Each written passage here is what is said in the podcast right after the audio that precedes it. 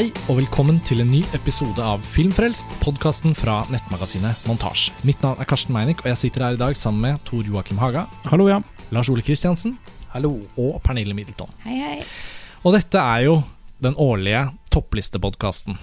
Podkasten hvor vi snakker om de aller beste filmene fra filmåret som gikk. Og filmåret som gikk, det var jo 2017. Um, for å bare si det med en gang, så har vi bestemt oss for i år For mange av lytterne våre har sikkert hørt tidligere utgave av denne episoden, hvor vi snakker om fjorårets beste filmer. Vi har bestemt oss for ikke å ha en runde som ofte blir 30-40-50 minutter lang, hvor vi snakker om hva slags filmår dette var. Tor Joakim, jeg vet du er glad for at vi skipper det denne gangen. Veldig glad, ja. Og Lars Ole, vi har jo vært enige om at konklusjonen alltid blir at det var et bra filmår. Altså, ja, hvis man ser mange nok filmer, så blir det alltid et interessant og bra år. Ja. Så det er en litt sånn meningsløs problemstilling å diskutere. Og det blir også noe litt sånn tvungent over å identifisere disse mønsterne. Vi kan helt på tampen av podkasten tenker jeg vi kan snakke litt om det faktum at ingen av listene har noen eh, tegneserie Eller eh, det er ingen Marvel eller DC ja. superheltfilmer der, f.eks. Mm. Eh, hva kan være årsaken til det? Eh, noen sånne ting kan vi kanskje komme inn på underveis eller helt mot slutten. Mm. Men å sitte og på en måte evaluere og identifisere mønstre på tvers av filmene Og er noe man- litt kunstig over den sporten. Ja, og Spoler man litt tilbake, så ser man jo at vi har gjort hederlige forsøk år etter år på å forsøke å finne en måte å snakke Ja, om et filmår på Jeg på den syns aldri det lykkes så godt. Også, det, Man blir jo også offer for sin egen klisjé, hvor liksom uttrykket 'har vært et variert filmår' kan jo bare høres utrolig banalt og teit ut. Så i år skal det ikke bli noe av det som oppvarming. Vi Vi går faktisk gå rett på. Mye gøyere å snakke om i konkrete filmer. Ja. Og, og det tekniske med dette er jo også da at uh, lesere av montasje og lyttere på Filmfrelst og alle dere som følger med på oss, de vet jo også at på montasjesidene så ligger det jo da også etter hvert topplister fra mange bidragsytere. Vi fire er jo da podkastpanelet som skal diskutere våre fire lister, men det er jo mange lister der ute, og der har vi rangert fra 20. til førsteplass, og de ti øverste filmene er det tekster om, og noen har jo delte plasseringer. Og, så i det store og hele finnes det utrolig mye stoff da, rundt topplistene på montasje, så dere må gå og lese og høre gjennom hele podkasten, selvfølgelig. Jeg regner med at dette blir en flere timer lang episode, etc., etc., etc. Men nå begynner vi altså på tiendeplassene våre, og så kommer vi til å kronologisk gå oppover mot førsteplassene. Og det vil komme filmer som er på flere av listene, og da liksom, skal vi se litt hvordan vi løser det, men vi snakker ikke om filmene flere ganger, så det blir liksom én snakk per film. Ok, var det det vi trenger om rammeverket for, eh, for årslistepraten? Tor Joakim, du har jo fått gleden av å, å skulle starte ballet her. Ja. Og jeg har skjønt det sånn at vi rett og slett starter med noe så hyggelig som en norsk film. ja, altså vi eh, starter faktisk med en kamp mellom to norske filmer. Ja, Eh, det, var, det har vært en veldig kniving mellom to norske filmer. Den første er Thelma, som jo er gjennomsnakket eh, på montasje, med noen fantastiske analyser av Dag Søtholt bl.a. Den andre filmen, som, jeg til, som til slutt snek seg foran Thelma på min tiendeplass, eh, det er 'Skyggenes dal' til eh, Jonas Madsov Gulbrandsen, hans spillefilmdebut. Mm. Eh, som jeg, og Grunnen til at den snek seg forbi, var at jeg så den opp igjen i dag Nei, jo, i går. Så den opp igjen. Og, eh, og den, da, da slo det meg altså Kvaliteten slo meg i mye høyere grad enn enn den første visningen, som var en pressevisning for noen måneder siden. Og eh, altså, Det er altså en film som er skreddersydd etter mine preferanser på hva film skal være. Altså Det er selvfølgelig Vistar, det er natur, eh, og det er lite dialog. Eh, det er eh, en poesi som kommer som nærmest gror organisk ut fra bakken, i en fortelling som egentlig er ganske tradisjonell. Det er ikke en sånn vill kunstfilm, dette her. Det er en tradisjonell coming of age-historie om en liten gutt som går seg vill i skogen på jakt etter sin, sin hund. Eh, men så blir det selvfølgelig mye mer sånn Apocalypse Now-style, nesten, ikke sant, underveis. Eh, For det, Hvis du åpner filmen litt opp for oss Jeg har eksempel ikke fått sett denne filmen. Eh, jeg var veldig klar over dens kvaliteter. og sånn Når Jeg har hatt en litt sånn tilværelse med flytting og småbarnsliv. og sånn Så er det noen filmer som bare glipper. Og det har jo ikke stått på viljen og ønsket. Så jeg gleder meg til å se den. Og sannsynligvis så vil jeg få anledning nå på Filmfestivalen Tromsø, hvor den skal vises i et uh, sideprogram av Kritikeruken som Montasje har programmert inn. Men som en av de få som da ikke har fått sett denne fantastiske filmen, kan du si litt mer om liksom hvordan det er en liten historie der, sier du, men liksom, hvor gammel er han gutten som er hovedpersonen, f.eks.? Ja, han er kanskje rundt ti ti år eller noe sånt, tenker jeg. Eh, fantastisk casting uh, og fantastisk skuespillerinstruksjon av den gutten. Altså, det er svært få som klarer å få slike ting ut av et barn. Eh, Spielberg og Celine Sciamma og sånn. Ellers er det veldig sjelden du ser den type naturalisme i en liten gutt. Mm. Eh, og hvordan han opplever eh, både mm, en tragedie i familien prøver ikke å spoile for mye da, for de som ikke har sett den. Han opplever en tragedie i familien, og han opplever også eh, altså naturkreftene og igangsettingen av sin egen fantasi mens han går rundt i denne skogen et sted på Vestlandet eller noe sånt. Det, Mm. Vi snakker Stavanger-dialekt, så jeg går ut fra at det er i regionen der. Um, men, men det er altså først og fremst en, en poetisk film, eh, og, og, som er langsom. Men som er hypnotisk i måten den er langsom på. Og en av grunnene til selvfølgelig at jeg setter filmen så høyt, er jo fordi den bruker audiovisuelle virkemidler så sterkt, og ikke minst musikken. da. Eh, Det er en utrolig tilstedeværelse av musikken, komponert av Spigner Preisner. Mm. Helt utrolig at han har fått tak i Ja. Store Kieslowskis faste komponist.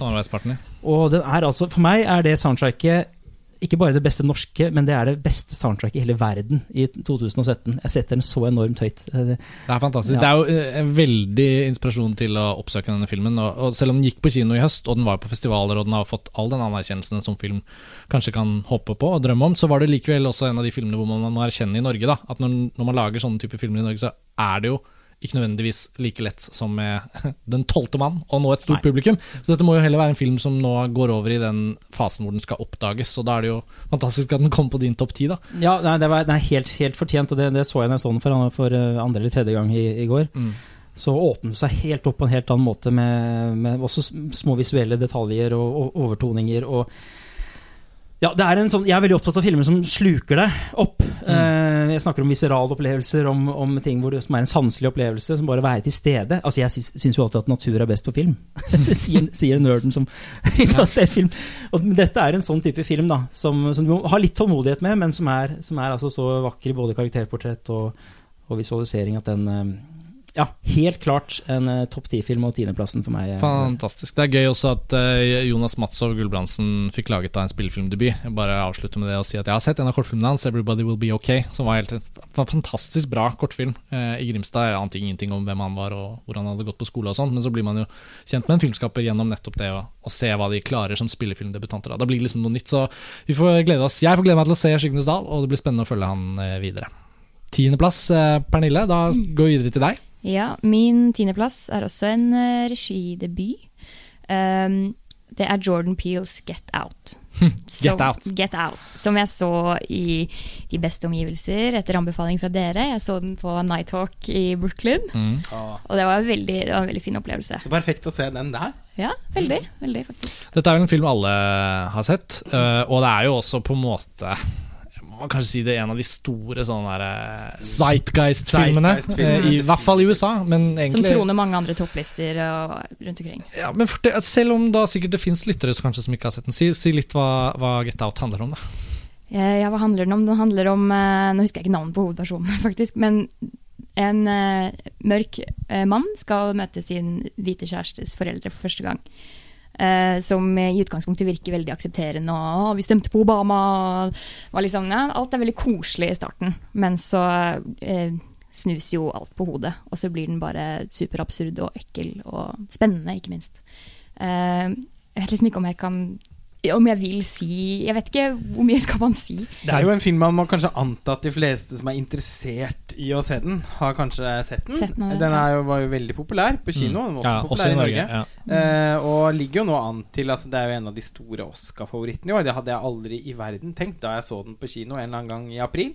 Eh, men sånn har det altså blitt. At gjennom året har den vokst seg til å bli en så stor greie at den akkurat nå Vi skal komme snart tilbake til dette i en episode om eh, utsiktene for den kommende Oscar-utdelingen. Mm. Men eh, akkurat nå leder nok den faktisk racet i, i bestemt i kategorien for eh, Oscar for beste film. Det er ganske interessant. Og det er så veldig friskt, syns jeg, for den passer så godt i sin tid. Absolutt. Fordi det er et veldig, veldig eh, fint bilde.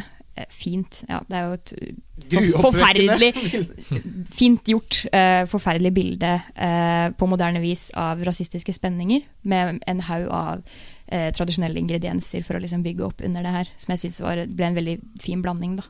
Ja, og det er noe med at som en del andre filmer som eh, kommer på listene våre etter hvert, så er det en film som sp den spiller jo ganske mye på én twist. Mm. Eh, og de fleste som har fått et inntrykk av filmen på forhånd. Skjønner jo litt hva den twisten er for noe. Men så har den enda en twist til i ermet, da. Eh, min lille innvending mot filmen Jeg syns den er veldig interessant. Eh, jeg syns den er mer interessant enn den er veldig, veldig god. Eh, fordi jeg syns nok kanskje ikke helt at den lykkes med å bli så overraskende som den Som jeg ønsker at den skulle ha vært. Og så har jeg litt problemer med den siste akten der, fordi eh, den beveger seg jo inn i et horrorlandskap. Den går fra å være en litt sånn absurd komedie eh, til å bli mer og mer ubehagelig. Det mest ubehagelige partiet av filmen, i og for seg som i så mange skrekkfilmer, da, Mm. eh, hvis man skal si at det er en skrekkfilm, er jo midtpartiet. Mens eh, i, i siste akt så føler jeg at eh, den kunne ha vært innmari mye drøyere, rett og slett. Da. Det kunne det altså, vært. For å si det sånn, behandlingen av slavene eh, For eh, dessverre ikke så altfor eh, mange tiår siden var jævlig mye mer grotesk enn noe av det vi får se eh, i filmen. Og jeg syns det er ganske åpenbart at Jordan Peel har sett 'Martyrs' av Pascal Augier, denne franske beryktede ekstreme horrorfilmen, og har mange av de samme konseptuelle ideene som den, men uten å være i nærheten av å dra det så langt. Jeg, det, jeg mener ikke at det hadde vært riktig for filmen. Det er en film som det i hele tatt er absurd å eh, kreve at andre filmer skal liksom legge seg etter. For han er jo ikke interessert i å lage torture porn heller. På ingen måte. Så, men kan du skjønne litt hva jeg mener? Med at Ja, jeg liksom skjønner hva du mener. kunne bare gått litt lenger ut i en sånn retning. Rett og slett bare for å intensivere mitt ubehag da jeg så filmen. Og jeg reagerte også på at jeg syns at noen av disse eh, veldig sånn ganske klassiske snikende suspensscenene mot slutten der, i den kjelleren og sånn, syns jeg rent filmspråklig eh, kunne vært mer oppfinnsomme. da Altså Man kunne hatt noen mm, eh, Altså en kamerakoreografi, eh, noen, noen long takes, noen, noen ideer, rett og slett. Og, og visuelt som hadde gjort det med enda mer eh, spennende og gruoppvekkende. Eh, der, der opplevde jeg at filmen mistet meg bitte litt. Jeg skjønner at du kan henge deg opp i det, men jeg må bare si at det som kanskje påvirket min opplevelse av filmen, er at eh, da jeg gikk og så den, så visste jeg faktisk ganske lite i forkant. Så jeg visste faktisk ikke at jeg skulle til noe som skulle bikke over i en grøsser. Så for meg så ble sjokkmomentene såpass store, da. Og så endte jeg opp med med en gang filmen var ferdig, så tenkte jeg bare fy faen i helvete så originalt. Jeg må, da veldig, ble det så gledelig, Ja, ikke sant? shit. Jeg skulle ønske at jeg kunne sett filmen uten Den filmen skulle jeg likt å se på Ja, festival. fordi det er en sånn film som eh, En hype det, Hypen klarte ikke å ødelegge det for meg, fordi den hadde så vidt kommet, på en måte. Ja. Ja. Jeg hadde liksom fått Jeg trodde jeg skulle gå og se en skrekkfilm, jeg. Og, og så skjønner jeg jo ganske raskt at ja, det er ikke sånn. Det er, det er, ikke, det er litt mer sammensatt enn som så. Men, men jeg visste litt for mye, må jeg innrømme. Jeg gjorde det. Jeg bare skyter inn at uh, det er gøy at du har den på tiendeplass. Jeg har den på er det 19. eller 18. Uh, jeg, så jeg 19.-plass er jeg den på. Og uh, jeg tok et gjensyn med den eh, for en uke siden med, med en som ikke har sett den. Og den tålte et gjensyn veldig bra, men den ble en litt annen film. Og det tror jeg også er noe av det som gjør den interessant. Og jeg tror det er tegn på nå at det er en av de sjeldne tilfellene sånn i Oscarsammenheng, da, hvor en films premieredato er så langt unna Oscarsesongen at det at den faktisk er en del av diskusjonen, er et eksempel på en kvalitet den har. Fordi den har fått være i popkulturen så lenge at den har liksom virkelig fått blitt sett, blitt snakket om, folk har fått tenkt på den. eh, og det viser seg at i USA så stiger jo også denne filmen mer og mer frem som den første post-Trump-æra-filmen. som er en sånn Zeitgeist-film som kommer til å bli stående, nettopp fordi den på en eller annen merkelig måte, da. Sånn som noen popkulturelle verk bare får til. Litt med flaks, og litt fordi det, det var et eller annet som lå og surret under overflaten. Jeg så The Wolf of Wall Street på nytt igjen uh, her om dagen. Det var et interessant gjensyn post-Trump og post-metoo. Altså uh, om, mulig en end, et, om mulig et enda større filmverk enn det det var uh, til å begynne med. Fordi at den tar opp i seg så inn... Altså den reflekterer eh, det vulgære i samtiden vår Mm. på en måte som nå føltes som en enda mer forstyrrende speiling enn det det gjorde for bare tre år siden. Men kjenner, på, kjenner du på det når Get Out diskuteres igjen og du tenkte på den i forhold til listen og sånn, så synes du det, er det noe av det samme for deg, at den liksom har holdt også Det er ikke bare den første opplevelsen, kanskje, men, men at den Jeg har bare sett den én gang. ja, jo, men at liksom tanken tilbake på den, da. Ja, og det er det Eh. som er veldig Det er jo akkurat det du sier der. Mm. At den kom seg inn på min topp ti, selv om jeg så den i april i fjor, liksom. Mm, mm. Så den sto igjen veldig sterkt. Og jeg har tenkt mye på den i ettertid, og det er så åpenbart at dette er en film som ikke er glemt om 10-15 år, liksom. Det er helt åpenbart. Det. Ja. Altså, sånn, Folk kommer til å vende tilbake er til den her. altså, Ja, Hvis den skulle vinne Oscar for beste film, så er det ikke ikke meg imot. noen ting. Nei. Nei, nei, nei. Altså, jeg synes det er andre filmer som vil, den vil konkurrere med, som jeg personlig syns er enda bedre. Men eh, som eh, så, Altså, en film som er et så sterkt avtrykk av sin tid, og Mm. som er så interessant å, å snakke om, vil jo alltids ha et mye lengre liv, også enn mange andre på en måte eh, mer sånn slående, fantastiske filmer. Eh, det er noe med at Get Out Det som også er rart, er at det begynte som en bitte liten film eh, som kom Det var mye snakk om at den og Split Mm. på hver sin måte var de største suksessene i, i vår. Fordi at filmene hadde kostet så lite og dro inn så innmari mye penger. Og så forbipasserte jo Get Out Split med ganske god margin etter hvert. Og hvis det er noen som fortjener en Oscar i år, så er det jo Jason Blum som har produsert begge de filmene for under 10 millioner dollar hver, og begge har tjent hva Ikke det at penger er det, men amerikanerne Men altså most deaf. Ja. Så det ville jo være en glede i seg selv. Mm. Og, men Get Out har jo da også hatt en besynderlig reise fra å være en liten film, en oppdagelse, eh, noe som skaper litt sånn Spillefilmdebut. Spillefilmdebut. Sånn, Mm. wow, har du sett det der? Så kul idé. Så mye bra og gøy å snakke om i den. Til at det liksom blir en sånn uh, The best film of the year. Jeg må innrømme at jeg er ikke med på hele den reisen der. Uh, det er jeg ikke. Jeg tror, i hvert fall Om vi skulle oppsummere litt nå, da, og, og, for det er mange filmer å snakke om, så vil jo jeg tenke at noe av det som er en kvalitet også ved den filmen, er ikke bare ok, greit, kanskje ikke sant Hvis du veier den estetisk og innholdsmessig og formessig opp mot alt mulig annet, så kanskje den ikke har alt det som man forventer fra en film. Når man er sånn som oss, da, som ser så mye og diskuterer så mye og har så mange sånn. Men det er sjeldent med filmer som treffer inn i hverdagsfolkets tanker og følelser om hvor de står og går. Og, og jeg så et utrolig bra intervju med Jordan Peele, leste i New York Times, og, og så noen kommentarer rundt det. Og da, var det, og da hadde jeg altså akkurat sett filmen, deres, tenkte jeg det stemmer.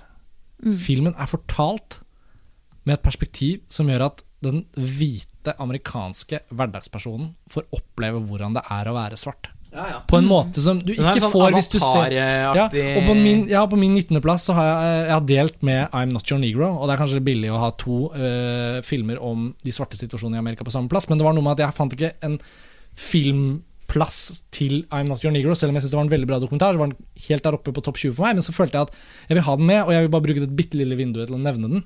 Det syns jeg var billig. Gikk, gikk på kino. jo, men gikk på kino liksom. Jo, men noen ganger så Ja, deler jeg man sånne plasseringer. Du er jo herren av å dele plasseringer. ja, ja, jeg skal Eh, men si en eh, eh, I'm Not Your Negro er da på en måte en, en utrolig fin og sterk og velmenende dokumentar om eh, ja, altså James Baldwin, han forfatteren som liksom er på en måte autøren på en måte i filmen. Uh, men Get Out er noe så sensasjonelt som at du kommer liksom inn Altså Filmen og fiksjonen brukes til å liksom flytte oss inn i et visst perspektiv. Og den er jo veldig bløt og B-filmaktig òg. Den er jo liksom ikke den blir intellektuelt interessant, ikke fordi den prøver å være det selv, men fordi den på en eller annen måte klarer å bake noen jævlig hårreisende ideer. Ja, Du blir med på skrekken. Ja, man blir med på Og det, det skal den filmen ha, altså, selv om den ikke er perfekt. Jeg synes Ja, men, ikke Så, nei, og på en måte, men liksom, det er i seg selv også en meningsløs diskusjon hva som er perfekt eller ikke. Jeg mener ikke det å si altså, jeg, jeg mener ikke at eh, For å si det sånn, min førsteplass i fjor var Raw.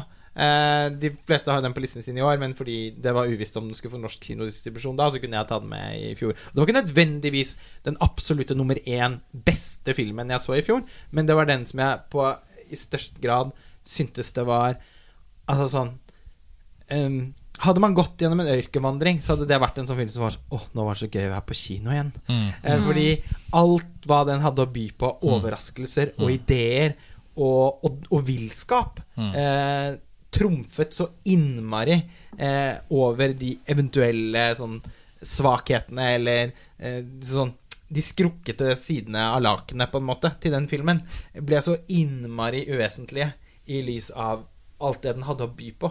Og Get Out er jo strengt tatt også en sånn type film.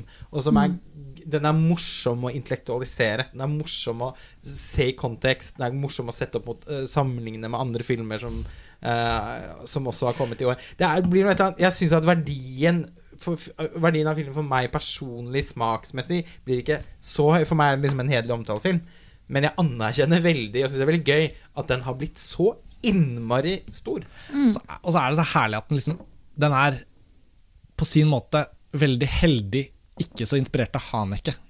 Skjønner du? Den har ikke den typen måte å være sånn intellektuell inspirert av kule film. Den er mer sånn noe Carpenter og litt Spike Lee inni der, på en måte, men også litt sånn sin eget, sitt eget lille beist. Og jeg syns også det er veldig gøy. Og så bitte litt konvensjonell, da. Ja, jo, men, så, men det er jo også appellerende for Det hverdagspublikummet. er helt riktig Eh, for filmen. ja, og jeg, jeg, syns også da at liksom den um, Ja, den, den, den, den markerer seg, og den, og den står egentlig litt sånn ut for seg selv fra dette filmåret som en av de som klarte liksom å være den litt sånn gode, gamle videofilmen. Som bare var så jævlig bra at alle ville se den. så Altså, ja, men sånn, det er også en kvalitet, da. Det er på en Så- måte årets Shawshank Redemption. okay. Nei, Men det var eh, ja. En siste ting jeg bare vil skyte Ja, det er jo din. Eh, tiendeplass. som dere vet, som jeg kom, alltid kommer tilbake til, jeg henger meg veldig opp i skuespillere. Jeg bryr meg til tider nesten mest om det. Uh, og jeg vil jo også bare påpeke at jeg føler at dette var et av årets største gjennombrudd for han Daniel Kalua, som, Kaluuya, ja. Ja. som spiller hovedrollen. Mm. Syns han er sykt god. Og Det synes ble jeg, ganske morsom òg. ja, veldig morsom. Og så syns jeg også at uh, det var veldig friskt å se uh, Alison Williams tre ut av Girls-universet. Det var fantastisk. Hun er så morsom og litt skummel. Og det, er bare sånn, det var så deilig å se at hun er ikke så endimensjonal som hun er i Girls. da Nei, Så jeg synes det var veldig gledelig. Men var ikke karakteren også på en eller annen måte litt en forlengelse av karakteren hun er i Girls? Jeg syns det var subversivt, at man kunne tolke det som en, Jeg synes altså, en Hun litt sånn, starter jo en litt veldig sånn sånn. drøy versjon av Men Marnie på sitt drøyeste kunne jo nesten funnet på Ikke akkurat det, men det er noe et eller annet med henne i Girls og som Hun tar noen svinger et par ganger. Mm. Og jeg tenker hvem er det? Hvilket menneske er dette her? Uh, ja. Men det var godt å få snakket om Get Out, merket jeg òg, fordi det er jo en av de filmene vi på en måte rundt kafébordene har hatt oppe til samtale litt innimellom, men ikke egentlig fått gjort noe sånn ordentlig på, på montasje. Eh, nå sa ikke du noe, Tor Joakim, men eh, er ikke- Nei da, jeg skal ikke med vilje, for den er på min 45.-plass. men eh, men så min, bare, bare skyte inn at min sånn sleeper hit i, i den sjangeren, som en sjangerfilm, det er faktisk The Autopsy of Jane Doe, som er enda litt høyere. Hvis, hvis du snakker om det, Som jeg ennå ikke har sett. Og jeg har Fantastisk bra. Hatt, ja, wow, så det er så leit at, at jeg ikke har sett den. Ja, jeg har hatt den eh, Jeg har alltid en sånn desemberbunke med filmer jeg skal få sett før altså- listene skal ferdigstilles. Og jeg Men, har altså, fortsatt ikke rukket å se men altså 45.-plass av de, alle de filmene jeg har sett, er jo ikke så verst. Det er tre stjerner på eh, Mubi, og det er jo ganske greit plassering. jeg vil si at tiendeplassen til Pernille er da på en måte større for Jordan Peel enn den. Ja, det er det definitivt. okay. vi, må komme, vi må komme oss videre. Um, Lars Ole, da er det din tiendeplass. Ja, det er Nocturama Bertram Bonello. Jeg har jo da skrevet en uh, artikkel om den filmen, og har egentlig ikke så innmari mye å tilføye utover det. Bertram Bonello er en filmskaper som vi oppdaget, uh, Karsten. Uh, Sent i forhold til det franske publikum, men, kanskje- noenlunde tidlig i forhold til Ja, altså Nei, vi, eh, vi var ikke med på å oppdage han sånn i den store sammenhengen, men vi oppdaget han. ja, Samtidig. Eh, samtidig. Mm. Eh, med filmen House of Tolerance, eller La Polynide, Mm. som kom i 2011, eh, og som var et av det årets beste filmer.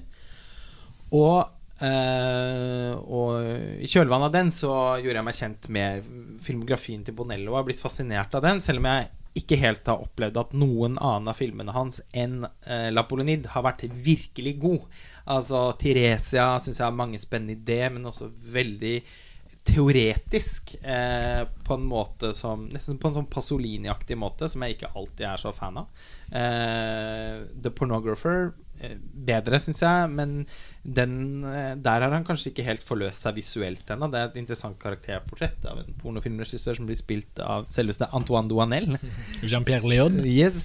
Eh, Yves Saint Laurent-dokumentaren hans eh, Dokumentaren, sier jeg. eh, Biografifilmen, ja. Mm.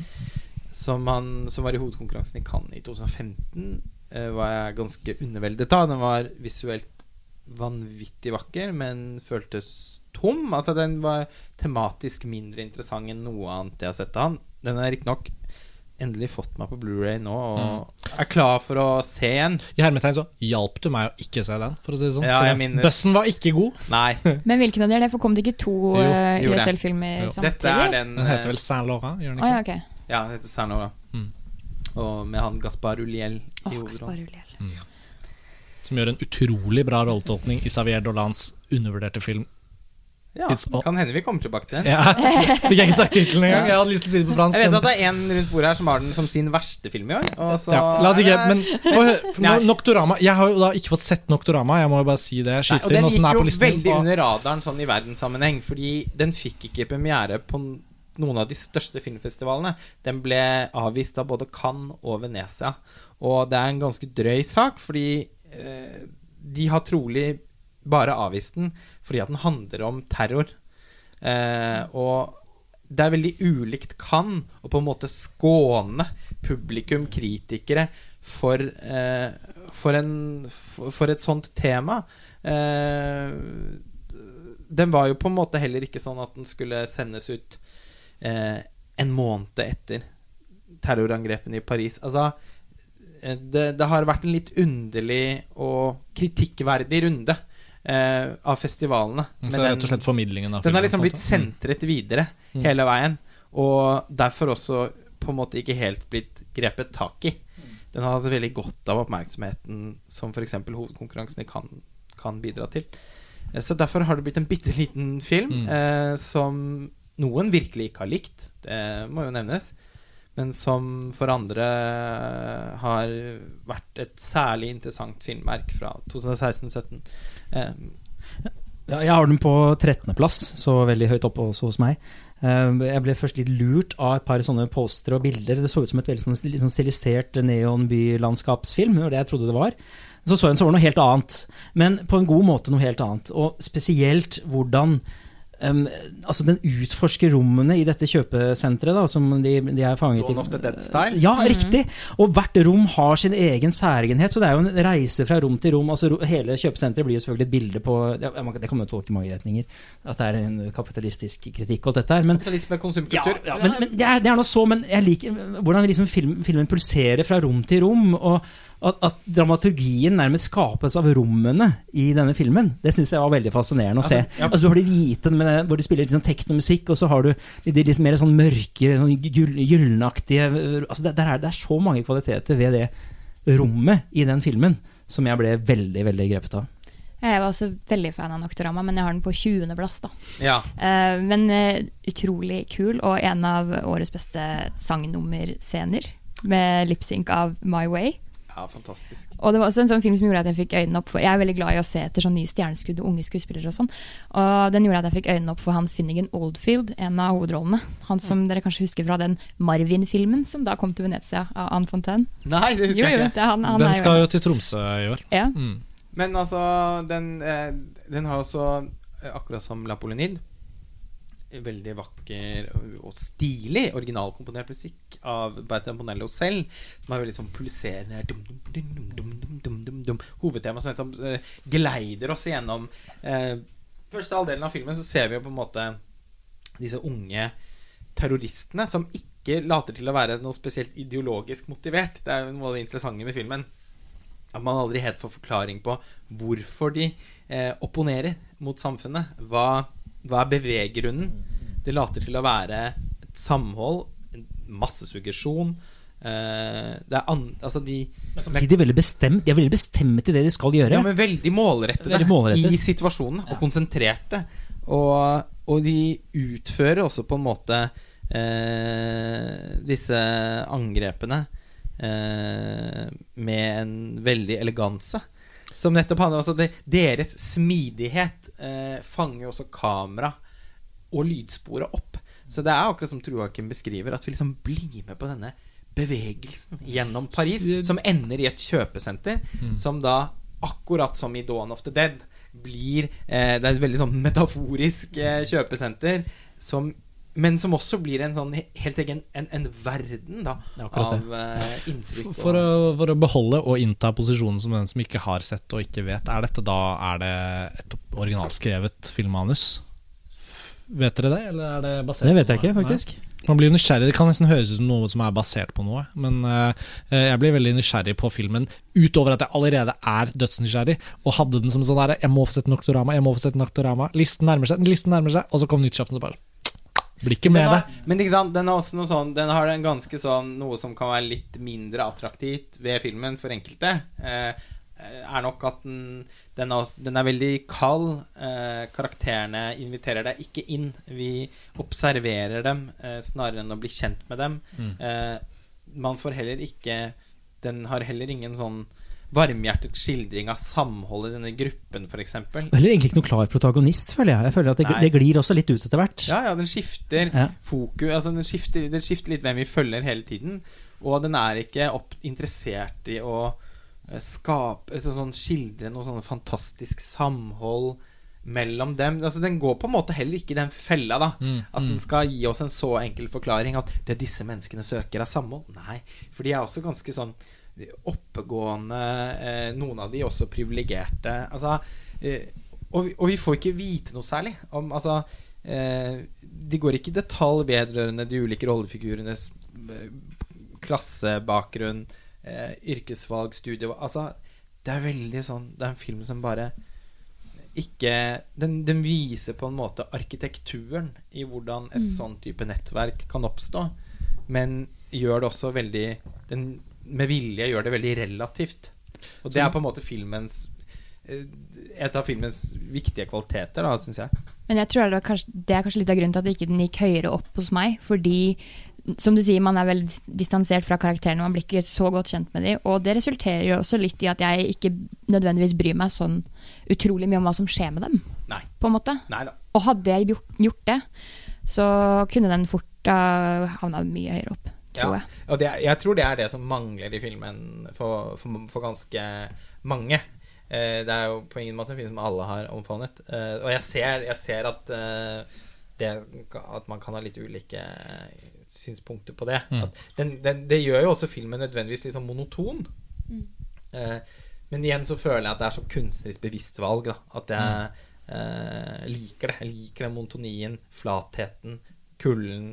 Eh, det totale fraværet av forklaringsmodeller eh, og grep som Litt Antonioni over det. Ja, faktisk. Altså, Sabrisky Point var også en av filmene jeg tenkte ganske mye på når jeg så den. Jeg tenkte mye på Don Hotel, jeg tenkte på Sabrisky Point, jeg tenkte på Godard. Eh, for det er også noe sånn Coca-Cola Kids eh, over karakterene i Nocturama. De, men i motsetning til Altså, i motsetning til karakterene i Masculin Feminin, eh, så, så går de ikke med Marx på innerlomma. Eh, de, har ikke, altså, de har ikke lenger noen ideologisk beveggrunn.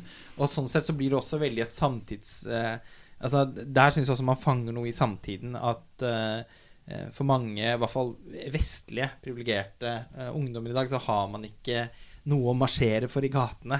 Eller noe en, Enkelte har jo selvfølgelig det, men den gjengse ungdom Det er ganske stor forskjell fra 60-tallet, da Godard og Antonioni laget sine filmer, og, eh, eller de mest, mange av de mest profilerte av sine filmer, til 2016-17, som Mm. Dr. Hamma har satt i. Veldig fascinerende film.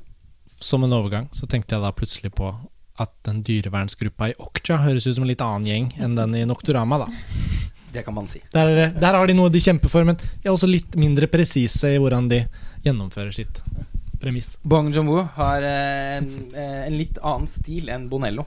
Ja. Jeg må bare da, før jeg eventuelt da hopper på min tiendeplass, så må jeg da få lov å skyte inn at Okja har en sterk 17.-plass hos meg. Um, og det er vel den øverste filmen av rett på Netflix Rett på streaming-filmene. Men jeg skal ikke snakke om Okja. Min tiendeplass er Lumière, 'Eventyret begynner'. Komponert og kommentert av Thierry Fremont. Eh, faste lyttere til Filmfrelst vet jo, og har vel forhåpentligvis da hørt, at du og jeg, Lars Ole, diskuterte denne filmen i Berlin. Henrykte. Ja, på Filmfrelst. Eh, Det er en helt vidunderlig film. Og I tillegg så kom jo da Thierry Fremont til eh, Norge i november og presenterte filmen på Gimle. Og da hadde vi også anledningen til å intervjue han, og i den episoden så presenterer vi også en Q&A som jeg ledet med han etter visningen. da. Sånn at Personlig så føler jeg selvfølgelig da at jeg har hatt Lumière-filmen ganske mye sånn rundt omkring i hodet, og tenker den er gjennomsnakket og, og sånt. Um, men den er på ingen måte uaktuell for min topp ti, og den ble også nummer ti på den listen. Uh, og jeg vil bare kort uh, si at den filmen opplevdes så sjelden og så perfekt for det den skulle utføre. Særlig da ved det første gjennomsynet i Berlin, men også ved, ved det andre gjennomsynet. I, I samtalen med Thierry Fromm så merket jeg liksom at dette prosjektet her, det å vekke Lumière-brødrenes eh, pionerfilmer til liv, Og ikke minst hele den sånn essayistiske, fantastiske på en måte formidlingsgleden som ligger i Fremås kommentarer. Og hele den utrolige eh, sammensetningen av hvordan disse filmene oppheves fra oppfinnelser til kunst. Det bare ga meg litt sånn derre forfrisket tro da, på filmkulturen Altså, og filmmediet. måten, og- den måten han mestrer å gjøre Lumière-brødrene eh, relevante på en, rett og slett, er jo helt eh, oppsiktsvekkende. Mm. Ja. Eh, det, det, Sjeldent jeg må si, det, er, interessant. altså, det er også en av mine topp ti kinoopplevelser fra eh, 2017. Det er filmformidling på et så høyt nivå at Mm. uh, Han treffer jo veldig nært for oss som driver med dette også, Ja, Ja. altså alle filmvitenskapsforelesninger uh, om Lumière-brødrene er jo sikret i, for all ettertid etter denne filmen. Uh, for meg er den en såkalt X på listen. Jeg syns den er litt vanskelig å plassere opp mot originalverk. Jeg slet med det samme, men det ble tiendeplass likevel. Jeg følte liksom det skal den ha. Men den hadde det, som sagt, hadde det vært topp ti kinoopplevelser, så havnet den på min toppliste. Og jeg syns det er særlig én ting som er eh, virke, så, Som er så som, å, som var så øyeåpnende med filmen. Fordi man tenker alltid på Lumière-brødrene som pionerer og eh, oppfinnere, mer enn kunstnere. Og han På en så tydelig måte Altså, han, han gjør det så tydelig at Lumière-brødrene, akkurat som Méliès, eh, staker ut retningen for Hollywood. Altså for eh, fik, fik, det å bygge fiksjonsunivers. For sjangerfilm. Så staker Lumière-brødrene ut retningen for den virkelighetsorienterte filmen. Som han sa på Gimla også. It's uh, Rossellini, it's Bialat, it's Keshish. Mm. Eh, og det er så utrolig presist. Mm. Og når man får muligheten til å se også mange Lumière-filmer man da ikke hadde sett før, i det prismet, eh, med hans kommentarer til, så er det som, det er som å virkelig få følelsen av å være med på uh, at filmhistorien begynner. Mm, mm. Altså Det er jo en topp ti fra 2017, men den er jo på en måte også førsteplass fra 1895. på en måte Jo, men sånn, for å, lol, for, for, for å komme med en spøk rundt det, da at eh, Fremoz selv er jo veldig opptatt av at dette ikke er hans film. For det er Lumière-brødrenes egne filmer. lytterne Topp ti 10 1890-tallet. Det gleder jeg meg Ettersom har, ettersom vi har tviset at vi skal, og vi skal det i 2018, eh, gjøre 80-tallets eh, 100 beste filmer, så ja. Altså, om, om 20 år så gjør vi kanskje 1890-tallets beste bilder. og da Da er det mye, da er det mye å se. Ja. Men jeg må bare si at det er, var også en, det er med min 15.-plass i år, denne filmen. Og øh, jeg, var fascinert av Det er mange øh, aspekter ved den som gjør at jeg ble fascinert. Jeg har alltid vært interessert i, i cinema of attractions, øh, for å bruke Tom Gunnings klassiske uttrykk. Eh, Men altså hvordan han har satt disse filmene sammen. altså Den, den dramaturgien som eksisterer fra de liksom alvorlige filmene til de komiske. Jeg, jeg så den på en vanlig visning, og mange av de som kom der, eh, var åpenbart innstilt på at dette skulle være en litt sånn Charlie Chaplin, Buster Keaton-aktig sak. Så de lo jo masse steder hvor man strengt tatt ikke trenger å le. Det er svart-hvitt og det er litt sånn fortfilm. Noen steder kan man også da virkelig le. Selvfølgelig, Ja, det er det som ja, er poenget. ja. Altså den, der, den bølgingen fra liksom noen altså Fantastisk, sånn som bare en sånn gull... Nei, hva heter det? Sånn fiskebolle fiskeboller med noe gullfisk, som er bare en sånn eh, Det kunne vært en installasjonsfilm til liksom de faktiske sånn eh, Gartneren Vannes og disse her. Mm, mm, mm. Og den der dramaturgien som han fremover skaper, den, den slo meg veldig i denne filmen. Så Det var én av mange verdier ved å se den. Noe annet var selvfølgelig å komme inn i selve perioden. Også. De hadde jo rensa disse filmene noe betraktelig. Eh, Altså, restaureringen er helt enestående. Er. Helt. Og det, i tillegg til at restaureringen i seg selv er enestående, så, så blir man jo også slått i bakken av at liksom Dette er de første filmene på en måte som er filmet. Det er den første runden med oppfinnelsen filmkamera, og 35 mm rull er altså bare så jævlig bra. Det, jo, men sånn, I vår digitale tidsalder, og folk snakker om skutt på film eller ikke, sånn, ja, det er faktisk da skutt på 35. Det er det de startet med. Og når du ser den restaureringen, så tenker man bare ja, det blir jo på en måte ikke bedre. Og Spesielt når de reiser rundt i, altså de reiser rundt i verden, ikke sant? når de er nede i India og sånne ting, og det kommer Ja. eh, folk bort til kamera og lurer på hva er denne nye oppfinnelsen. Ja. Altså Den der, den transporten man gjør som tilskuer da, til den tiden for den, med den nye, nye oppfinnelsen, det er også en fantastisk verdi med dette her. Masse filmer der jeg ikke hadde sett som Ja, samme her. Og, det. og, og det føltes bare også da jeg satt med listen, og så tenkte jeg bare sånn det er, Lumière eh, Den har jo norsk tittel, er jo norsk distribusjon på den, så Lumière Eventyr i begynner, som den heter. Det er for meg helt sånn uangripelig. da Skulle noen andre filmer komme og ta en plass på listen, topp ti i hvert fall. Nei, nei.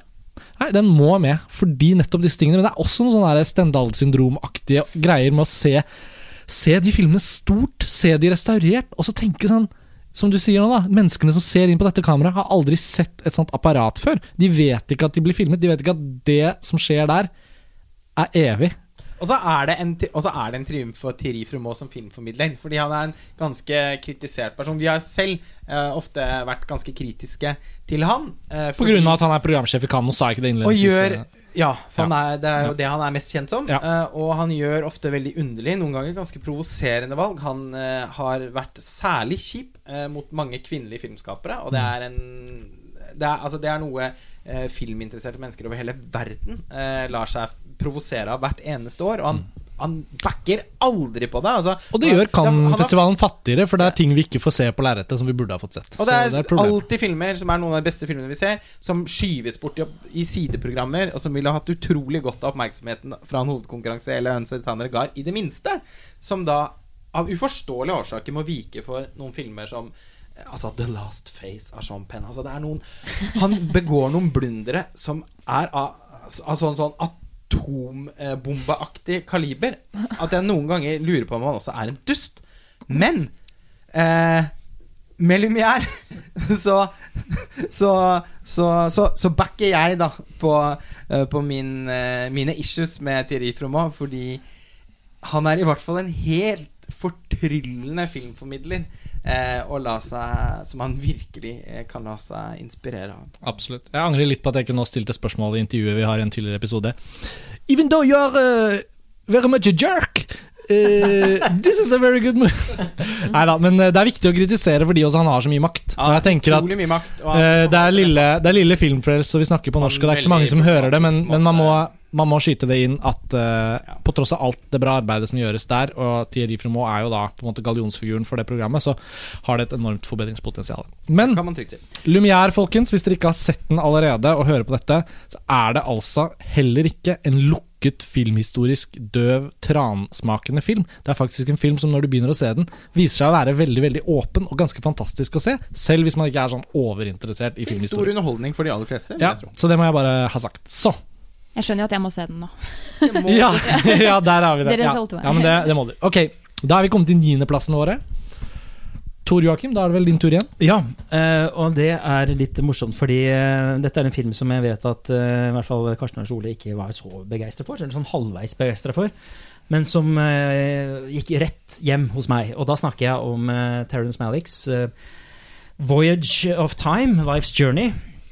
Eh, ja, det var, altså, som jeg skriver for så vidt uh, i disse omtalene på, på, på selve listene våre, Ja. så sier jeg at uh, Terence Malick gikk i null i 2017. Jeg, jeg mislikte meget sterkt Song to Song, eh, som jeg vet mine kolleger Det likte er veldig godt. fantastisk film. Ja, og- så til gjengjeld elsket jeg Voyage of Time. Mm. Eh, og det er også blitt sagt at ja, ja, men herregud, filmen er jo bare en forlenget versjon av skapelsesberetningen i Ski of Life. Og, og that's it. Jeg mener at det er mye mer. Jeg har ennå ikke landet helt på tolkningene av kryssklippingen hans mellom meta og mikro, som han jo alltid gjør i alle filmene. Fra liksom store kosmos, eh, stjernegalakser, til eh, små bekker og trær og, og, dinosaurer. Og til fattige barn i Calcutta eller ja, noe sånt nå? Ja, Mm. som minner meg litt om Antonionis Kina-dokumentar for øvrig. Men, eh, men altså, det, det, er, eh, det er en film som, som jeg føler at eh, bare har vært altså, Det er bare startskuddet for tolkningen av den. Jeg elsker jo filmer som er pompøse, eh, men som bruker pompøsiteten på en måte som gjør at eh, eh, At jeg må tenke litt. Jeg må eh, jeg må gå mellom lagene og finne noe mening og sånn. Eh, Jeg kan ikke dessverre sitte her nå og si at det betyr det, og det betyr det, og det betyr det, og sånn. Men eh, jeg så den dessverre på et eh, TV-apparat, så jeg har ennå ikke fått sett den på Mm. stort lerret, og det er kanskje en, en lite minus. Men allikevel så klarte den altså å komme på niendeplass for meg. Ja, det var ikke en fordel for oss i Venezia 2016 å se det på et stort lerret. Eh, Kanskje den gjør seg bedre på. Kanskje gjør den seg bedre på Eh, jeg, jeg, jeg har veldig lyst til å se den uh, Imax-versjonen, Ja, og jeg som er også- kortere. Ja, jeg vil også skyte inn Jeg det hadde at veldig store problemer med den kryssklippingen mellom de fattige barna og skapelsen og sånt. Det Ja. syns jeg var vanskelig. Og innskutt kommentar om den filmen til lytterne og sånt var jo at den hadde sin eh, verdenspremiere i Venezia 2016. Der er det en podkast om filmen som vi lagde, og den eh, Den har jo da hatt en mer sånn bredere eller en lansering rundt omkring i verden, har vel skjedd i 2017, da. Men den har jo faktisk nesten ikke på en måte kommet i Norge. Er den blitt vist i Norge i det hele tatt? Altså sånn Biff Biff. hadde Ja, en visning ja, visning eh, Ja. Den høsten. De var tidlig ute Uh, Eh, uheldig nok så var jo bøssen ikke bare fra oss, men fra mange i Venezia at det ikke var en helt vellykket film. Og så er den jo da presentert i disse to forskjellige versjonene. Så som Lars Ole så har jeg altså tenkt at ja, jeg er ikke helt ferdig med Voyage of Time før jeg får sett den andre versjonen også, i det minste. Men Vi kan jo da benytte anledningen til å si et par eh, hyggelige ord om Song to Song. Eh, som selvfølgelig på en måte er kanskje den mest sånn selvparodiske filmen, det òg, eh, som eh, Malik har laget, og som er den siste i denne kontemporære, eksperimentelle trilogien hans, som består av eh, To the Wonder og Night of Cups og Song to Song. At jeg er veldig, veldig glad i Night of Cups, da. ja, Mm. det er egentlig litt rart, for det er ganske mye felles. Ja, litt rart. det interessante her uansett, og det er faktisk litt gøy at vi har sånn forskjellige meninger om forskjellige Manic-filmer, sånn, det er jo faktisk at eh, Om det var du som sa det, Lars Ole, eller vi- vi kom, kom inn på dette nylig At nå begynner det å vente litt nå. Nå må vi jo alle tenke litt tilbake på To the Wonder, på Night of Cups, på Song to Song. Og det er liksom sånn Det er noe med at de filmene i større og større grad litt er ett prosjekt. Ja, jeg føler at, det. Uh, ja, Det ble, det, vel- det ble veldig tydelig med Ja. Song to Song. ja, og, og jeg var ikke superbegeistret for hva skal vi si, den emosjonelle effekten jeg hadde av å se Song to Song. Jeg var ganske fralent lerretet, og det var ikke noe mye følelser i sving. Men man blir jo også Jeg blir begeistret og forundret over at en, en gammel krok som ikke vil snakke med journalister, og som sitter og pirker på stråene sine nede i Texas, på en måte har laget det. Man må liksom respektere at det er faen meg ingen som gjør det. Nei, si, Og han gjør det, og det er liksom drøyt. Og da Song Det- to Song har en sånn X-plassering på min Ja, liste. jeg har en X-plassering på Song to Song, Um, og det er ikke fordi at den ikke fortjener en plass på topp ti for meg, for det gjør den, men jeg aner ikke hvor jeg skal plassere Det gjør den ikke helt for meg, men X er Nei, men Det hadde den gjort for meg, for jeg hadde et gjensyn med den nå, hvor den åpnet seg veldig, og jeg følte at hele trilogien endelig liksom ble ett verk. Mm. Eh, og hadde jeg kunne hatt hele trilogien på listen, så skulle jeg smelte i med det. Mm. Men jeg vil også gi den enda litt mer tid, for jeg, jeg føler egentlig det er greit at jeg trenger enda litt tid på å utforske hva det er han har fått til her. Men jeg begynner å få en veldig sikker Eller få en veldig sterk følelse av at det er noe ganske spesielt. Og jeg syns det er interessant at det er så mange former for nyskaping som får på en måte en slags automatisk anerkjennelse. Eh, fordi at det er eh, At det er utforskende filmspråk osv. Mens Terence Malick så sent i karrieren eh, gjør så radikale ting. Altså han Filmspråklig er jo disse filmene Det er nesten en helt ny måte å, å fortelle på som selvfølgelig kan være pissirriterende, og, og som har noen noen, altså noen banale blaff som kan sette en veldig ut av spill eh, når man ser de. Men på, så jeg husker altså Jeg synes det var veldig gøy at Joakim Trier under et intervju han hadde med Playlist, valgte å trekke fram at jeg heier på Terence Malick Mm. fordi eh, at jeg, jeg, han sa liksom Jeg syns at han fortjener mye mer kred for å eh, leke og utforske filmspråk på den måten han har gjort i de tre siste, og da ikke spesielt kritikerroste filmene sine. Jeg synes Det er et klassisk eksempel på et type verk som sannsynligvis vil modnes med tiden, og kanskje åpne seg som en god vin for flere eh, om 10-20 år. Vi får se hvor lang tid det tar. Men det er noe han har gjort her som er veldig markant, og som eh, virkelig gjør at han som filmskaper nå også er enda mer enn det han var i 2011 med Tree of Life, som man kan si at er kulminasjonen av det han har holdt på med siden eh, I hvert fall siden Days of Heaven. Mm. Eh, hvor han film for film har blitt mer og mer elliptisk. Mer og mer bruk av parallelle voiceovers. Eh, men, men hvor man har hatt en Han har alltid da ut, laget periodefilm. Eh, han har hatt en skjønnhetsforståelse som er det er det siste, Mer allmenn? Ja, og det er det siste der, det er det som gjør at den filmen er så sterk for meg. For det er ikke han, altså det er ikke Voyage of Time er Voyage of Time snakker man vi om, hvor altså Ja. historiefortellingen tar litt baksete, til fordel for en slags musikkvideoestetikk, men det er noe mye mer enn det også. Eh, det er slett en, en fantastisk installasjonsfilm på mange måter. Vi er også heldige nå med en sånn guddommelig listeestetisk eh, rød tråd, fordi vi skal over til niendeplassen til Pernille. Og det gir meg også muligheten til å henge på med den delte X-plasseringen jeg har eh, for Song to Song og en annen film. For Pernille, eh, din niendeplass. Ja, eh, min niendeplass. Jeg er jo veldig glad i eh, sørgelige filmer, og filmer som gjør at jeg føler meg direkte deprimert. Og, og overraskende nok så er dette det eneste tilskuddet på min liste som gjør, gjør meg så trist. Eh, og det er David Lowries A Ghost Story. Ja, og jeg har den filmen på min X-plassering sammen med Song to Song, og jeg er utrolig glad for at du har den på listen din. Så det, det, det var sånn, jeg var sånn, kjente deg da du sa det, før vi begynte, så tenkte jeg åh, da kan vi faktisk snakke om den, og det er Mm. veldig, ja, den er verdt å snakke om, fordi den har gått under radaren til de fleste. mm, Da åpenbart fordi det ikke har vært noen mulighet til å se den. Altså, den har ikke hatt distribusjon i Norge ennå, og nesten ikke vært på festival heller. Den er heldigvis sluppet Sånn på på Blu-ray. Biff. som- Ja, ja, og jeg, sånn på Blu-ray, og den, eh, den, eh, den, den må på en måte nødvendigvis dukke Mm. opp på noen festivaler i 2018. Men, men fortell litt, eh, hva denne triste filmen som du ble så tiltrukket av, fortell. Ja, Litt den handler jo om uh, sorg, rett og slett. Uh, Å miste en av dine nærmeste. I dette tilfellet så er det Dette er jo ikke en spoiler, for det, det skjer jo ganske tidlig i filmen. Mm. Det handler om et uh, kjærestepar som bor sammen, spilt av Casey Affleck og um, Rooney Mara. Og han dør i en bilulykke veldig tidlig i filmen. Og henger igjen. Hans tilstedeværelse er i form av at han er et spøkelse som blir med henne videre gjennom resten av filmen omtrent. Eller han henger igjen resten av filmen. Eh, og det er utført så enkelt og flott, fordi han er rett og slett bare under et laken med to sorte hull som øyne. Eh, Det gode gamle Ja, et spøkelsesbildet. lakenspøkelse. sånn tilbake fra barnebøkene, liksom, hvordan Mm. et spøkelse så ut. Det er vanvittig fint utført. Ja, og posteren av filmen er jo bare det, dette lakenet, og så heter den A Ghost Story. Og den kan jo bli mistolket som at det er en skummel film, men det er det ikke overhodet. Det er ikke noen skrekkelementer her i det hele tatt. Eh, den er rett og slett bare dørgende trist og grusom og stille, og man kjenner skikkelig, skikkelig på det. Og jeg husker at det var en veldig spesiell opplevelse for meg å se den filmen, fordi umiddelbart etter jeg hadde sett den, så var det ikke sånn at jeg var sånn supertruffet. Og den, var ikke, den satt kanskje ikke så sterkt, men det er en sånn film som har, jeg har tenkt på så utrolig mye i ettertid. Uh, og jeg liksom Shit, ass. Jeg følte at jeg hadde Man kjenner skikkelig på det. At Mm. den følelsen ble overført til meg. At liksom sånn, wow, det er sånn det føles å miste noen. Jeg har aldri mistet noen som er, som er så nært, da. Mm. Men jeg følte at han skildra det s- så utrolig fint.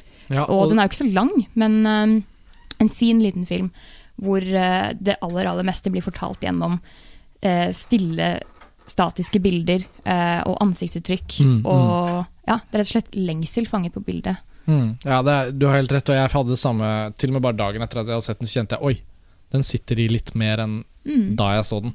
Og det må også skytes inn her at det er en fantastisk fint tilfelle av en filmskaper som liksom kommer Kommer til den filmen som han litt sånn var ment å lage. Og, og eh, David Lowery er regissøren av annet eh, Disney-remaken Pete's Dragon. eh, og før det så hadde han laget en film som heter Ain't Them Body Saints, hvor Casey Affleck og Rooney Mara spilte. Og før, Jeg var ikke så begeistra for den. Så Nei, altså, ikke det, er, det, Lowry, en film som kanskje kan ha Som man kan slite litt med i forhold til pretensjoner og pompositeter, og apropos ting du sa, Tor Joakim, om, om Terence Malick. Og han er jo en Han har vokst opp i Dallas Fort Worth i Austin, og har et veld, nei, uten, i Texas, og har et veldig nært forhold til eh, Texas. eh, det landskapet har spilt en, en sentral rolle i flere av hans filmer. St. Nick, eh, debuten hans, handler også om sånne barn som eh, Apropos Pete's Dragon, da, som eh, liksom går litt rundt i landskapet, sånn forlatte hus og sånn. Og det, mye av det kommer tilbake i Ghost Story. Og Mm.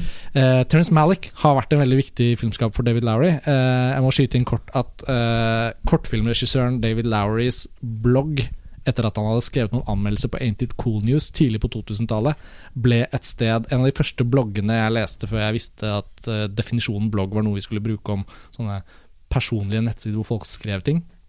Nå høres jeg veldig gammel ut, men det er sant. Eh, og, og David Lowry han skriver fortsatt eh, filmskaperdagboken sin på sin egen nettside, på bloggen sin.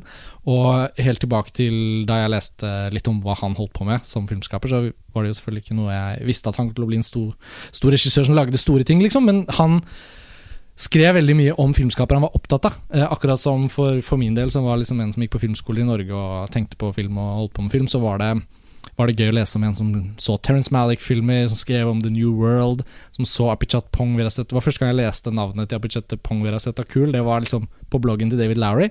Uh, og dette har ikke noe med min vurdering av filmen å gjøre, men Eh, på et tidspunkt så lurte han på om det var flere filmskapere der ute som hadde lyst til å klippe en kortfilm han hadde skutt. Og jeg sendte han en mail, og jeg fikk tilsendt materiale til en av kortfilmene hans, og klippet den. Og han sendte meg noen tips om ting jeg burde gjøre i New York første gang jeg skulle dit i 2006, og sånn, så har jeg ikke liksom gjort noe mer med det. Eh, men bare fulgt med og sett at han har laget filmer som kom til Sundance med Ain't Body Saints og sånn. Og det er et sjelden tilfelle hvor det er gøy å tenke på eh, For han er en ung regissør i den forstand at han er midt i 30-årene og har på en måte kommet fra et sted. Og Ghost Story var for meg et slag i bakken av at liksom dette virker som den filmen han har ment å lage hele veien. da Ut fra å være en filmfan som skriver om film, og som ser Malik-filmer, og som liksom er opptatt av alt fra liksom Carlos Regadas til Apichot Vi har sett kul, etc., etc. Og det, det kan bli veldig pretensiøst, syns jeg, når amerikansk indiefilm prøver å bli inspirert av europeiske eller asiatiske eller sånne eh, temporale, sjelelige regissører fra andre land. Men A Ghost Story er en sjelden tilfelle hvor jeg kjente sånn Faen, dette var utrolig vellykket. Hvor man, sant, Onkel Bonnet, det er en film jeg tenker på når jeg ser A Ghost Story. Hvor du føler bare sånn Det spøkelset, eller den, den dødes ånd. Måten den blir synliggjort på i begge de filmene, er veldig sånn konkret, nesten rørende barnslig. Husker du han rødøyde i, i, i Onkel Bonnet som bare står der, og hun, og hun Jeg husker. ja, men, jo, jo, selvfølgelig. Men hun som fader inn, fader ut altså Bare helt sånn enkle filmatiske virkemidler. Og Ghost Story skriver seg veldig inn i den tradisjonen også. Dette lakenet Det er Casey Affleck under lakenet i alle scenene av filmen. Uh, men Casey Affleck og Rooney Mara var også enige om, med David Larry, om at hvis ikke dette ble noe, så skulle vi bare kassere filmen. Den ble aldri offentliggjort. De, ble aldri, de sa aldri at den skulle lages. Og så først når de skjønte at dette blir noe, så ble det enige om ok, vi sender den til Sundance, og så blir det liksom en film. Så at, uh, jeg måtte bare fortelle den historien fordi Og det har sikkert litt med den eksplasseringen min å gjøre. også, at liksom, Jeg hadde nok et veldig sånn håp om at jeg skulle se en David Lowry-film som var noe. Men jeg kjente sånn etter Pete's Dragon, som var en sånn studiofilm, så tenkte jeg sånn, da mister man han, da. En fyr som kanskje virkelig har det i seg til å lage noe veldig spesielt. Det er ekstra gledelig. Og så da du også hadde den på listen, så tenkte jeg yes, yes, så gøy. Men mange vil nok kritisere den filmen her for å være litt kjedelig, rett og slett. Det er, jeg forstår det, at mange vil finne den kjedelig. For det skjer jo ikke så veldig mye i filmen. Det, er- det er nok ikke min eh, Jeg ser jeg på lista mi når jeg har den på nummer 40. Eh, Det er ikke altså, 40 til 50 på Tore Akims liste er Ja, egentlig altså, sykt bra. Ja, men, ja, men jeg har lyst til å skyte inn en ting. Det var ikke, jeg syns ikke den var kjedelig, altså. Det er ikke det jeg. Men jeg, jeg vil bare skyte inn at jeg syns musikken til Daniel Hart er en runner-up til topp ti for meg i år. Var ikke det helt fantastisk, Helt fantastisk fin bra. og veldig viktig for filmen? Den sangen nå er jo helt nydelig. I Get Ja, ja. Overwhelmed. Den har jeg Ja. hørt på så ekstremt mange Ja, ganger i her. ettertid. Rett inn på Spotify-opplevelsen. ja, ja, ja. Men det, han er jo på en måte ute etter noe mer enn å bare lage den filmen om en fyr under et laken. Og jeg syns filmen steg så voldsomt da den på akkurat rett tidspunkt plutselig ble helt sånn kosmisk og temporal i liksom tidsdimensjonen. da. At fra å være et spøkelse som går i det huset hvor kjæresten fortsetter å leve Fordi selv om Rooney Maras sorg er veldig nært portrettert i filmen, så ser vi jo hennes sorg fra hans perspektiv. Og, Og med det føler hun på hans sorg. Nettopp. Og det er så utrolig vakkert element hvor hun, når hun skal flytte fra huset, så stikker hun en liten lapp inn i en sprekk.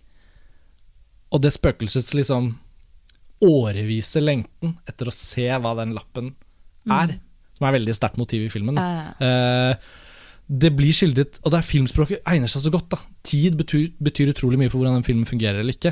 Mange lange tagninger som, som er lange fordi de skal si noe om hva det vil si å sitte på gulvet og spise en pai, liksom. Åh, Istedenfor den å klippe det opp. Ja. Oh, Hvor Rooney Mara sitter og spiser en pai i sånn fem minutter. Ni minutter. Men, ni minutter. Ni Men, minutter. Feie- Feiesekvensen i Twin Peaks. Ja, ja, men, men, så har man også, men så har filmen også 45 sekunders sekvenser, da, hvor det klippes mellom fire bilder, og vi reiser liksom hundrevis av år. Mm. Ikke sant? Og da, da begynner man å tenke at dette er en fyr som har forstått Selv om ikke det skal bli en storfilm, eller vinne priser, eller selge masse billetter, så har han forstått at filmmediet gir meg disse mulighetene, og hvis det er det jeg vil lage, så kan jeg gjøre det på denne måten. Mm. Og når noen lykkes litt sånn ordentlig med det de prøver på, det er dette et eksempel på for Og meg. det, det er så fint det du sier det med tid også, for jeg føler at det hele filmen sånn oppsummert eh, symboliserer hvor lenge sorg kan vare, og hvor udødelig kjærlighet kan være. Mm. På, være på en måte. La oss uh, la det bli med de ordene. Får veldig lyst til å se den filmen. Den blir en det må du. 2018-film for meg. Det er på iTunes. For de fleste. For de fleste ja. Da skal vi vel videre til niendeplassen din, eh, Lars Ole. Um, jeg skjønte det sånn at det kanskje var et litt sånt listeestetisk valg du hadde i ermet? Ja, altså jeg er vel notorisk for å ha mange delte plasser på listen for å skyve flest mulig opp på topp ti. Det er vel egentlig mest eh, fordi jeg har lyst til å eh, si noe om filmene. Eh, listepyritanerne syns selvfølgelig det er litt eh, hårreisende, men så får det bare være. I fjor gikk jeg for en veldig ren stil. Eh, I år har jeg dessverre vendt tilbake til gamle synder og har hele tre delte plasseringer. Og den første er da niendeplassen, som er en delt plass mellom Julieta av Pedro Almodovar og Certain Women av Kelly Ratchard. Det som binder disse to filmene sammen, eh, er at begge er basert på novellesamlinger. Eh, og at de begge handler om eh, lengsel og frykten for å bli forlatt. Mm. Eh, en følelse av uh, en, en, en Noe med å ane i horisonten. At det kan vente en uh, ensomhet med dyp og ubarmhjertig klang. Og koblingen fra A Ghost Story som vi akkurat snakket om, til dette er jo heller ikke så dårlig når det kommer Nei, til altså sorgbehandling eller ensomhet, eller liksom mange av de litt sånn på en måte triste, da, tematiske trådene som spinner ut av Ja, altså- filmer ofte som handler om disse tingene. to filmer eh, man ikke blir spesielt oppløftet av å se, eh, men som selvfølgelig også er veldig forskjellige. Eh, jeg har skrevet en eh, omtale av Julieta, eh, som jeg ikke trenger å utbrodere så veldig, men jeg er jo stor fan av Pedro Almodovar, og eh, Første møte med filmen var veldig interessevekkende, men det var først andre gang jeg så den at jeg virkelig følte at den fikk en eh, At den åpnet seg for meg, og endte opp med å se den fire ganger og blitt mer og mer grepet, eh, faktisk, for hver gang. Det er ikke alle filmer som er sånn. De fleste filmer som i hvert fall er av en viss melodramatisk karakter, er jo gjerne eh, mest gripende den første gangen.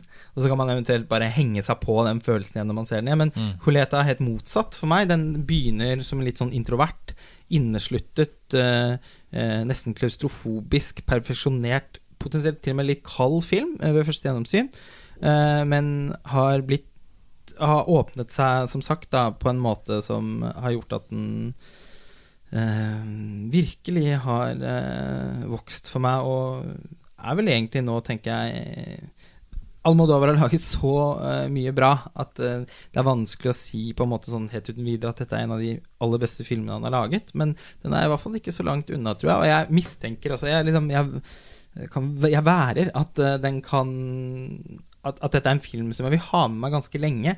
Eh, kanskje om to år så ville den vært enda mye høyere på listen, hvem vet. Det er iallfall en film med en påtakelig skjønnhet og et filmspråklig mesterskap som eh, som er ganske få forunt. Altså, per Almodovars visuelle historiefortelling er altså så slående. Brian De Palma elsker sikkert denne filmen. Altså, Det er Mm. ikke mange nålevende regissører som har et sånn type raffinement og eleganse, fargebruk altså bare og, og, og måte å liksom kjele med motivene på, som blir veldig sånn pure cinema for meg. Så det er, ligger jo til grunn for at jeg egentlig er begeistret for alle filmer Pedro Almodovar har laget, bortsett fra den forrige, denne flykomedien. Amorøse passasjerer. Ja, som jeg faktisk ikke kunne fordra. Men mm. med unntak av den, så har han aldri laget noe jeg ikke syns er spennende. Jeg som også snakker så mye om film med deg, og kjenner deg godt, syns også det er påfallende at eh, plassen deles av to autører som har så vidt forskjellig posisjon hos deg, rent sånn opp igjennom. Fordi altså, Nå har ikke Killer Reichardt vært i nærheten av å lage like mye film som Amolovar, men jeg føler jo litt at Certain Women må jo være på en måte din toppopplevelse når det kommer til hennes eh, Helt klart. filmer. Jeg var, eh, jeg var virkelig ikke begeistret for den forrige filmen hun lagde, 'Night Moves'. Eh, og, Og det var ikke jeg heller. Altså, det var vel noen sjeldne forsvarere av den filmen, men ytterst få. Det finnes eh, faktisk flere blant montasjen. Ja, det det, det var derfor jeg var litt forsiktig i min men, eh, men jeg husker at uh, verken du eller jeg, og du var på en måte uh, Reichardt eh, believer. believer, eh, snarere meg, som heller ikke hadde en veldig stor opplevelse med Mix Cutoff. Jeg syns det er en, på en måte eh, i teorien nærmest en veldig bra film. Eh, den er veldig gjennomarbeidet og eh, på sett og vis ganske egenartet, men jeg må innrømme at jeg syns den er såpass både litt sånn, sånn konseptuell og litt sånn lukket og liten eh, at jeg eh, ble rett og slett bare ikke beveget av den. Og jeg syns heller ikke det film, filmatiske universet var så spennende som mange andre syns. Men nå er jeg heller ikke veldig glad i sånn eh, revisjonistisk western og sånn, så det har jo selvfølgelig bare med smak å gjøre også. Certain Women, så der, der skjer det jo noe helt annet. Det er jo da eh, Altså, jeg har vel sjelden sett en film som klarer å fange opplevelsen av å lese en virkelig god novelle så bra som den. Altså Hvis man er glad i å lese eksempel Kjell Askildsen, den ultimate norske novelleforfatteren, som eh, så veldig mestrer en sånn antydningens kunst. Eh, noveller er jo ikke romaner. altså Det er jo ikke eh, kompliserte fortellinger med mange karakterer. Og det er jo gjerne ofte eh, antydninger, eh, krusninger, som man selv skal altså Det er slett ikke alle novelleforfattere som skriver noveller som har den stilen. Men noe av det jeg søker etter, gjerne da, hvis jeg leser noveller, er at jeg ønsker den åpenheten. Eh, og det å bare få noen inntrykk og noen blaff som jeg som, Og som gjerne blir avkortet, som, men som jeg likevel bærer med meg å tenke på. Og sånn fungerte også denne filmen. Tre historier som tematisk speiler hverandre. Altså, de handler om, som jeg var inne på i stad, frykten for å bli forlatt, være alene, ensomhet. Eh, også en følelse av at mulighetene av ting bare forsvinner. Altså Og jeg følte at Reichard Eh, når opp til sånn mesterskap her, syns jeg, i å helt uanstrengt la bare bildene og settingene fortelle alt. Altså, det var, så, det var noe bunnløst trist uh, over den filmen som Den minnet meg til det altså Bruken av måten stedene uh, virket på i filmen, minnet meg ganske mye om Jonathan Demme. Han mm. har evner også til og med, sånn, Det er noen av de stedene i uh, Til og med liksom hans mest kjente film, altså 'Nattsvermeren'. Noen av stedene som Clarice Starling og De besøker der som man føler at det er liksom så eh, gudsforlatte. Mm. Og så at, at, de er fulle av liksom Det er masse levd liv i veggene der. Men det har liksom ikke det er, annet, det er som at på et eller annet sted så bare stoppet det, og så har det aldri kommet seg videre. Og sånn opplever jeg veldig stedene i, mm. i Certain Women.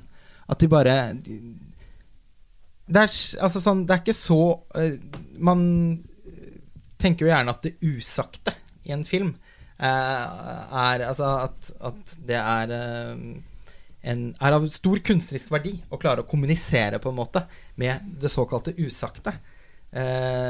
og jeg syns hun lykkes på en forbløffende måte her med å fascinere meg og dra meg inn i de fortellingene med veldig sånn ørsmå grep. Jeg syns den er utrolig vakkert fotografert. Mm. Ser jo nesten ut som Gordon Willis mm. kunne skutt den, både i tekstur og svartnivå. Jeg vet at du liker filmer veldig godt. jeg er veldig enig med deg, faktisk. Altså, den nådde ikke min toppliste personlig. Men, eh, og jeg har hatt et, et, tidligere har jeg hatt et veldig anstrengt forhold til Kelly Reichardt. Uh, syns både Night Moves og Mix Cutoff er dørgende kjedelig. Mm. Så jeg var veldig sånn ambivalent om å gå inn i Certain Women i det hele tatt. Med kanskje ganske lave forventninger, da. Uh, og da ble det alt det motbevist, på en måte. Fordi som du sier, så syns jeg at den er sydd sammen så utrolig godt. Uh, tilnærmet sømløst.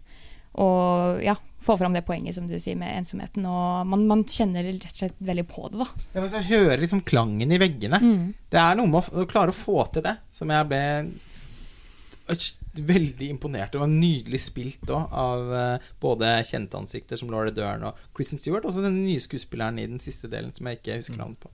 Lily, Lily Gladstone. Ja. Det er uh, Da jeg så Wendy and Lucy, som jeg syns er en sånn helt ekstraordinært mesterlig, bitte liten film, om noe så lite at man tenker at var det bare en kortfilm jeg så? Nå er den 79 minutter lang, så den er en kort langfilm. Men der er Michelle Williams i hovedrollen. Og jeg husker den filmen var en åpenbaring for meg. Jeg tenkte sånn, jeg vil se alt denne filmskaperen lager. Og jeg følte også at hun klarte å bringe fram noe av det fineste med Michelle Williams som skuespiller, som man føler man ser ofte, men som kanskje man ikke alltid får se i full blomst. da Hun har ofte hatt birollefigurer, altså sånn Manchester by the Sea, en, også en 2017-film. Den er litt uh, Den er på topp 20 hos meg, men den er liksom litt ned på listen. Den, uh, hun, hun, gjør en liten rolle, men du merker at hun er der. Så er det sånn, åh og så vil man på en måte litt ha mer, da. Eh, og Wendy and Lucy føler jeg er en film som Jeg noen, altså, Jo, jeg sier ikke, jeg sier ikke at ikke Jo, jo. En film nesten ingen tenker Nei, på at fins. Men, men eh, Michelle Williams, bra, poenget mitt var at det er ikke det at hun ikke hadde hovedroller, men jeg husker veldig godt følelsen av å se henne i Wendy and Lucy bare sånn Oi, her er det et match mellom en del av Michelle Williams som skuespiller som hun er kanskje best på. da Hun er kanskje ikke best når hun blir glamorøs og dollet opp, men hun, hun har noe sånn veldig sånn Hun er vakker, men hun har noe hverdagslig over seg, og når de to tingene kombineres Og det gjøres igjen i Certain Women. Hun spiller jo den midterste fortellingen av de tre som er en del av, av den spillefilmen. Og hennes nære har en fantastisk kompatibilitet med det lynnet som Kelly Reichardt er på vei til å uttrykke som filmskaper i bildene sine. Og det er liksom sånn, Hele castingen i Certain Women er altså så treffende. da Du var jo inne på sånn, Hun lille Gladstone spiller den siste fortellingen. Altså sånn Hva slags ansikt er dette? Hva slags person er det? Hvem, hvem liksom, Og Kirsten Stewart og liksom forsvinner jo inn i universet. Og jeg føler universet i denne filmen er veldig avhengig av at ikke noen skuespillere skriker og skjærer med miljøene. Det gjør de virkelig ikke. Om, nei, men og, og, og som du sier, da, altså klangen, rommene, landskapene, det fantastiske åpningsbildet av Som om vi ser en western. Dette er jo ikke en revisjonistisk western på den måten, men den foregår i et landskap Nei, det er på ingen nei, måte en ikke sant? western. Det er en kontemporær film fra Montana, men den åpner med et sånt fantastisk landskapsbilde hvor et tog ankommer stasjonen, basically. Det er ikke en stasjon, men det er sånn Du får en sånn klang av filmhistorie òg. Det er sånn et stort bilde hvor et tog kommer i bunnen og kommer, kjører gjennom hele bildet i diagonalt og kjører ut foran. Um, og det er noen utrolige komposisjoner. Jeg er helt enig med deg i forhold til det med foto. Da. Det er en film jeg føler vi har ikke kunnet dekke så mye på montasje. Det er liksom gøy å endelig kunne snakke litt om den. Ja, en omtale om den, Eh, av den ja. når den gikk eh, Den Ja. var jo, fikk distribusjon i Norge gjennom cinematekene, så den ble jo på en måte, i hvert fall i noen byer i landet, satt opp eh, på kino. Eh, men eh, vi fikk aldri anledning til å lage en filmfrelst Du har jo også den på listen din, uh, tror jeg, Kim. Ja, men ikke- ikke på topp ti, men Kelly Zeros, holdt jeg på å si. Eh, ja, uh, Little Women, hva heter den? Eh, Certain Women. Certain Women.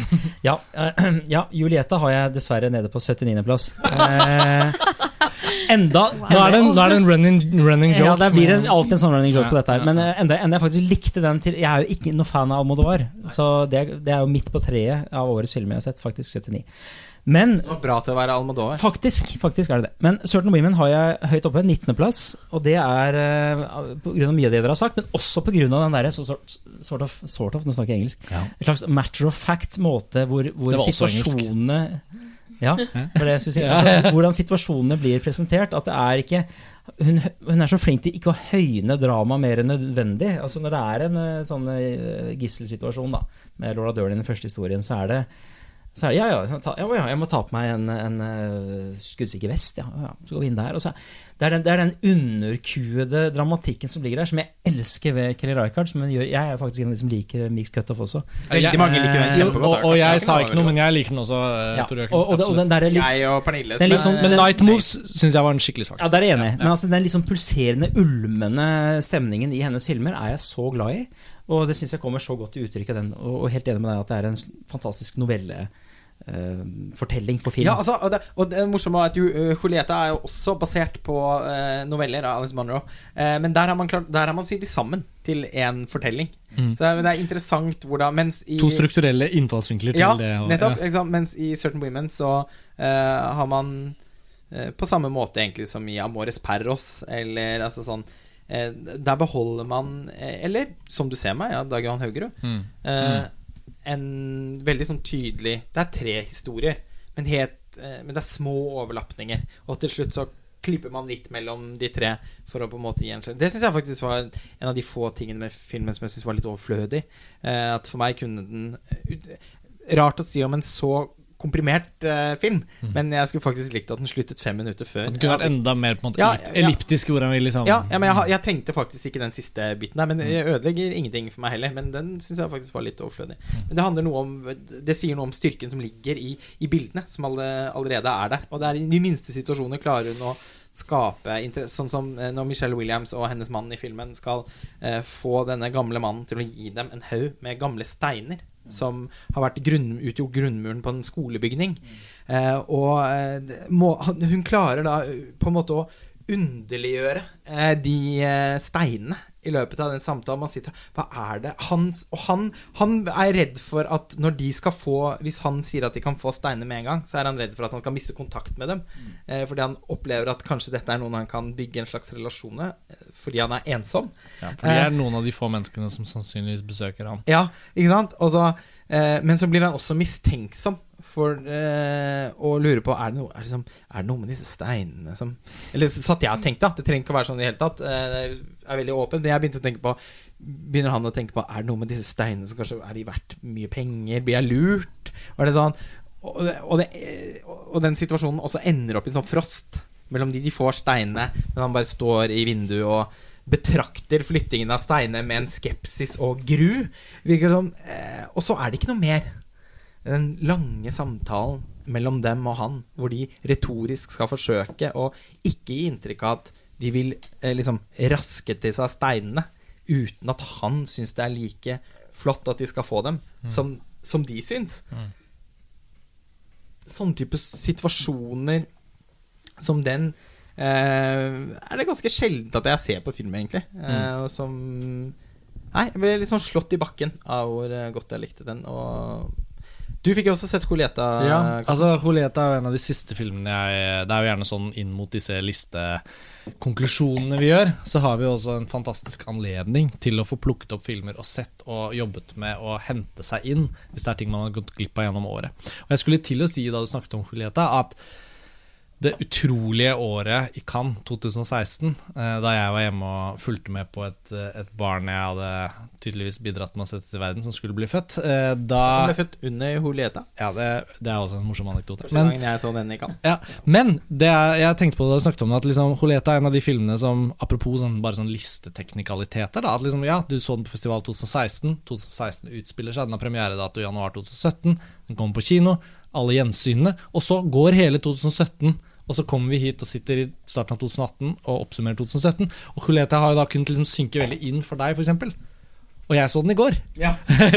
og, og, og jeg må jo innrømme at eh, jeg syns det var en veldig bra film, eh, men også en film som på en måte hadde sine begrensninger. Ikke minst i selve sånn seeropplevelsen. Da jeg hadde sett den ferdig, så skjønte jeg Å ja. Så han skulle liksom gjøre det på den måten. At visse dramatiske punkter var egentlig også litt sånn tilkneppet. Og at det var sånn Jeg ble etterlatt med en følelse av at jeg skulle ønske filmen varte i 20 minutter til, for det var mye mer jeg forventet å følge med videre. Så med disse gjetordene om gjensyn og sånn, så gleder jeg meg til å fortsette å ha et forhold til Coleta, men den rakk på en måte da dessverre ikke å liksom inngå i det som for meg ville være en film fra 2017 som jeg ser tilbake på. Men nå som jeg har sett den, så syns jeg uansett det er veldig, veldig tilfredsstillende, og jeg er også veldig glad i Almodovar.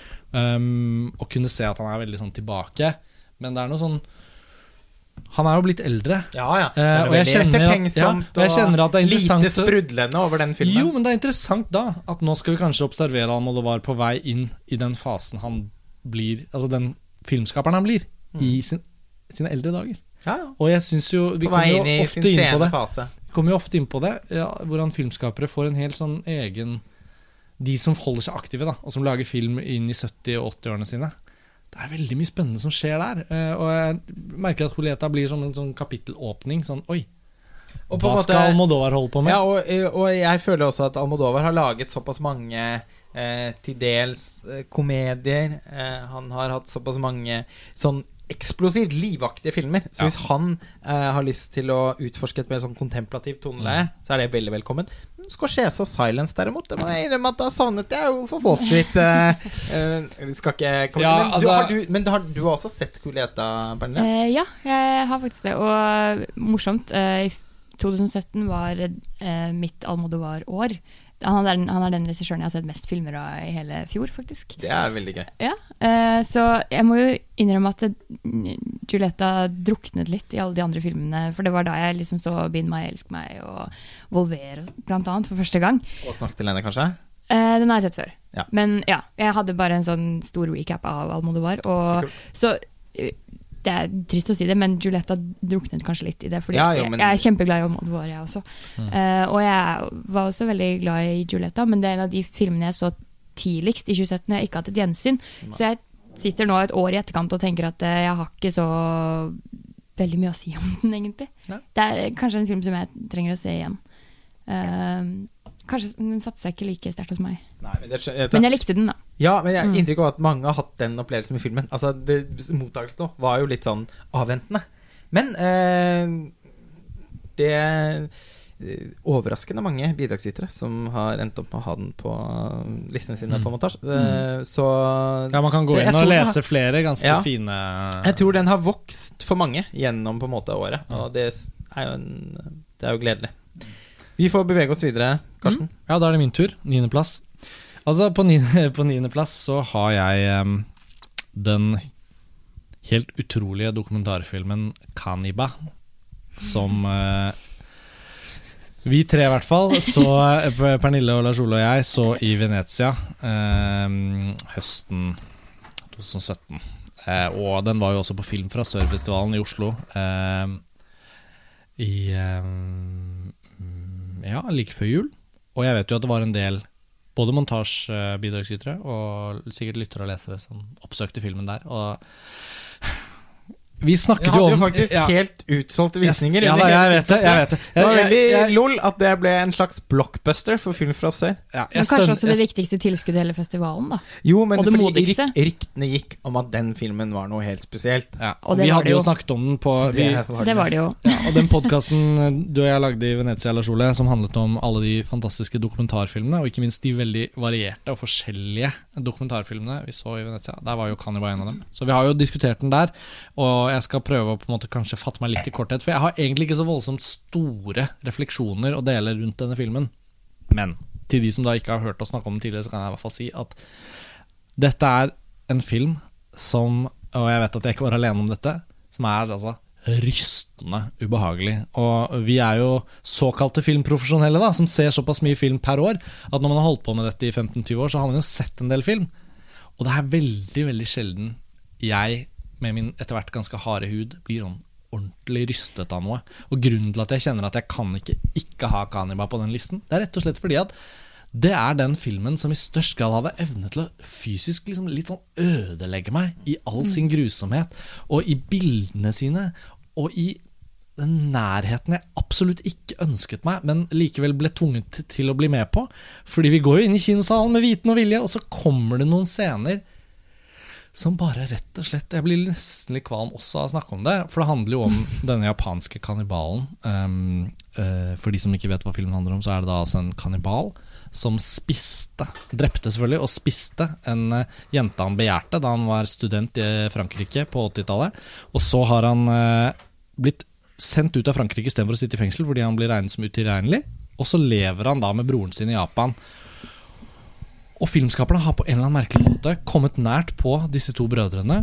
Og ikke bare nært på sånn i forhold til å bli invitert inn, men kameraet slipper jo faen meg aldri tak i hudporene deres og munnvikene deres. Og um, jeg har ikke nødvendigvis lyst til å sette meg ned og se Kaniba igjen, og jeg slenger ikke her ut en uforbeholden anbefaling til alle om å oppsøke en god film.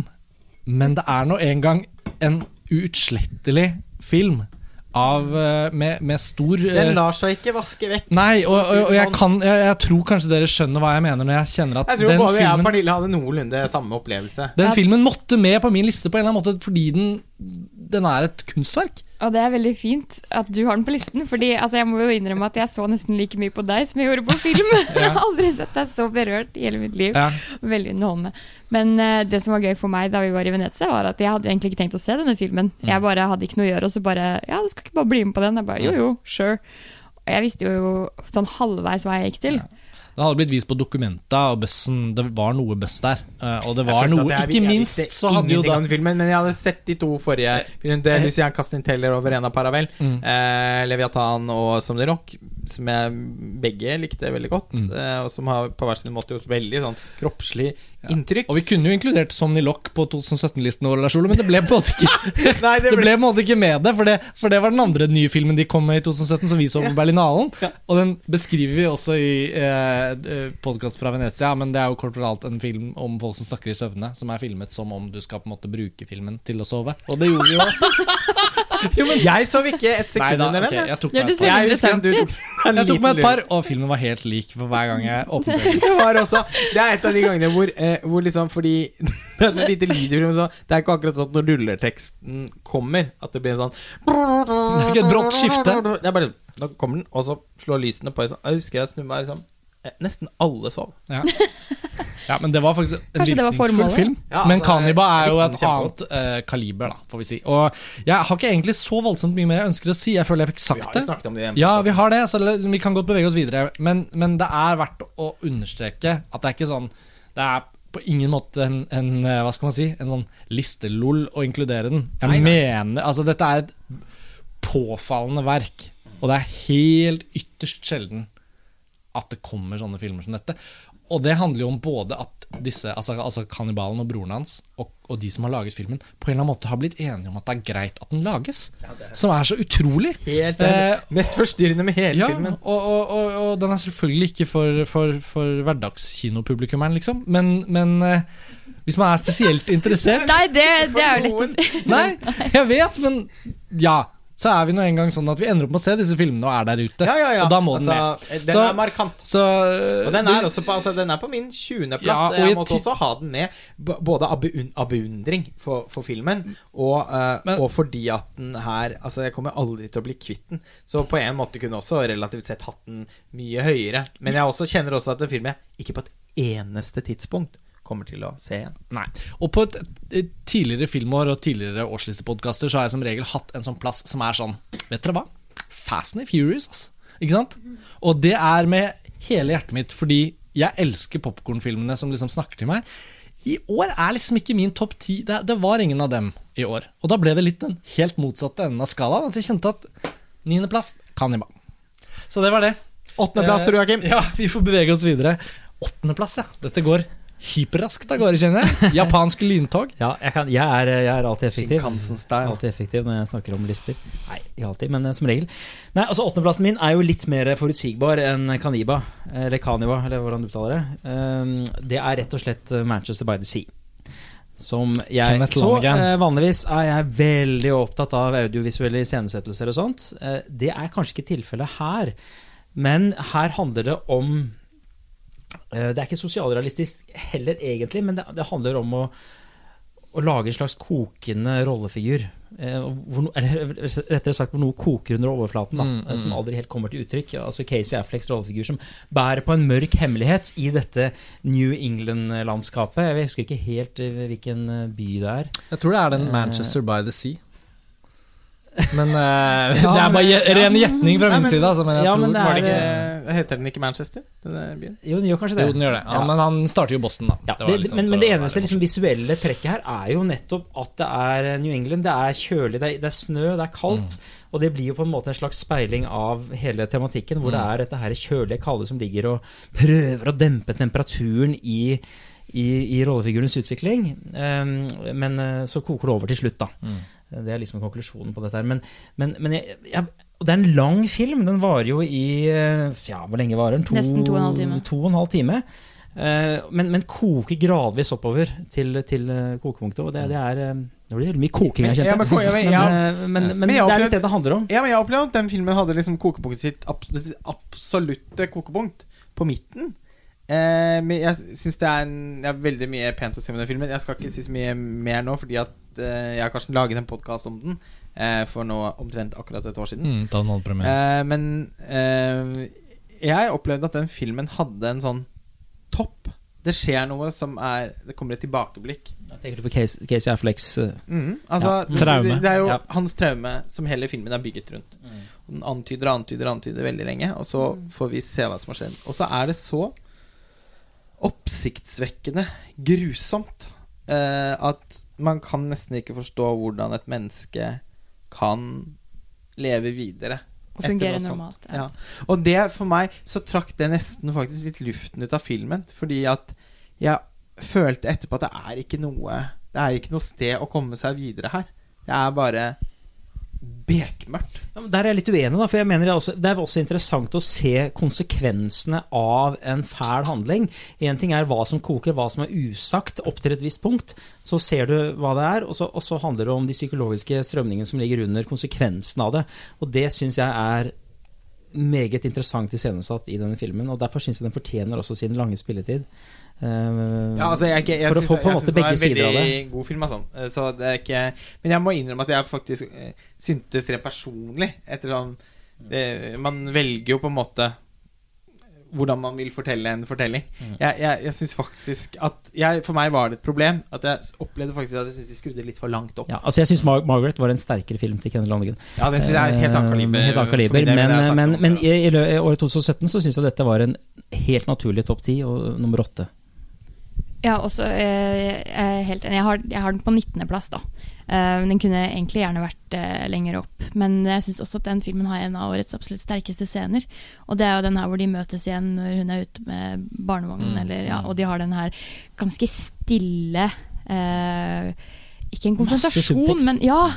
Og det er, sånn, det er så mye de skulle ha sagt, og så mye som blir sagt gjennom kroppsspråk, og det er bare så utrolig sterkt. Og man er så med i situasjonen, rett og slett. Og føler på den smerten. At det var utrolig, det var nesten utholdelig, den scenen. Mm. Men det en Utrolig film sterkt. Det er en film som er snakket mye om, og vi har skrevet, kanskje skrevet om den. Og det er, Ja. eh, ja. Benjamin Jastan. bare kan da avslutningsvis skyte inn altså, jeg, jeg nevnte den vel i stad. Eh, Den er på 21.-plass, men jeg føler liksom at den er på listen min. Og en av grunnene er ikke nødvendigvis at jeg fikk tatt et gjensyn med den, for det ble det aldri med. Men desto mer jeg har tenkt tilbake på den, så har det slått meg at de svakhetene som også vi diskuterte den gangen, de har på en måte tatt litt sånn eh, passasjersete i forhold til at den fortsatt står som en av de da Og da refererer jeg selvfølgelig til den sekvensen du allerede har påpekt, Lars Ole. Den har noe så dramatisk rystende og på sett og vis gripende, særlig hvis man er forelder. Jeg mener ikke å si at den ikke er rørende for de som ikke er foreldre selv, men på en eller annen måte så er det noe med tapet av barn som gjør så inntrykk eh, at eh, når jeg tenkte tilbake på den de siste ukene og har sittet og fiklet på listen, så faen, Manchester by the Sea, den sitter i, ass.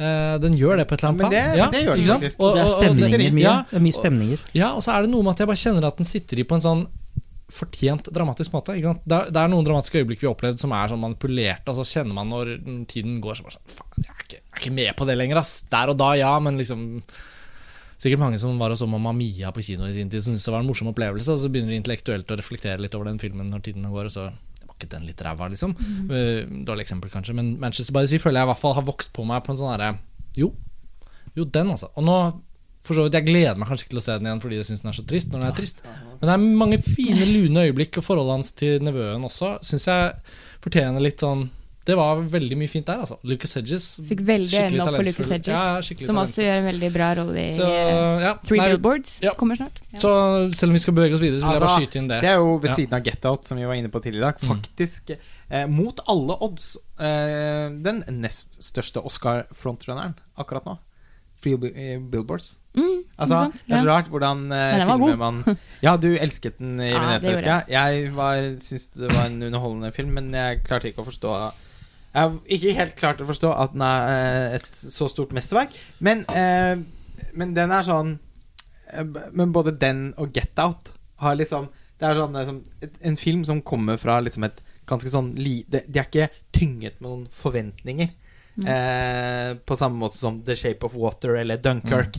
Og så bare Mm. blir de så store. Det er morsomt. Og, og Three Billboards Outside Ebbing, Missouri er jo på en måte en 2017-film for oss fordi vi så den i Venezia, men det er jo en av de filmene som rammes av listelovgivningen, i den forstand at den har norsk kinopremiere i 2018. Så for de av lytterne for så vidt kan jeg bare si det nå, da, at eh, dersom dere føler at det er filmer som mangler fra listene våre, som dere mener vi har vært ekstremt opptatt av, så kan det ha med å gjøre at de har premiere i 2018. F.eks. en film som Call Me By Your Name, som vi har diskutert på, på podkast fra Berlin 2017, men som har norsk premiere da nå om bare noen uker, og som blir en 2018-film. Så Three Billboards gjelder jo i den kategorien, samme gjelder jo andre, andre film. Ja.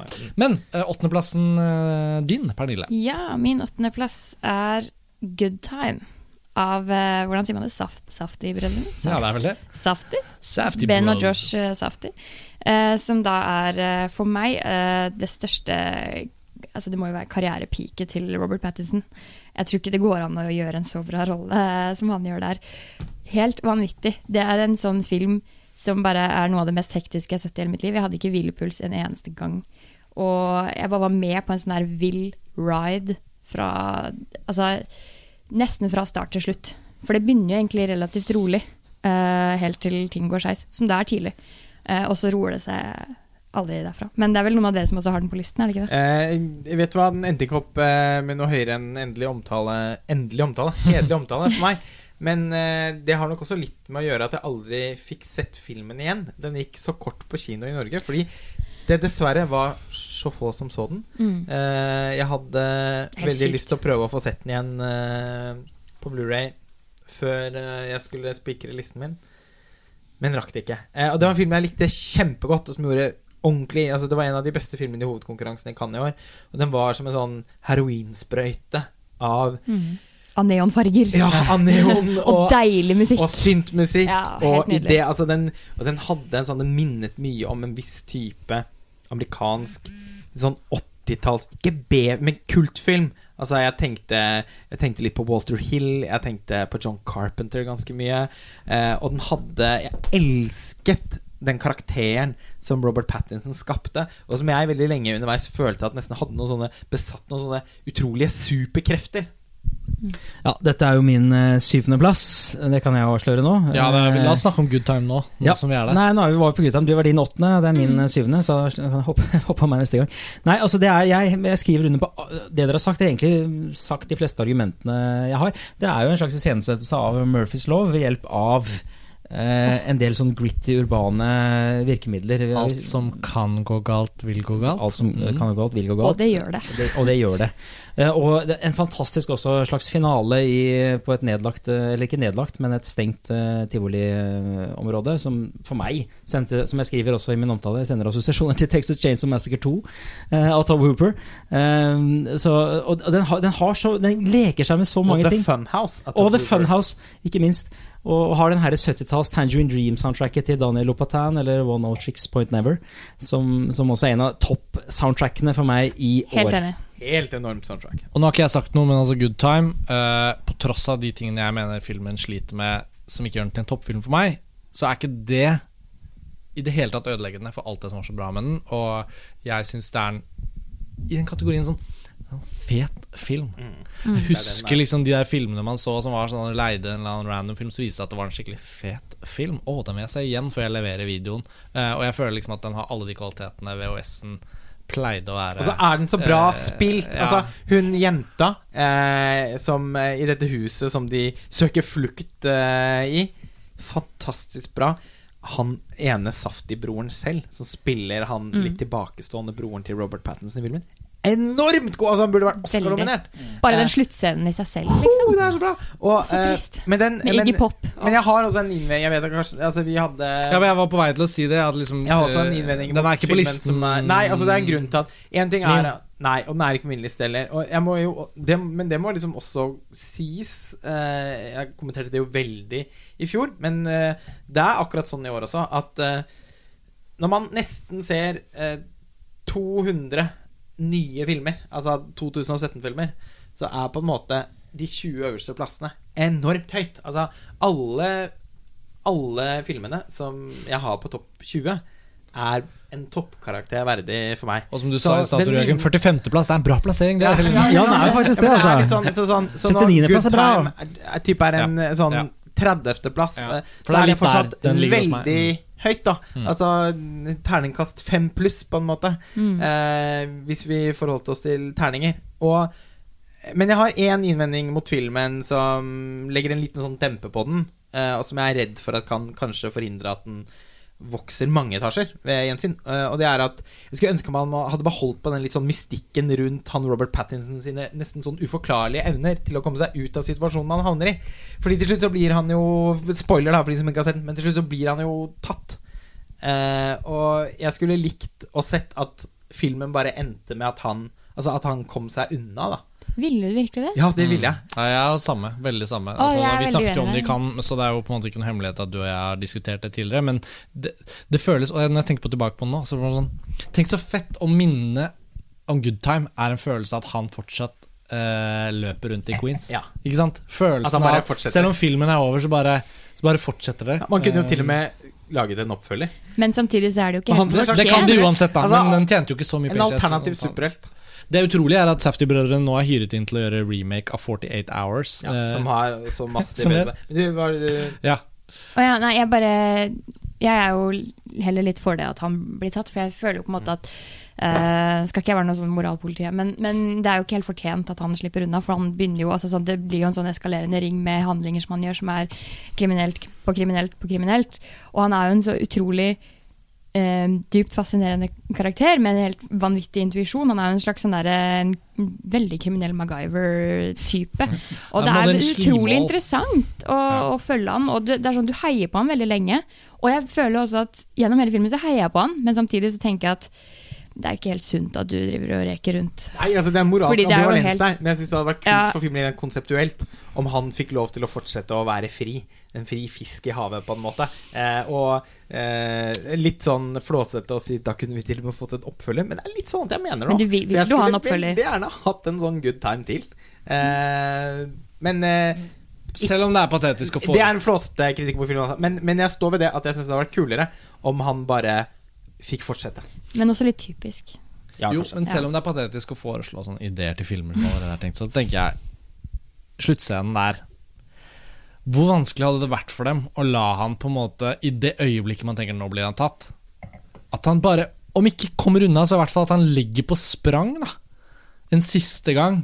Mot et gjerde, eller altså, hva som helst. Eller kommer liksom er, altså, Klipp til sort. Butch Cassidy and the Sundance Kid. ja, altså klatrer opp stige eller hva det var. Han var liksom så utrolig eh, god på å bare aldri gi en mulighet eh, fra seg. Slange, som snek på disken. Ja. Så, Altså, så det var litt sånn Jeg ble litt sånn. Men altså, filmens kvaliteter er jo i, eh, i bevaring er her. ubestridelig. Altså, ja. fotografen her også, som er den faste fotografen til Alex Ross Perry. Mm. Et helt Sean Price Williams. fantastisk arbeid. Eh, altså, no, et av mine sånn eh, Altså, foto i filmen eh, det, Helt med, inne med god margin på en topp ti foto for året. Men- Så mye for, eller for 2017. Det er mye kjærlighet å gi til Good Time, selv om den da ikke helt nådd opp. Men jeg gleder meg veldig til å se den. Veldig mye imponerende håndholdt 35 mm-arbeid der. Åh, Mange av toppfilmene i år som er skutt på film, verdt å merke seg. Absolutt. Det ble litt kort rundt det med komponisten, Tor Joakim, men du kom jo inn på det i stad, og jeg vil jo bare føye meg til at uh, det soundtracket til Good Time Det er, bare, det er på Spotify, så det er bare å søke det Og den er på topp ti på Cellutunes topp ti. Ja, ja, ikke sant? 2017, som også er verdt å sjekke ut. Ja. Herlig. Hvor eh, selveste Spignev Preisner for 'Skyggenes dal' var på førsteplass. Det er helt korrekt. Det må være første Den, gang et eh, norsk soundtrack ja. har kommet så høyt opp eh, i din rangering. Den snakket vi om tidligere. Ja. Ja. Åttendeplassen din, da, Lars Ole? Ja, Skal vi bevege oss dit? vi gjør det. Eh, Det er vel naturligvis selvfølgelig ikke bare én film, det heller? eller? nei, Nei. det er da også en delt plassering. Eh, Bra, så- da har vi mye å snakke om. Ja. Og det er en delt plassering mellom Kammerpiken og Split. Som eh, har det til felles at uh, Det er ikke egentlig så mange tanker bak at de skal dele den plassen, utover at uh, de appellerer til meg litt på den samme måten. Fordi det er en film som Hvor man blir presentert Begge filmene blir man presentert for premiss som man uh, Som man liksom bruker alle sanser og all sin tankekraft på å få oversikt over Mm. og leve seg inn i, for så å oppleve på et tidspunkt at det likevel er noe helt annet enn det man har trodd. Eh, det inntreffer jo på helt ulike tidspunkt i filmene. Eh, Kammerpiken er jo bare, syns jeg, en helt sånn Vi har snakket om den på podkast før, så, så jeg skal ikke si så mye. Den kommer vel antageligvis også senere. Den kommer tilbake. Ja, den kommer tilbake igjen under, i løpet av podkasten. Men altså, sånn, Park Chan-wook er jo en av mine favoritter i kontemporær film. Og eh, Kammerpiken syns jeg nok er etter Oldboy og ved siden av Stoker eh, det beste han har gjort. Og eh, en eh, Bare det å En ting er liksom alle de åpenbare sanselige eh, gledene ved filmen. Kostymene, produksjonsdesignet, kameraarbeidet, musikken. Altså, den er jo bare en drøm av en eh, Altså Ja, snakket om pure cinema i stad med Julieta og Almodovar. Eh, Kammerpiken er også helt klart der. Og det er mange interessante temaer man kan diskutere. også. Men vi har laget en podkast om den tidligere, som jeg var med på. Jeg, og som sagt, den kommer tilbake senere i løpet av denne runden her. Men det er også en, sånn, en film hvor man opplever virkelig at noen skrur sammen filmfortellingen på en måte som gjør at du blir veldig sånn aktivisert. Og man er umiddelbart nødt til å se filmen en gang til for å på en måte pusle på plass brikkene. Og det som er helt utrolig med Split, som er den beste filmen M. Night har laget siden The Village, eh, det er at eh, Altså, det er et vanvittig kunstnerisk comeback. Jeg var også veldig begeistret for den forrige filmen hans, bare så det jeg har sagt. The Visit, ja. Ja, Ja, altså helt om nydelig sånn Hans og Grete eh, found footage-eksperiment. He, altså sånn eh, digget den filmen. Men i Split så er han tilbake som en virkelig sånn visjonær eh, filmskaper som evner å overraske publikum med samme Egentlig samme slagkraften som han gjorde med Sjette sansen i 1999. Det er ganske drøyt å tenke på at eh, Split, som er en superheltfilm eh, Det er jo Ja, Det vi kan skyte inn kort her, er at dersom det er noen som ikke har sett Split, så kan de spole litt. Eh, for jeg syns vi skal snakke om Split ordentlig. Men en- hvis dere ikke har sett den, så er det utrolig mye gøyere å se den uten å vite det vi skal snakke Det er om. sant. Så spol sånn ti minutter, spol ti minutter frem, eller Ja. noe sånt. Eh, og den er på flere lister, så vi kan jo snakke om Split nå. Eh, Ja, vi kan ta den nå. Men altså, den, det, det er jo en film som viser seg å tilhøre, eller være noe som andre brikken i noe som blir en trilogi, og derved en slags franchise. Det er jo, viste seg å være oppfølgeren til uh, Unbreakable. Mm. og uh, det at man Altså, man har jo da, for å oppnå den uh, twist for, å ha, for å ha den twisten og oppnå den sjokkeffekten hos publikum, så har man da valgt å ikke spille på dette i markedsføringen, bortsett fra noen subtile hint som man merker etter man har sett den, som de knuste glasskårene på eh, posteren osv. Ja. Men altså, den opplevelsen av å sitte der på en eh, kino i Tønsberg, av alle steder, hvor jeg så den alene Ja. Jeg husker jeg ringte deg. Ja, tro meg, jeg husker det. Jeg bare- hadde jo ikke mulighet til å se den før om en stund. Åh, uansett. åh, du Ja. må Du må bare Du aner ikke Du aner ikke du aner ikke. Det er, det er en sånn Jeg hadde høye forventninger, men det ble et par hakk høyere av at du var helt sånn i operamodus. Ja, eh, liksom, liksom rope til Det det sang tilbakemeldingen sin. Ja. Filmen blir jo operatisk på slutten Ja, det ble Ja, det. men ikke sant Det Og hvor ofte er det man opplever en sånn type Og det er selvfølgelig helt sånn kalkulert, da. Altså, det er jo ikke på en eller annen måte Ikke nødvendigvis så genialt tenkt, men det er helt mesterlig gjennomført. Og hvordan man etter å ha opplevd den twisten eh, helt til slutt Jeg ventet tilbake til den samme kinoen i Tønsberg, samme salen. Da var det én person til i salen, og så den på nytt igjen bare dagen etterpå. Og det å da kunne få lese filmen på nytt i lys av at det er en eh, Forlengelse i- superhero-film. Ja, og at det er Unbreakable-universet, og- og, som foregår i Unbreakable-universet. Det er bare Ja. Ja. Men visste du i forkant at det var, at det var en link til Unbreakable? Nei! Ingen det, visste liksom? det. Nei. Nei, jeg visste heller ikke det. Nei, Man kunne jo ha lest det eller fått det med Ja, seg ved et hvis man har da, kommet til skade for det. Men Mm. det virker som veldig, de aller fleste har vært veldig hensynsfulle her. da Altså De amerikanske anmelderne og sånn nevnte det ikke med et ord. Det var For det er jo til filmens fordel å ikke ha det avslørt. ja, og det morsomme er jo at jeg føler at I hvert fall hvis man har sett Unbreakable. da. Ja, også, Men men For de som ikke har gjort det, så vil det jo bare gå helt over hodet på det. Men det jeg også akkurat skulle si, var det at jeg tror Shyamalan mestret det å gjøre både det, for oss som har et forhold til Unbreakable, og syns det var fett og bare åh, åh, åh. Men han klarte også å lage en film som står på egne ben, og det vil jeg si at gjelder for Split. Jeg må bare skyte inn det om at Det er kjempeviktig poeng. Ja, det er veldig viktig poeng. Du vil ha fordi, nesten like stor glede av filmen selv om man ikke har sett Unbreakable. ja, og så tenker jeg også at uh, Bare for å gå ut med det som Altså Hele den fantastiske tilhørigheten til Unbreakable som beriker filmen når den slutten kommer, um, det kan man gå ut med som en slags sånn overskrift i entusiasmen sin for filmen. Men jeg må også innrømme at selv om jeg fortsatt bare har sett Split den ene gangen, så kjente jeg så innmari på det underveis at Jeg visste jo ikke at det kom, men jeg var liksom, hva heter det på engelsk, in a over at Shyamalan var på plass igjen med så mye av det han mestret på et ekstraordinært nivå i Sjette sansen og Unbreakable. Så jeg vil bare si at Split er på min syvendeplass, og nå som vi kom inn på den på din åttendeplass, måtte jeg bare liksom si at den er da der hos meg. Og da kan jeg skyte inn at den er på min sjetteplass. Alright, se her, ja. Eh, og det er Jeg kan bare være et ekkokammer for mye av det som er blitt sagt. Men jeg vil også liksom påpeke en del av de autørmerkene til Shyamalan som er i filmen. Som handler om fargemarkører, okergul, rød. Eh, det handler om ting som skjer utenfor billedrammen. Det handler om hans bevegelser av kamera. Og det er altså så deilig altså jeg, jeg, jeg likte, jeg likte, likte, eh, Lars Ole, så likte jeg The Visit kjempegodt. Men det hadde et slags digitalt preg.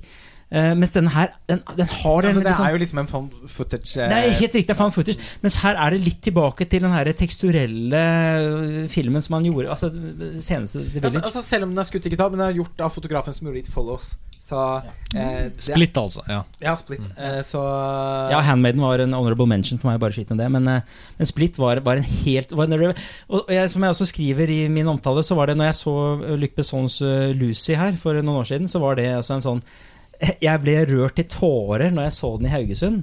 Og Det var ikke fordi filmen nødvendigvis var så rørende, men det var for å se en filmkunstner som jeg elsket i så mange år, finne tilbake til den formen. Å, jeg kjenner den følelsen. Jeg satt også eh, blank i øynene etter Split, altså. Det var nesten på gråten ja. av ren sånn skjær glede. Og bare Og jeg, jeg, jeg Altså, jeg ikke din sånn dybdekunnskap eh, for filmmusikk, tror jeg ikke, selv om jeg er veldig interessert i filmmusikk.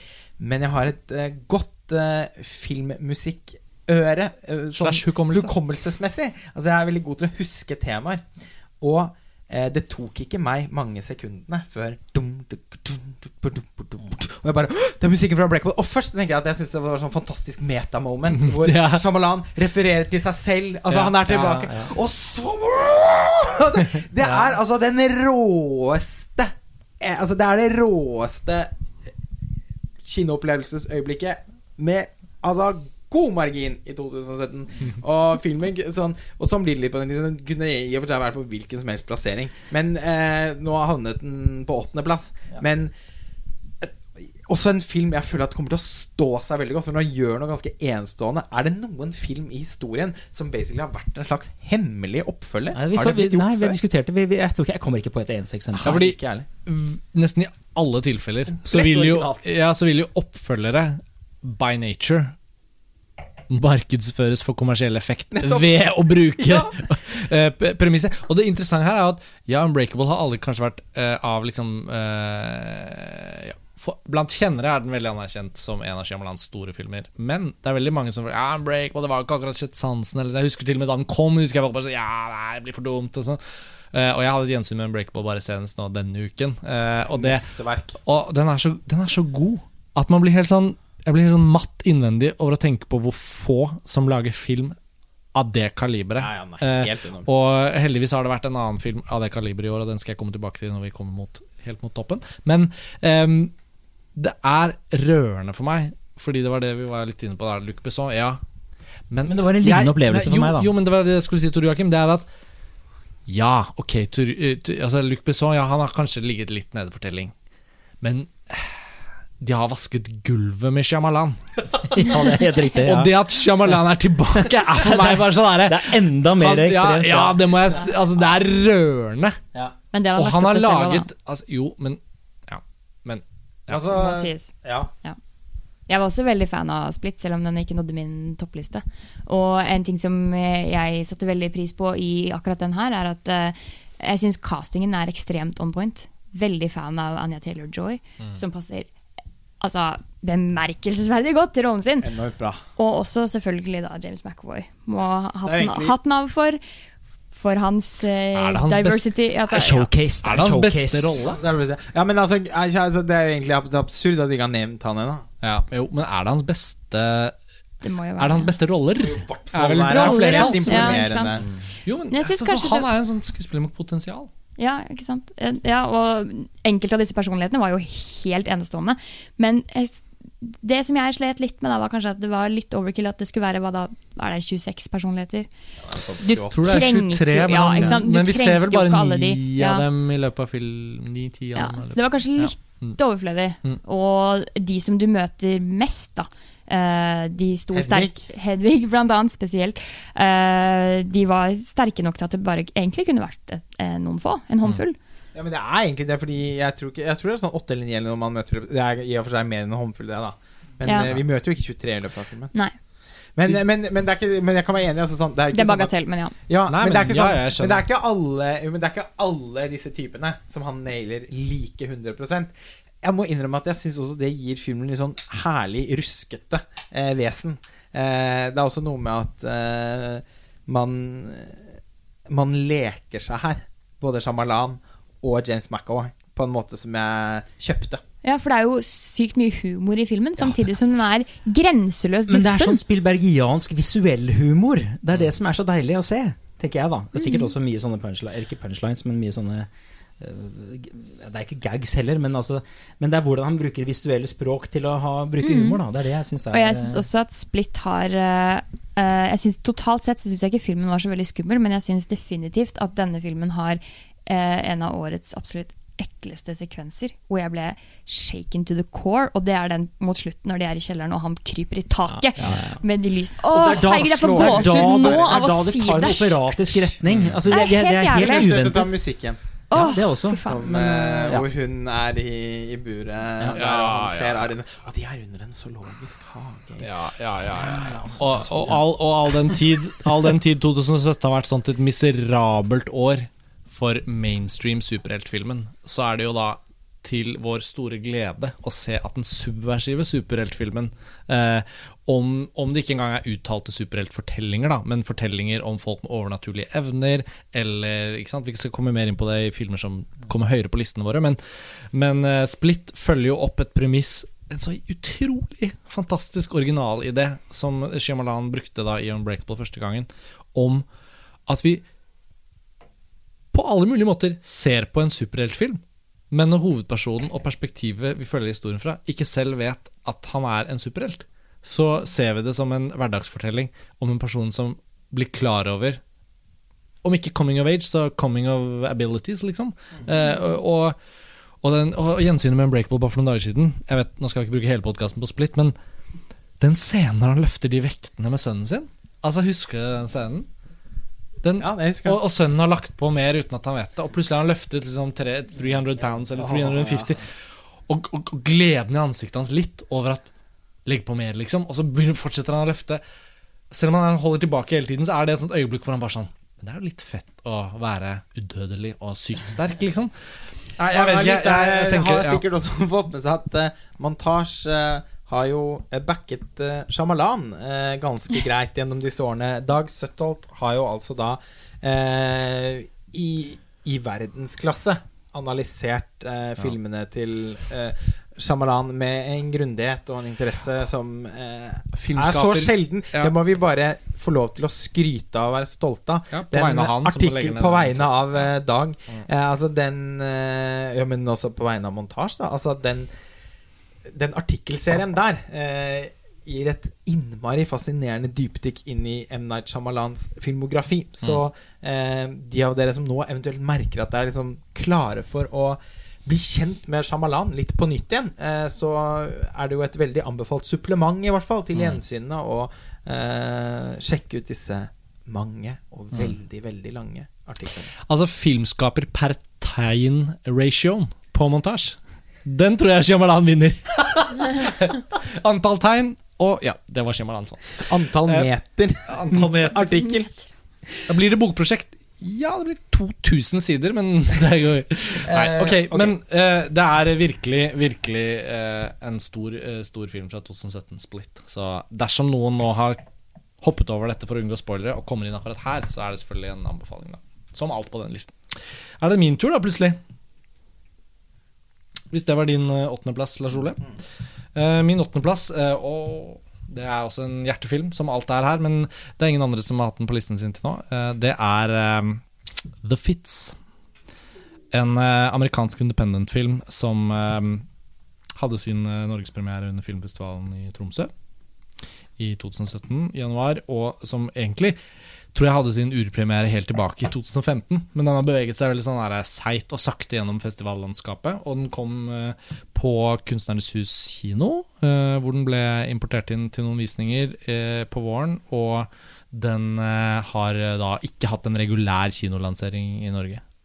Men som en festivalfilm og som en slags liten sånn artfilm, så syns jeg den skiller seg ut eh, i, i sitt sjikt. Men også for meg personlig så bare var det en utrolig fet filmopplevelse, i den forstand at jeg liker tanken på at det er noen der ute som lager de filmene der.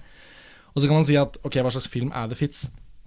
Eh, det er debutfilmen til Anna Rose Holmer, eh, eh, en New York-basert filmskaper. Hun har laget et portrett av et miljø med tenåringer og med en ja, 10-11-åring i hovedrollen i Cincinnati.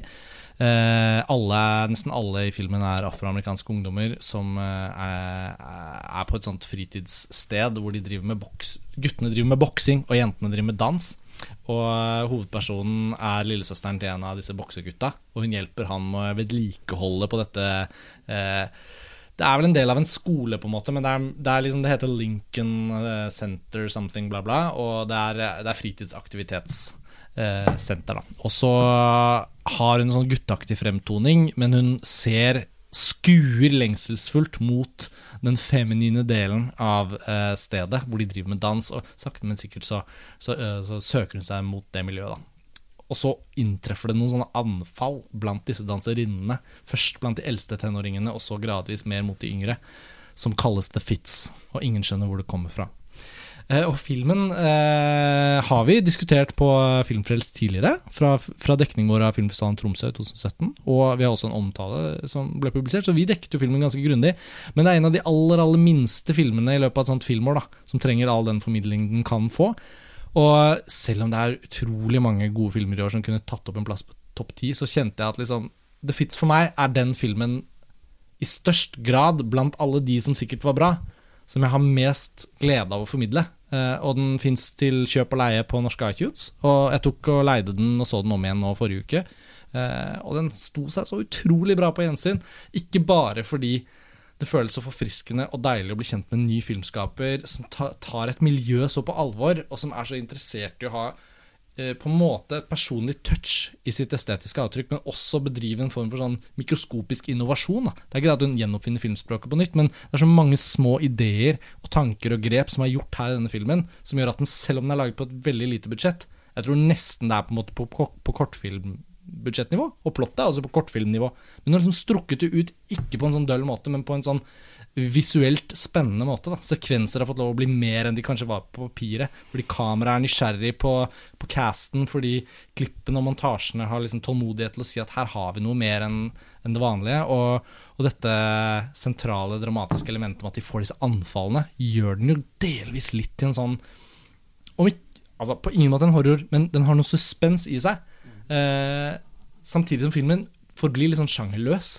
Den er kanskje litt mer mot en form for Jeg vil ikke si kunstfilm, men den legger seg i et sånt landskap som er midt imellom det å ha en sånn kunstfilmsensibilitet, og kanskje til og med en litt sånn musikkvideolignende estetikk, blandet med egentlig da spillefilmens premiss. da At du er villig til å sitte der i de 65-70 minuttene filmen varer, og, og, og være med på den lille fortellingen den forteller. Så jeg, jeg, jeg var så glad for at det gjensynet var så bra, og for meg var det en skikkelig oppdagelse. Jeg tror hun Anne Roms Holmer, som har laget den, er en filmskaper kommer til å se, se mye til. Så for meg var det, liksom, det var viktig å trekke inn The Fits og, og anbefale den til lytterne. Eh, Den er en veldig lett og enkel og fin film å se. Bare gå inn og leie den i iTunes. Og den har så mye å gi.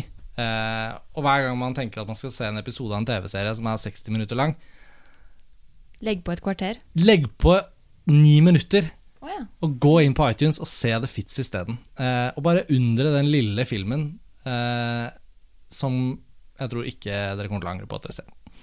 Det ble en liten monolog her, men Ja, jeg bare følte liksom men- eh, den ja, eh, Pernille, jeg har jo snakket om den tidligere på Ja, podkast med Karsten. Jeg har ikke noe å tilføye utover det jeg Nei, sa da. Jeg syns det var en eh, veldig eh, løfterik eh, debut. Løfterik er morsomt. Ja. Ord bruk i Mm. forhold til det, en viss ting som skjer. Ja. Ja, nei, og, Mm. ja. Og, og Nei, men altså, jeg syns man ser konturene av en veldig spennende filmskaper i The Fits. Mm. Uh, jeg- Spennende å følge. Ja. Mm. Jeg opplevde at eh, filmen for meg kunne hatt på en måte holdt på å si enda litt mer innhold for at jeg skulle blitt mer fascinert. Eh, jeg savnet kanskje en eller annen klangbunn der. Syns kanskje man kunne gått eh, Virker som det er noe jeg etterlyser hele tiden. Man kunne gått litt lenger med en del ting. Men eh, det var noe på en måte også noe litt sånn novellefilmaktig over den, som Mm. selvfølgelig også var en kvalitet. Ja, for den er ikke 90 minutter, liksom. Den Nei. er 69. Nei, altså, og det er på en måte noe med at jeg følte den hadde funnet en lengde. alt den gjør innenfor sin uh, ambisjon. På Det- sin måte minner den om Den er enda mer mini, da. Men Dag Johan Haugeruds 'Det er meg du vil ha' Ja, jeg skjønner en sammenligning. er en sånn kinofilm som man, man sitter, Ja, det er veldig forskjellige filmer, men du sitter i kinosalen og tenker at ja, den 60-minutteren der, det var en kinofilm, på en måte. Og, og, og det var ingen tvil. Den vant hovedprisen i Tromsø, og den var det filmverket i den hovedkonkurransen der. Så kan man si hva man vil, det er liksom ikke de internasjonale filmskapernes absolutte høydepunkt å bli tatt ut i hovedkonkurransen i Tromsø, kanskje. Og det er ikke masse originalpremierer, og det er liksom ikke kan. Men etter norske forhold, og det de prøver å gjøre med det konkurranseprogrammet sitt der, så følte jeg også i fjor at det var veldig sånn Oi, det Fits. Det er noe helt spesielt. Jeg ser at jeg har den på 60.-plass. Eh, men når vi snakker litt om den nå, så føler jeg at det var litt strengt, kanskje. Eh, fordi det var Den er, den er så Den tight. sogner til dine Den gjør krav, egentlig det. Og jeg var egentlig ganske glad i den når, den kom, når jeg så det i Tromsø, i likhet med deg. Um, så jeg vil bare skyte ned at den, den egentlig er bedre åpenbart enn det jeg har sagt. For alle de som går inn og browser seg ned i 60.-plass hos deg, så kan de da notere nå at det var egentlig en 49.-plass. Ja, ja, ja. Jo da. Nei, men jeg tror, jeg tror jeg fikk sagt det jeg trengte å si. Um, veldig, veldig gøy at en film som det fester seg og holder når man ser tilbake på et langt og innholdsrikt filmår. Enig. Tor Joakim? Ja, vi trenger ikke snakke om meg, for vi har allerede snakket om min uh, nesteplass. Det var vel Good Time, så lenge skal vi Ja, se. din syvendeplass. Uh, syvendeplass var Good Time. Ja, der har vi vært. Der har vi vært. Da sple spleiser vi videre, holdt jeg på å si. Ja, Er det nå vi skal over til eh, Personal Shopper, eller kommer den igjen? Den kommer jo litt høyere på listen, så vi kunne jo Vi kanskje Spare den, kanskje? sparet den bare noen Ja. Men det er da min Da kan vi gå veldig raskt eh, videre fra meg òg, for min uh, syvendeplass er da Mektob, My Love, Canto Uno. Av uh, Abdelatif Keshish. Den har vi laget en podkast om i Venezia. Og ettersom ingen har sett eller hatt muligheten til å ha sett filmen, så må jeg trukket tilbake og bli klippet om. Mm. Eh, så føler jeg det litt poengløst, og at vi to, som er de eneste her som har sett den, Karsten, skal fortsette den diskusjonen. Eh, jeg, filmen får premiere i Frankrike i februar, og vil sannsynligvis på en eller annen måte bli vist i Norge i løpet av 2018. Mm. Eh, jeg akter å vende tilbake til den filmen da ved, med et, eh, en artikkel om den, som jeg Mm. allerede har skrevet store deler av, men som Mm. jeg endte med å ikke velge å publisere, fordi jeg følte at det var som å sende den ut i et sånn sort mørke. Eh, fordi filmen plutselig ikke eksisterer Men, helt. Men, hadde Kan jeg bare spørre, da? Bare et sånt superkjapt spørsmål. Gjør det. De som likte blå er den varmeste fargen, er det mer å hente i den? Er, er, det, er det noe lignende, eller er det noe mer å, li- samme gate å hente fra denne? Absolutt. altså Abdelatif Keshish er veldig ty altså, Han er markant autør. Han utforsker de samme tingene i hver film. Eh, denne filmen er langt mindre opptatt av seksualitet enn det Bladen er varmeste fargen' er, men den er veldig opptatt av mennesker sin eh, Altså de sånn sos sosiale kodene og sosiale strukturene som oppstår i rom med mange mennesker. Blikkontakt. eh, eh, det å bli forført, men ikke liksom Og bevegelse, og i det hele tatt Den har, de samme, den har mange av de samme motivene som Blå er den varmeste fargen, men den minner enda mer om Om The Secret of the Grain. Ja, den gjør det, fordi La Grain et la Moulet. Ja, Som også er en fantastisk bra Er. Så han er jo en stor regissør, og jeg er enig med deg at vi la oss ikke utbrodere voldsomt mye, men det kan skyte inn kort før vi går videre, er at i den episoden, som er Filmfrelst nummer 280 fra Venezia, så kommer Lars Ole og jeg bl.a. inn på at denne filmen skiller seg fra Blå den varmeste fargen ikke minst fordi hovedpersonen først og fremst er observatør. Altså, de menneskene vi blir En veldig passiv Ja, eh, hovedkarakter. Sånn at det betyr at også filmen er veldig Den er interessert i det han er interessert i. Så på mange måter så får vi en film som ser på mange mennesker som kranser rundt hovedpersonen, og man får lov å se hva han ser. Som gjør at det liksom blir et veldig sånn rikt rollegalleri, og det har den til felles med 'Secret of the Grain'. Mens 'Blå varmeste fargen' er jo en film som i veldig stor grad er inne i Adels verden og hennes opplevelse av situasjoner. Og hun er så klar og liksom drivende protagonist i sin fortelling. Mens Mektob eh, er jo da Det er jo et, markant forskjell Ja, mellom de så det skiller de Men filmene det var veldig- ingen tvil om at uh, Keshish holder på med det samme. Altså Han utforsker eh, videre en del motiver og, som, og en del temaer som han allerede har touchet innom. Og, den- og den har virkelig mye til felles med uh, denne La Graine la Moulet, Ja. Secret of the som jeg, som jeg syns er en av 2000-tallets aller beste filmer. Ja, den er helt fantastisk jeg synes ikke den, den må ikke ha noe for mye i skyggen av Blå fargen. Som den så ofte gjør, fordi den er også virkelig et mesterverk. McTobe er ikke nødvendigvis helt der, men den er også bare begynnelsen på noe. Det, det er jo den første delen av en planlagt trilogi. Uh, Det er uvisst eh, om eh, om det blir noe av, men det har kommet en del hint via Instagram fra diverse skuespillere tilknyttet den første filmen at innspillingen av del to allerede er i gang, bare at det ikke er eh, liksom offisielt. Vi får se om det stemmer eller ikke. Mm. Eh, og akkurat som deg, Lars Ole, den dupper jo da like under liksom, topp ti for meg på årslisten. Men jeg var jo også klar over det samme som deg, at det var jo knapt noen andre eh, norske filmfolk som fikk med seg den visningen. Det var helt på slutten av Venezia.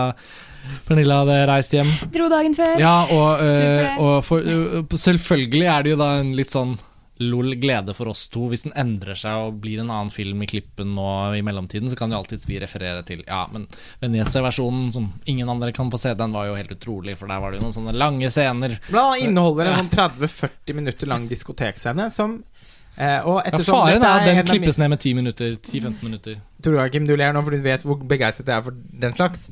Men det er altså, tror jeg, virkelig med hånden på hjertet, den beste diskotekscenen jeg har Mm. sett i noen film noensinne. Og den tar aldri slutt, og den spiller seg gjennom et helt absolutt music soundtrack fra 90-tallet. Everybody dance now! Åh. Det høres fantastisk ut. Jeg bare, allerede nå så har du solgt inn filmen slutt. Allerede nå så har du solgt inn og liksom. Grunnaksen for diskotekscenene på film ble forflyttet etter Mektub til å liksom bli definert av den urscenen. Og så springer Apropos det å sitte og nesten bare ha tåreskutte øyne av ren sånn filmglede. filmglede. Og det tok aldri slutt. Nei, det var helt utrolig. Det er sånn, fa sånn reell fare for at blir klippet ned Ja, for det er- det er- eh, for filmen. Da, men ja, la oss bare bevege oss videre, for det var egentlig okay, hele okay, poenget okay, mitt. Men kanskje vi kommer tilbake til den på 2018-listen hvis den fremstår i ny form. Det får vi håpe på. la oss se. Ok, greit. Men jeg er enig, vi beveger oss videre. Og vi er jo kommet til et punkt nå hvor det dukker opp noen filmer som har vært på flere lister og sånn, så jeg kan jo bare skyte inn nå at min syvendeplass er Split. Den snakket vi jo nettopp om. Og da Er vi over på sjetteplass? Sjetteplassen, hva, hva skyter jeg inn da? Ja. Det er splitt. Ja. Da beveger vi oss bare raskt videre, da. Ja. Pernille, sjetteplass. sjetteplass. Ja. Åh, det her er en av de som jeg gleder meg aller mest til å snakke Oi, om. Og jeg lurer på, eller jeg er spent på om det er bare jeg som har sett den her. Er det det? The Disaster Artist av James Franco. Det er det jo. Er det bare jeg som har sett den? Eh, Den hadde jo norsk premiere første juledag. Ja. Jeg gjorde flere sånne kalendermatematiske liksom, observasjoner. Tenkte sånn Er det noen mulighet for å faktisk få sett den? Men det har ikke vært det for min del. Så Nei, jeg, jeg var også redd for at jeg ikke skulle rekke å se den, så jeg sørget for å komme meg på en av disse førpremierene. Fordi jeg mistenkte at den kunne havne på min toppliste, noe den gjorde da. ja. Eh, Du får fortelle oss, rett og slett. Jeg tror Ja, vi kan bidra med eh, noen det er litt eh, morsomt, fordi eh, det er James Franco som er eh, regissert og spiller hovedrollen. Eh, og jeg vil jo tro at uh, Dere kommer til å se den, men uh, jeg tipper at Karsten kom, kanskje ikke kommer til å være så veldig enig med meg. Fordi du er ikke så veldig glad i begrepet 'so bad it's good'. Nei, det er jeg ikke. og- det har jo holdt meg milevis unna Tommy Wiseaus film The Room, filmen, ja, som jeg vet er utgangspunktet for, Ja. for filmen. For jeg har jo da i desember be befunnet meg i en The Room-boble. Jeg så den like før jeg så The Disaster Artist, noe som er veldig fordelaktig for filmen. da. Men dersom det er noen der ute som hører på nå, som ikke har sett The Room, og som ikke Mm. helt er klar over hva The Disaster Artist faktisk handler om, kunne Ja. du bare gitt oss en sånn grunn, uh, grunnpremisse? Ja, Uh, først, først og fremst vil jeg jo anbefale alle å se The Room før man ser The Disaster Artist. Altså, den fungerer også uh, alene Den fungerer enkeltstående som en film, fordi det er så bra den er. For den er jo kjent som Det er en absurd måte, historie. en av de dårligste filmene som er laget. Ja, den er jo kjent som en av verdens dårligste filmer. Mm. Nettopp fordi at regissør og hovedin- hovedrolleinnehaver Tommy Wiseau er så absurd, og han har så åpenbart ikke peiling på hva han driver med. Han kan ikke regissere, han kan ikke spille, han er bare rett og slett et veldig sånn dysfunksjonelt menneske. Uh, og det er det som er så fascinerende. Uh, og Disaster Artist tar jo utgangspunkt i uh, Greg Sestero sin roman ved samme navn, og det er han som spiller Mark, bestevennen til Tommy Wiseau i The Room. Og eh, James Franco, etter han leste boken, så skaffet han seg filmrettighetene til eh, denne filmen. Og jeg er så ufattelig glad for at han gjorde det, fordi han er en kameleon, og han får til så mye syke ting. Eh, som da annet å virkelig portrettere en tilnærmet perfekt versjon av Tommy Wiseau. Om noen skal være han i det hele tatt. Alt er liksom på plass. Kroppsspråket og stemmen og til og med det derre skjeve øyene han har, og liksom Alt mulig er liksom bare så perfeksjonert, og det er så tydelig at han har gått grundig til verks i sin eh, research på materialet. Fordi Tommy Wiseau var jo en så eh, merkverdig person at han pleide jo å han tok, han tok alltid opp alle telefonsamtaler han hadde. Han, han pleide å kjøre rundt i flere timer og bare spille inn tankene sine mens han snakket til seg selv. Og James Franco har fått tilgang på mye av dette materialet. Og det er så tydelig at han har brukt det i sin rolletolkning. Um, og det er bare eh, Ja, det er eh, en fantastisk gave til folk som ikke er jeg skal jo ikke sitte her og si at jeg er så fan av The Room, men jeg er dypt fascinert av den. Og den finnes i sin helhet på YouTube. Den er veldig enkel å få tak i for de som orker det. Og den har jo eh, fått en enorm kultstatus eh, av en åpenbar grunn, eh, fordi den er veldig merkelig og så usedvanlig dårlig. Og eh, The Disaster Artist handler jo helt enkelt om produksjonen av denne filmen, som Det er en film om å lage film, Ja. på, på sett og vis også. Mm. Mm. Med kjempemange gode cameos og gjesteopptredener. Eh, mange gode overraskelser. og også, eh, dette er ikke spoiler, men mot slutten så har de altså da satt opp flere av scenene som Franco gjør, eh, sidestilt split screen med eh, scener fra The Room. Opp den Mm. opprinnelige The Room. Ja, Eh, og det er så slående likt ja. at man sitter Altså, jeg bare satt og måpte, rett og slett. Ja. Og det kan ha noe med at jeg hadde The Room veldig friskt i minne da jeg så den. Ja. Eh, så det er jo absolutt eh, Jeg anbefaler det jo å gjøre det på den måten. Men jeg har også hørt og lest om folk som har sett The Disaster Artist og ikke visst om The Room. Og det må jo være en helt uh, vanvittig spennende måte å angripe den filmen på. Og den er så grenseløst underholdende. Fordi bare det altså, Ikke fordi det er en så enormt god gjenfortelling. Uh, og de klarer altså å lage en film og uh, skildre en fyr som folk syns er en komplett idiot, samtidig som de har dypt respekt for han. Og Tommy Wiseau er jo også kjempefornøyd med resultatet, og har vært med gjennom hele prosessen. Han hadde Jeg har sett intervju med dem. og, ja, og det er kjempenående liksom å lese. Ja. Og, eh, og han hadde ett kriterium for at James Franco skulle få lov til å lage denne filmen, og det var at han skulle få lov til å ha en, en bitte liten cameo i filmen selv, hvor han eh, skulle spille en annen karakter mot James Franco, som det er Tommy vi så. Uh, noe som uh, jeg må bare si at kommer etter rulleteksten, så det er veldig viktig at man ikke Ja. Den er viktig å få med seg. Uh, masse herlige stikk til eh, folk som setter pris på The Room. Jeg syns det er så gøy at du syns al Altså at din vurdering av filmen eh, er at den er så god. Fordi eh, jeg har ikke et sånt forhold til The Room. Eh, det vil si at altså, jeg har aldri sett den filmen i sin helhet. Jeg har sett en del av de mest kjente scenene fra filmen. Blomsterbutikken, eh, Oh Hi yeah. Mark og sånn. Yeah. Altså, ikke- I did not hit her, I did not. ja, altså, Alt den det der, altså. Popkulturelt så har ikke den klart å for, forbipassere meg. Men jeg har aldri satt meg ned og faktisk sett filmen. Men når jeg, da jeg så traileren til The Disaster Artist Jeg lo bare av den. Det er en Altså, jeg veldig- Kommer til å digge den, jeg tror du kommer til å digge den. Ja, Det er en veldig god trailer. Jeg ble Ja. så Eh, glad av at du likte den så godt. Jeg Fordi er da helt i skyene, rett og slett. Nå, så Sånn sett så er det jo egentlig en synd og skam at jeg ikke har rukket å få sett filmen før dette opptaket. Eh, og før liksom Men for muligens, da, ettersom eh, eh, vi ennå ikke er helt ferdig med å spikre våre respektive 11 til 20 nødvendigvis. Det eksisterer et par dager mellom opptak av denne podkasten og publiseringen av de Har du, tenkt, har du tenkt å snike inn The Disaster Artist? Jeg Åh, det skal gøy se den på mandag. Ja!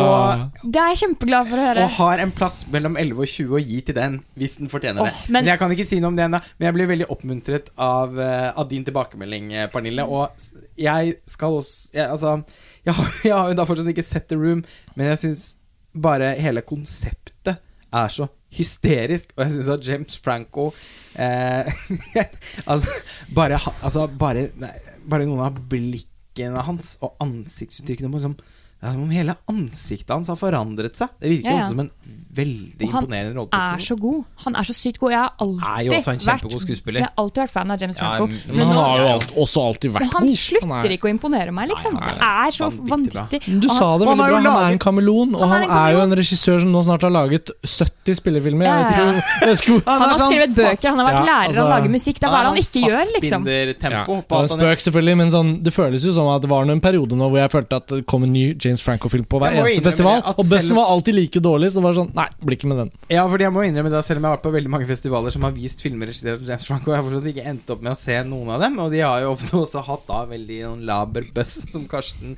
eh, nevner. Kanskje han bare øvd. Litt sånn, sånn Så ah, Myten om Bergman. Han lagde ti filmer før han lagde noe bra. Ja. Kanskje Franco har tenkt litt sånn. Som jo er sant. Altså, Det er ikke alle som er Saviedoland, eh, for å si det mildt.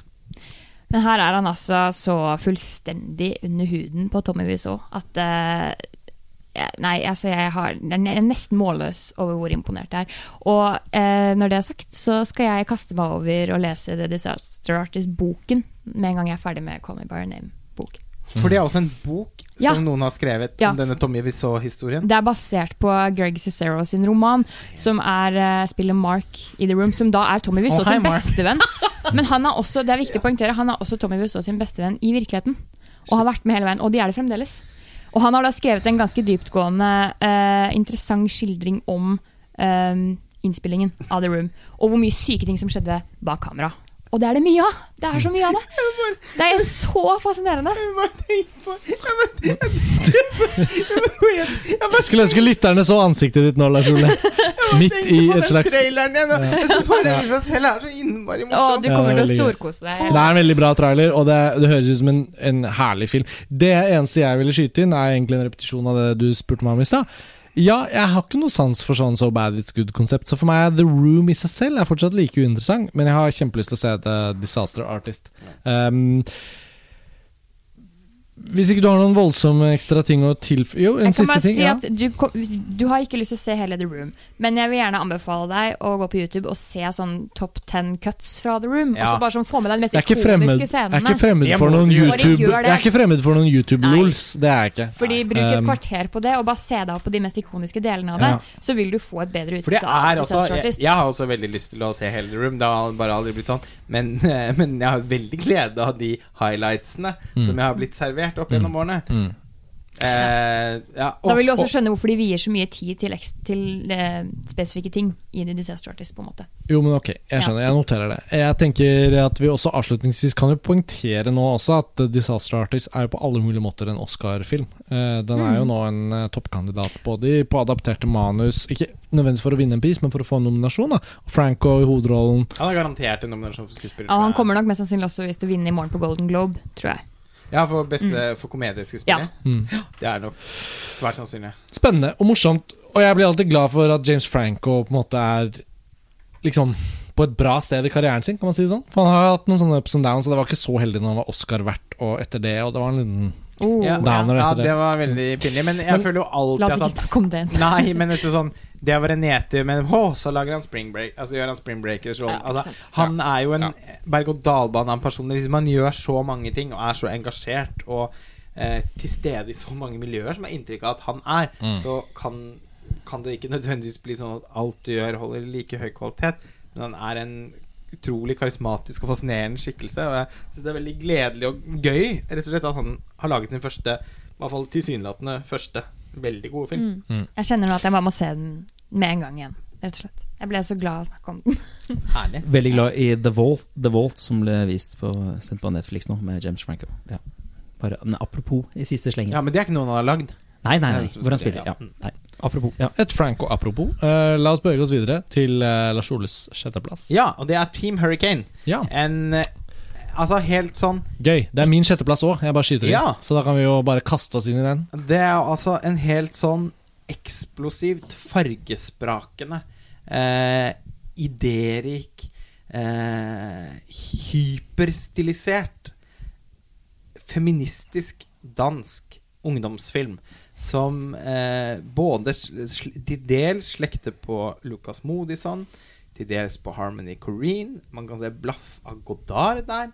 Altså, det er i det hele tatt eh, en film så full av skaperglede, og med en sånn eh, emosjonell dybde, som virkelig Til å begynne med så kan jo filmen Den er altså så in your face. Ja, Kul! kan- du- Man må bare begynne med å beskrive hvordan filmen oppleves å se i en kinosal. Ja, for jeg syns du skal beskrive liksom noen av disse formgrepene du henviser til, bare for å sette tonen når man snakker om Team Hurricane, for den er bokstavelig talt in your face, da.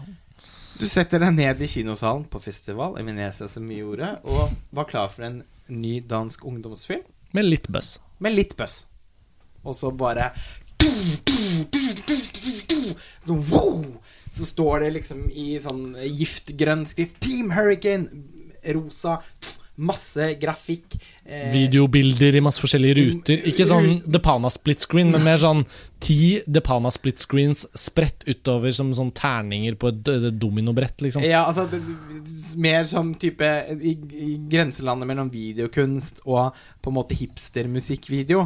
Eh, helt eh, Du blir bare Unge helt Ferraris vaniljevideo. Litt, Altså, og så ikke helt, men så skulle videre. til den. Skulle det? Ja. Den har, den har mye Team Hurricane i seg. Altså, uh, og, men til å begynne med så kan man også tenke at dette her er på en måte Hvis man er glad i den slags, så er det som en sånn godtepose å få i fanget sitt. Mm. Og så tenker man også, fordi man har en viss fornuft og erfaring med den type filmer med så liksom aggressive stilgrep at dette kommer ikke til å vare. Mm. Eh, 40 sekunder inn så er det sånn Ja, det er gøy nå, men Ja, altså Jeg må innrømme Det tok litt lengre tid før jeg tenkte det, altså. Men, men sånn, det er veldig sånn etter ti minutter at man kan tenke at eh, det må jo være noe mer her også, på en måte, for at det skal, for at det skal bli noe. Og så er det det. Eh, det er på en måte den første ungdomsfilmen jeg har sett hvor jeg føler at eh, inspirasjonen fra Julie Andems Skam-serie er påfallende. Skam har jo vært et nesten enda større fenomen i Danmark enn i Norge. Eh, og eh, Julie Andem sin evne til å snakke med Altså at hennes evne til å la kamera snakke med ungdommene i øyehøyde eh, på den, Man kan merke det også veldig i, i Team Hurricane. Det handler ganske mye om skuespillerstilen. Eh, som I Skam kan jo den noen ganger være veldig karikert, men på sitt eh, beste, syns jeg, da i hvert fall, så er den også ofte helt sånn nedslipt. Eh, improvisert, kan det virke som. Eh, man klarer på en måte å bare Altså, man, får, man glemmer egentlig at man ser på fiksjon. Man opplever at man sitter i et rom med fire ungdommer som snakker sammen om ting som betyr mye for dem, eller som de syns er utfordrende, osv. Og eh, i Team Hurricane så klarer man å kombinere en sånn type naturalisme eh, med dette hyperstiliserte eh, på en måte som jeg virkelig aldri har sett maken til. Eh, og alle hovedkarakterene er kvinner, altså jenter. Eh, det er nesten ingen voksenpersoner i filmen, også litt som i Skam. Eh, et, par, altså, et par skikkelser som dukker opp.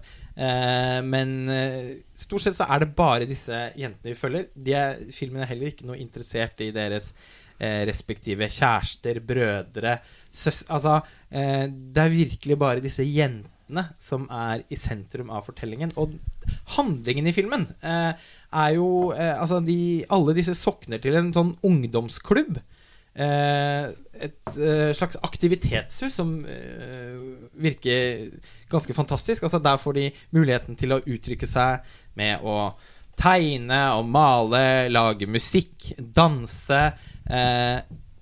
Sånn, det er et sted å være for å Altså sånn det- mest av alt sitter de jo mye sånn på benkene, i hjørnene, Men på liksom, typ, gulvene. mens de liksom lager sånn Ja. perlehalsbånd eller sånn De holder som regel liksom på med noe litt der.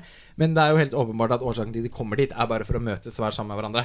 Og, eh, og det er ikke sånn heller at alle disse menneskene som kommer dit, er utskudd som endelig finner noen å snakke med. Det er ikke så forenklet og pappaktig.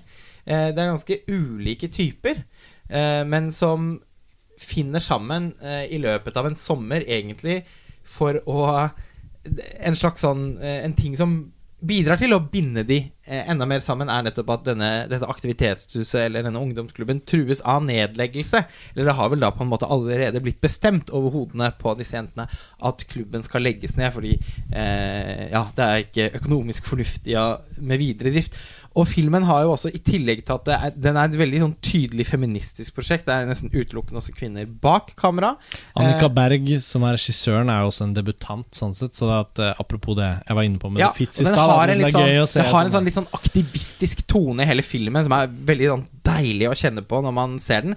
Og den har også en ulike politiske slagsider. da. For eksempel sånn viktigheten av eh, å ta vare på eh, de små eh, Altså de små samfunnene i landet vårt. Altså viktigheten av å eh, sørge for at det finnes en ungdomsklubb, at det finnes et aktivitetstilbud til ungdom. Den tar opp i seg ganske mange eh, temaer som jeg tenker at er veldig viktige å diskutere eh, når vi snakker om ungdom i dagens samfunn.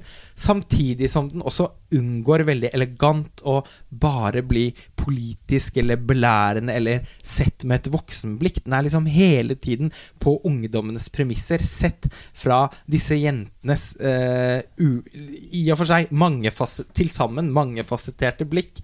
Og eh, altså, det er en energi i den filmen som jeg ble dypt berørt av. Mm. Og det er også noen av de personlige historiene som fortelles her, som er basert på, de sku, på skuespillernes egne erfaringer, som var tøffe å se og høre på. Det er alt fra spiseforstyrrelser til følelsen av å ikke være elsket. Eh, og ha foreldre som ikke klarer å se deg for de egenskapene du har. Det var så Ho, For en film!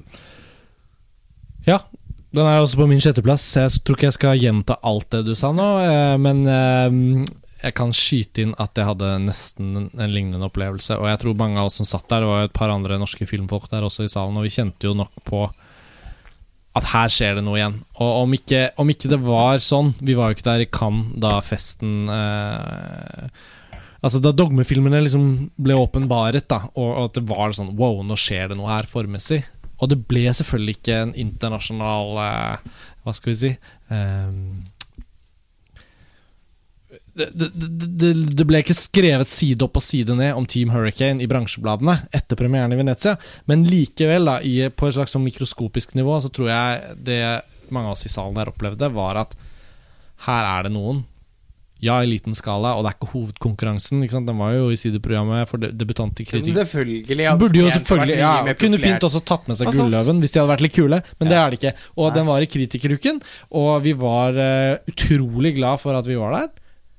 Og det er deilig for at man har snust ut en sånn film uh, når, når den liksom først uh, ble presentert. Eh, jeg har ikke sett, men jeg, ble, jeg ble, ble veldig nysgjerrig på en ting. Fordi eh, dere roser jo denne filmen opp i skyene, og jeg har sett flere andre som gjør det på nettet. Mm. Jeg bare forstår ikke hvordan den ikke ble lansert i sitt eget hjemland. Nei, men det er det- en veldig Men merkelig det er historie. ikke, jo, men det er også liksom litt på siden av Eller sånn, sånn, Det er sånn distribusjonstekniske debatter om hvordan de gjør det i Danmark. Det blir liksom Det er mange sider av den saken som sikkert folk kan kime inn med fra danske forhold. Det som uansett er viktig for meg, nå som vi først snakker om på våre topplister, er at filmen er fortsatt ikke i nærheten av å bli snust opp i Norge. Og nå skal den endelig vises i Tromsø, på filmfestivalen der, Lars Ole. Ja. Skal, jeg, jeg, du har jo hentet den inn. Han valgte den inn til Ja, i- i Tromsø. Og det at du har et vindu der da for å hente inn en film som var viktig for deg i 2017, og at Team Hurricane nå skal, skal komme, for, komme på, opp på det store lerretet og smelle med diskolåtene, altså teknolåtene sine og alt det deilige som vi vet at er der. Jeg tror den må, jo, jeg tror den må vises i en kinosal. Ja. Ja, jeg tror den må opp og og, dundre litt, og det publikum som er der, kommer til å ta den med seg. Og Derfor syns jeg Pernille sitt eh, spørsmål er betimelig. For jeg, eh, selv om men jeg bare var usikker på om vi kan svare på det. Nei, ja, det, det er jeg fortsatt. Men jeg, jeg, jeg tipper at man sikkert har hatt eh, noen reflekterte tanker rundt at man ønsker å lansere denne filmen på en alternativ måte. Men konsekvensen av det er også basically at filmen har vært vanskelig å få sett på kino i Danmark. Eh, og eh, med tanke på at Altså, jeg kan, ikke, jo, jeg kan ikke huske sist jeg så en dansk film som gjorde så inntrykk på meg. Altså, dette jo Det er en vesentlig dansk film. Eh, og selv om jeg er veldig positiv til at man kan tenke alternativt med distribusjon, at man f.eks. både har distribusjon på kino og på VOD samtidig fordi det er, føles riktig for filmen Men her har de nok vektlagt VOD-lanseringen eh, mer enn kinolansering. Det er i hvert fall det inntrykket jeg har fått. Og det er litt feil for akkurat denne filmen. Fordi på tross av at man sikkert har tenkt at målgruppen sitter mer inne og ser på VOD enn eh, enn de går på kino, så tror jeg heller ikke nødvendigvis at det er så innmari mange ungdommer som har klikket seg inn på teamhurricane.dk og kjøpt den filmen for 20 kroner for å se den der, som man kan. Eh, jeg tror kanskje man må ha dansk IP-adresse for å kunne se den i Norge, jeg er litt usikker. Er jo Men det, men den har blitt vist relativt lite da på kino, og det er en film som, i hvert fall etter min smak, virkelig krever kinorommet. Ikke bare pga. de fantastiske låtene og, og de Det er helt fa utrolig soundtrack. eh, Men også fordi, ikke original også fordi, men en også miks fordi, av sanger som også, er for, vidunderlig. også fordi at det er sekvenser der hvor de har samtaler hvor man virkelig trenger kinomørket for å konsentrere seg om å være til stede der med de ungdommene Det- og høre på det de Man skal bli omsluttet av denne filmen. Altså, jeg, eh, og selvfølgelig har man kjempebra hjemmekino, så kan man gjenskape det rimelig bra. Altså. Men eh, jeg syns det er trist om dette er en film som i stor grad ender opp med å bli sett på Mac-ene til folk. Da tror jeg den, den virkelig mister noe. Og derfor desto mer glad for at den skal vises i Tromsø. Eh, og jeg vet at mange av våre lyttere er der og, og ser filmer, og Så den blir jo en 2018-film for mange. ikke Men, glipp eh, av Team Hurricane. nei, og, og det, det at den er eh, så høyt, er ikke en tilfeldighet heller. Det er ikke noe sånn der å for å markere. Jeg er oppriktig talt Jeg tenker sånn det var åpenbart en av de For det er ikke bare bekreftelser av konvensjoner som er sykt bra gjennomført eh, man er ute etter i det hele tatt når man søker gode bekreftende filmopplevelser. Liksom. Det er jo også det å få bekreftet at filmspråket fortsatt kan utforskes. Det fortsatt er rom for innovasjon. At det kan bli så knusende bra som Team America. Det føler jeg er en sånn film som eh, eh, man, man, Den trenger ingen eh, Det er alltid en stor glede å kunne løfte fram en film som man tenker at få har hørt om, og som fortjener mye større oppmerksomhet enn den har fått. Men eh, likevel så er det ingen av de hensynene som har skjøvet den så langt opp. Det var umiddelbart, eh, fra første sekund etter å ha sett den, en av de beste filmene i 2017. Ja. Og en siste ting som jeg skulle si i stad da vi avsporet og gikk inn på noe annet, det var det med at liksom opplevelsen av å se dogmefilmene i sin tid, da de virkelig kom der og hadde et formessig og tematisk prinsipp som de ønsket å liksom proklamere. Det ble jo en stor greie, men selv om Team Hurricane ikke har blitt en stor snakkis, og kanskje noen som hører på nå, hører om filmen for første gang, så må det også sies at det å sitte og se den den dagen i Venezia, og se den på det lerretet, og se de tingene vi har nå beskrevet, hva filmen har å by på. Det var også følelsen av å se at ok, Ungdomsfilmen er en sjanger som, som oppsøkes og lages i nesten alle land. Alle har sine ungdomsfilmer, og, og det er utrolig kult å se at uh, Annika Berg her og alle hennes samarbeidspartnere, skuespillerne og det de er ute etter her, går inn på tematikk som faktisk er relevant for så mange i så mange land, som er liksom på tvers av kulturer. Måten, måten de går inn på det i løpet av samtalen i filmen, er veldig veldig Det er sånn gripende at de lykkes med det, og at estetikken da og hele liksom approachen tar liksom ungdommens fortellerperspektiv. Og har, ja, det er noen innovative visuelle grep som liksom er kanskje hentet fra liksom YouTube og, og nettvideoer og den hastigheten som det visuelle mediet har på nett, men at det likevel har liksom kinoformatets sprengkraft. Da. Det er de kombinasjonene Og jeg som har gjør at aldri den sett skiller en seg ut. ungdomsfilm, og jeg har sett innmari mye ungdomsfilm, særlig skandinavisk. Fordi det i et års tid var en del av en masteroppgave som jeg skulle skrive, og så endte jeg opp med å skrive om noe litt annet isteden. Eh, men eh, gudene skal vite at jeg har sett mye skandinavisk ungdomsfilm. Og jeg har altså ikke sett mag... Altså, den det, jeg har aldri sett noe som i så stor grad ser ut som den er laget av ungdommene selv. Altså, eh, det er jo noe med også at film Man snakker ofte om film Filmmediet har blitt mer demokratisk.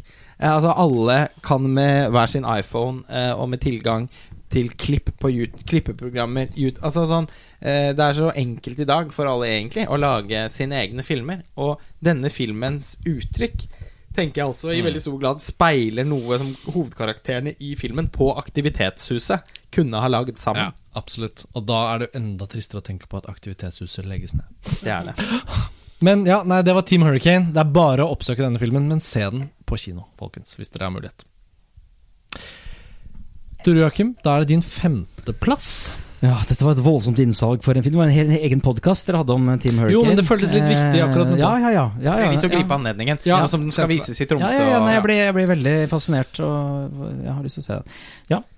Min femteplass eh, Jeg skal være veldig kjapp på den, for den har jeg allerede skrevet en artikkel om på montasje. Eh, vi snakket om gullåret 2016 i Cannes, eh, hvor du dessverre ikke var til stede. Jo, men jeg har, jeg har funnet alle disse filmene nå, sakte, men Ja, sikkert. ja, 2017 ble jo et veldig bra filmår. Ja, det gjorde det. Men en av de store oppdagelser Det var mange store oppdagelser det året i Cannes. eh, og en av dem var animasjonsfilmen The Red Turtle, som er min nummer fem. Mm. Eller eh, Tortu, Tortue Rouge, eh, kanskje den franske tittelen. Regissert av eh, Michael Duduc Duvitt, um, som vel er fra Nederland, tror jeg. Uh, eller Belgia, jeg blander litt. Um, men han har altså hatt uh, Isao eh, Takahata, nei. eh, Isao Takata? som- ja, fordi som, Studio Ghibli er involvert her. de er involvert, og jeg tror han har vært en slags supervisor på dette her. Det er en animasjonsfilm om en skipbrudden som eh, havner på en øde øy og skal prøve å overleve der. Det er, det er premisset for filmen. Et premiss vi selvfølgelig har sett eh, tusenvis av ganger, men Robinson Crusoe-style. ja, det er Robinson Crusoe-konseptet, men det er, det er altså iscenesatt så ufattelig nydelig. Og det er veldig lite dialog. Det meste her Igjen, jeg elsker filmer som har litt dialog. Og det meste her kommuniseres via lyd og bilde. Det er en slags strek som er litt sånn impresjonistisk, litt sånn Matisse. Altså den, den, er, den er veldig litt sånn enkel. Igjen litt den derre nyere uh, Miyazaki-stilen.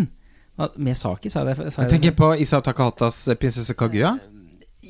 også den, som er en sånn akvarellaktig Men, men også The Wind Rises. Altså, den har Ja. også litt av det elementet i seg i tillegg. Ja, ja.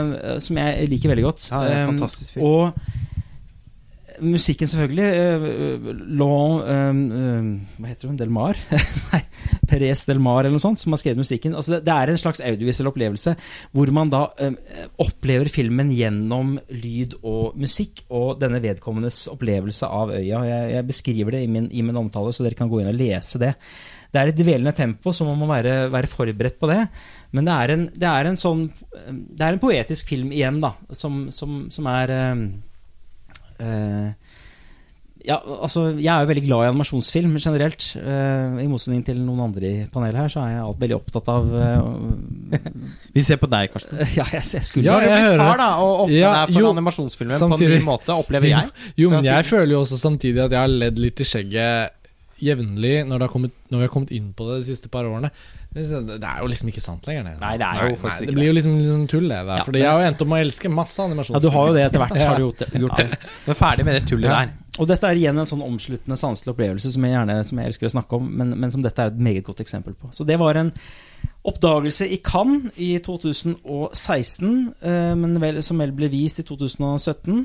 Ja, de fleste. Den har ikke hatt regulær kinolansering i Norge, men den er tilgjengelig på iTunes. Og, Eh, Det er den. ja. Jeg kjøpte den på Blu-ray Ja. på platekompaniet i håp om å få sett den før ferdigstillingen av listen, fordi jeg har hørt og lest så mye fint om den, og særlig, ikke minst fra Tor Joakim. Men lyktes altså ikke med det. Uh, uff, det, nå var det, det var veldig leit når den havnet så høyt hos deg. Ja, du- Men jeg har den jo fortsatt i gode. Og nå hører du referansene jeg kommer med. Sånn, så det, Ja. jeg vet at dette er filmer du liker, de referansene jeg kommer med. Ja, ja, ja. ja. Så, så, så, Og jeg er veldig glad i animasjonsfilm, så det er veldig dumt, dette. Den, var, den, har vært høyt nå i to år for meg, og jeg er veldig glad for at den nå er på min eh, femteplass for 2017. Er det ja, Ja. men det var jo presist. Rekordkort til nå i episoden, men det betyr ikke at Red Turtle er noe mindre eh, tungvekter. Og da skal vi vel videre til femteplassen din, eh, Pernille. Um, det er jo en helt annen film enn eh, The Red Turtle. Eh, Dunkerque, stemmer det? Dunkirk? Ja. Stemmer. Eh, ja, det er jo alltid ufattelig spennende når det er noe nytt fra Christopher Nolan. Og gikk jo inn med ganske høye forventninger til den her. Og jeg, i ettertid har jeg jo tenkt at dette her syns jeg er en av hans absolutt beste verker. Mm. Um, denne stemningsskildringen av en film som river deg med uten å ta deg med på innsiden av karakterene i det hele tatt, men bare med i stemningen, da via et helt eksepsjonelt foto og en helt herlig lydmiks. Um, som gjorde at jeg liksom følte at jeg ble fysisk dratt med inn i hver eneste skuddveksling, og, så, og i den neste scenen så kunne de drukne meg i saltvann, på en måte, og jeg bare følte den filmen så ekstremt på kroppen. Um, og jeg vet jo at dere er relativt enige med meg i Ja, altså, øh, jeg har den på femteplass, jeg også. Ja. Og Christopher Nolans Dunkerque, den, øh, da den hadde premiere og sommeren 2017, så gjorde jo vi en podkastepisode selvfølgelig om den. Det er Christopher Nolan. Han, øh, jeg tror alle er klar over at han har vært en betydningsfull filmskaper på 2000-tallet. Ikke minst også han, de fire filmene han har laget mens vi har drevet montasje, har jo vært sånn ekstraordinære, alle sammen. Eh, Inception, eh, Dark Knight Rises, Interstellar og nå Dunker. Så i den podkasten, Lars Ole og Roskva Koritsinski og jeg har jo en ganske inngående diskusjon om filmen der, så jeg har ikke noe behov for å utfylle veldig, men vi har den jo på samme plass, eh, Pernille, og du sier jo veldig presist noe av det som er så fantastisk med filmen. Den oppfyller forventningene til en ny Christopher Nolan-film, men den gjør jo også ting med krigsfilmsjangeren, ting med filmspråklige virkemidler som man eh, faktisk opplever som ganske innovative. Eh, og Jeg vet at ikke du nødvendigvis er enig med meg, Tor Joakim, men jeg opplever at eh, 'Saving Private Ryan' er en film som denne også stiller seg ganske ved siden av. Da, I den forstand at den skildrer innsiden av krigen, og ikke liksom følelsen av seier og vellykkethet, og, og at man står og troner liksom, triumferende til slutt. Men det er tvert imot en film om krigens grusomhet, men også om noe så basic som overlevelse. Eh, og, og, og som du sier, eh, filmspråket, bildene man, man blir sugd inn i filmen, og ikke minst musikken. Det er, den, e sorry, det er den eneste filmen i år hvor jeg faktisk har eh, begynt å gråte av foto. Helt enkelt. Ja, men det er også Det er ikke så rart, det. det svartnivåene i Dunkerque kan presse fram tårene hos noen av enhver. Nei, men det er altså måten det, er noe med at den klarer virkelig å fange liksom, krigens meningsløshet, men Mm. på en, på en sånn spesifikk Nolandsk måte. Fordi jeg eh, føler på en måte at eh, Som vi snakket om i den podkasten som vi allerede har spilt inn om Dunkerque, da, at det er liksom han er interessert i på en måte krigens arkitektur. Eh, han er både opptatt av at vi skal være midt i situasjonene, nesten som om filmen var en krigssimulator, men samtidig også interessert i de helt store overblikkene. Eh, som Nei, det er eh, Jeg syns det er fascinerende hvordan den filmen lykkes med å Vi blir liksom mer på vei i krigen. Som, ja. I krigen. Mm. Og litt sånn etter i aftermathen også. Ikke sant? Og disse forskjellige fint. tidsnivåene og sånn og gjør at vi får, får tilgang til litt sånn ulike perspektiver Mm. som på Ja, som på en fascinerende måte eh, blir eh, Ja, nei. Ja, men altså, Vi kom litt inn på det. Altså, jeg er nysgjerrig på det, Pernille. Opp, da du så den første gang, opplevde du at tidsplanene var umiddelbart sånn At du skjønte hva, hva det var? At det var fordi jeg hadde det ikke sånn. Jeg Nei, følte at midtveis i filmen så skjønner man det, så er det sånn Oi! Det er en struktur her i tillegg som jeg ikke har merket. Ja, jeg tror nok det var veldig fordelaktig for meg å se den to ganger. Jeg hadde ikke så mye opphold mellom heller. Uh, men ved først, første syn så var jeg så veldig mye mer hengt opp i andre ting enn å tenke på kronologi eller liksom tid og sånn. Fordi at det eneste jeg følte på, var at det var så hektisk. Den der tut, tut, tut. Altså den, du har liksom hele den tempoet i filmen, da. Um, og det er bare så veldig engasjerende.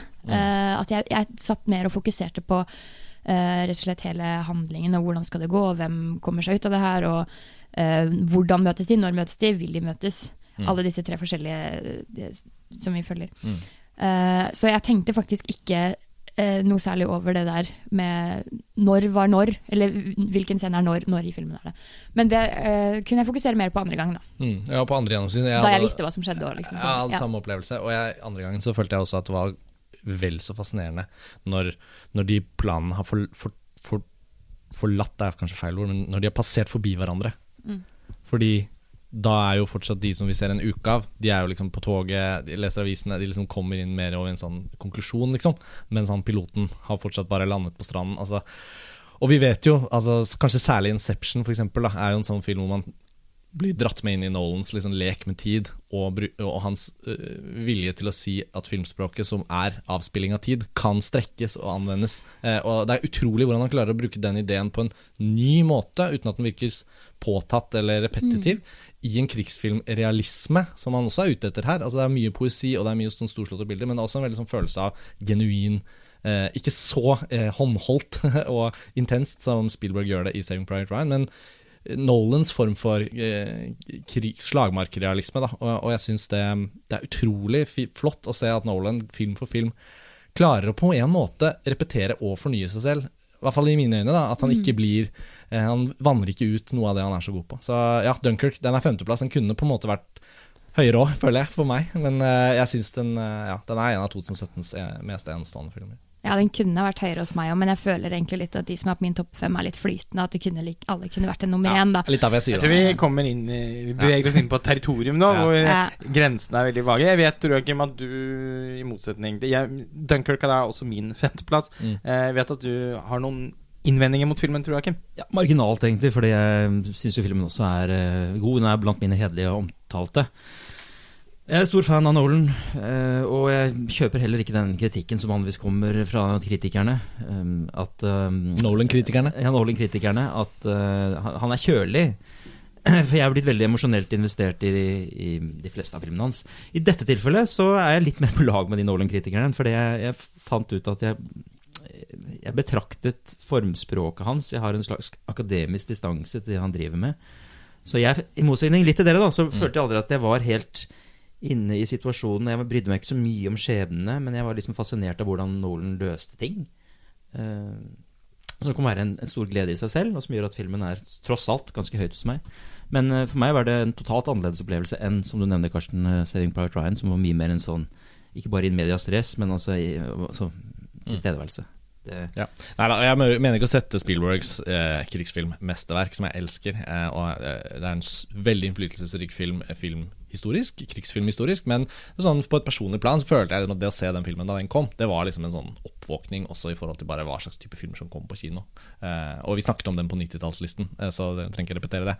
Men det er likevel naturlig, da. Soldater på en strand. Eh, i Frankrike. på meg, eller sånn, Det er vanskelig å ikke tenke på de to filmene. Og jeg syns de er radikalt forskjellige og gjør forskjellige ting på mange måter og trenger ikke sammenlignes. Men det er likevel den filmen eh, jeg føler Dunkerque er, er tettest på i sånn kvalitet eh, i den sjangeren skriver seg inn i. da Eh, jeg har jo, eh, som to tidligere tilfeller på denne listen, en delt plassering.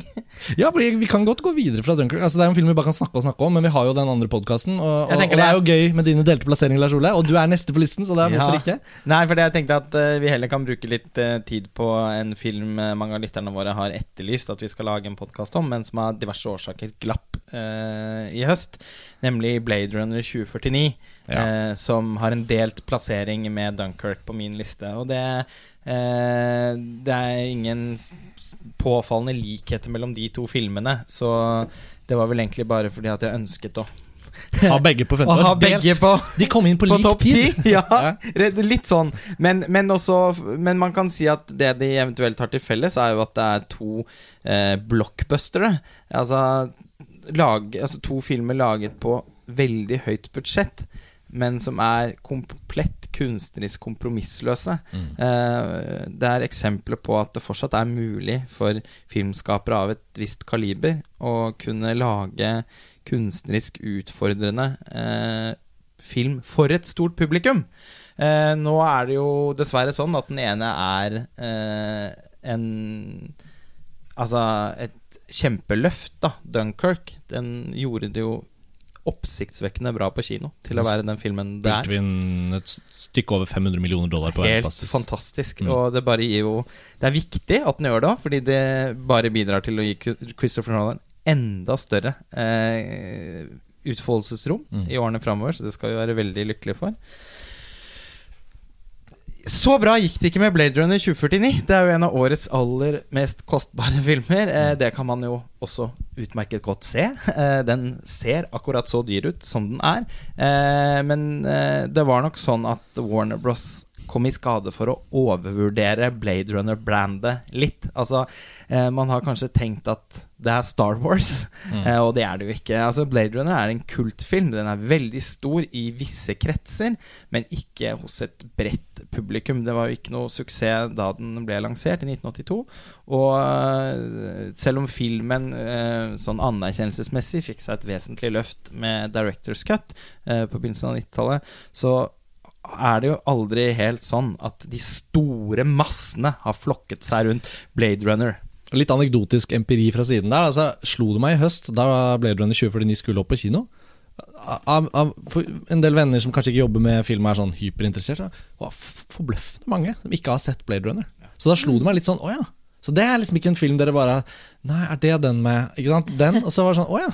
Og, ja, og her hjemme Jeg tok også da et gjensyn selvfølgelig før jeg så 2049 på kino med uh, originalen. Og, det, og da satt jeg og så den med kjæresten min, og jeg, jeg merket jo at den er ganske seig. Altså, jeg elsker originalen, men jeg kjente sånn Faen, det er ganske Det er jo ikke noe actionfilm, eksempel. Det Altså, den fins er jo mer nesten ikke. hovedkonkurransen i Cannes Ja, enn den er, ja øh, er Academy jo, Awards. og det er jo også Blade Runner 2049. Ja, Tenk om altså- den hadde vært i hovedkonkurransen i Cannes. Den kunne vunnet Gullpalmen. vet. Ja, altså, på en måte Den er liksom sånn. Det Og er en den- Og den er nesten også Altså på en måte Vi spøkte litt med det, Karsten, etter at begge hadde sett den første gangen. Var det litt sånn, til og med litt sånn Ønsertan Regar? Ja, ja. Men hvorfor Ja. var den ikke der? Er det noe Nei, altså den var vel altså- aldri aktuell, antageligvis, da, fordi den er så nok dyr. Ikke, var nok og- ikke ferdig heller. Nei, men, nei, det var den ikke. Men, men er samtidig, sånn- selv hvis den hadde vært ferdig, så tror jeg for et studio som har investert ja, i norske kroner sikkert 1,5 milliard kroner, da, så blir det liksom ikke premiere for kritikere 8.30 i Cannes. Nei, nei. Og med risiko for å bli griseslaktet.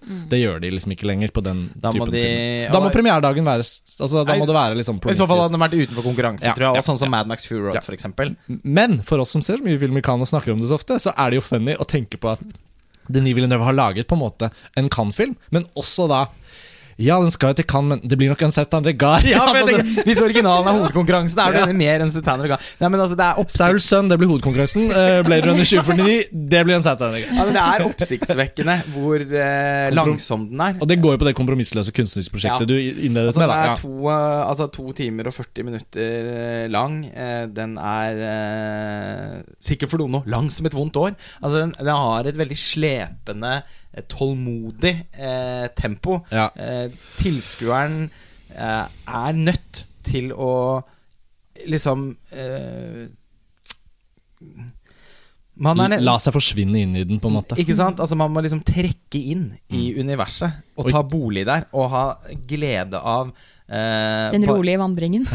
Ja, rett og slett. men ikke Ja. sant? Lyddesignet, Mm. syntmusikken, eh, produksjonsdesignet eh, Her Det er jo en litt annen verden vi får møte i Blade Runner 2049 og enn i originalen. Eh, originalens som påfallende analoge uttrykk.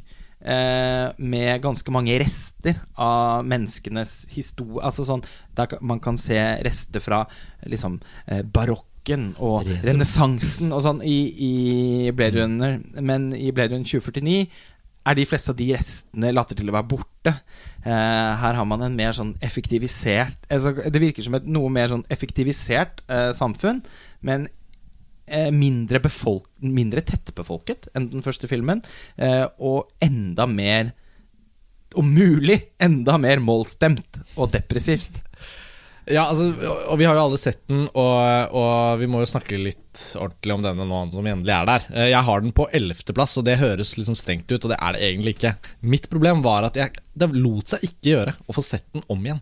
Og eh, det, før jeg gir eh, stafettpinnen til deg, Tor Joakim, som sitter ved min side, så må jeg bare skyte inn da at den er et, antageligvis en topp ti-film, og jeg gleder meg som et barn til å se den igjen og studere den og forsvinne, som du sier, Lars Ole. En, liksom repetere opplevelsen og være mer klar for den. Ja, for Fordi måte. første gjennomsyn av den var sånn litt i overkant overveldende, syns Ja, jeg. det må Altså, sies, det det må gikk sies. litt rundt for meg, eh, og klarte ikke helt å ja, Den gjorde veldig inntrykk, samtidig som jeg ikke helt visste hva jeg skulle gjøre med filmen, eller hva jeg skulle bruke den til.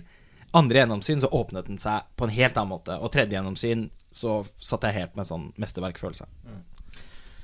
Ja, nei, altså Jeg var også helt sikker på Når jeg gikk og så den første gang at dette skulle Dette er en klar i tiendeplass. Altså, det, det sa jeg Nei, altså innen topp ti, da. Ja. Jeg var nesten sikker på det før jeg hadde sett filmen. Jeg hadde lest så mye om den og skjønt mye om den. Og så ble det jo ikke helt det, da. Den er eh, også den, i likhet med Dunkerque, blant eh, hederlige omtalte. Og det mm, har jeg spurt meg selv mye om hvorfor. Eh, Jeg har ikke helt For vi undres jo. ja, Jeg har sett den tre ganger på kino. Tor Joakim har gått lange turer i Stensparken. tenkt. Ja, ja. jeg har gått noen sånne runder med meg selv med for For Blade Runner betyr mye for deg. Det er jo litt betyr... derfor jeg tuller med det òg. Ja, altså, en betyr enormt mye. Jeg skrev om den jeg skrev analyserte den til døde i hovedfagsoppgaven og sånne ting. Men eh, den første filmen, originalfilmen, er jo erkeeksempelet på det jeg liker så godt med film, eh, i forhold til å være en omsluttende sanselig opplevelse. Da. Det er, eh, Den bruker så mye mm, både visuelle og aurale virkemidler for det. Og det er klart, Første gang jeg så 2049, så hadde jeg en slags forventning om å komme tilbake til det universet og utforske det videre, sånn som for så vidt dataspillet Blade Runner gjorde litt på, på slutten av 90-, begynnelsen av 2000-tallet. Og så var det jo ikke det.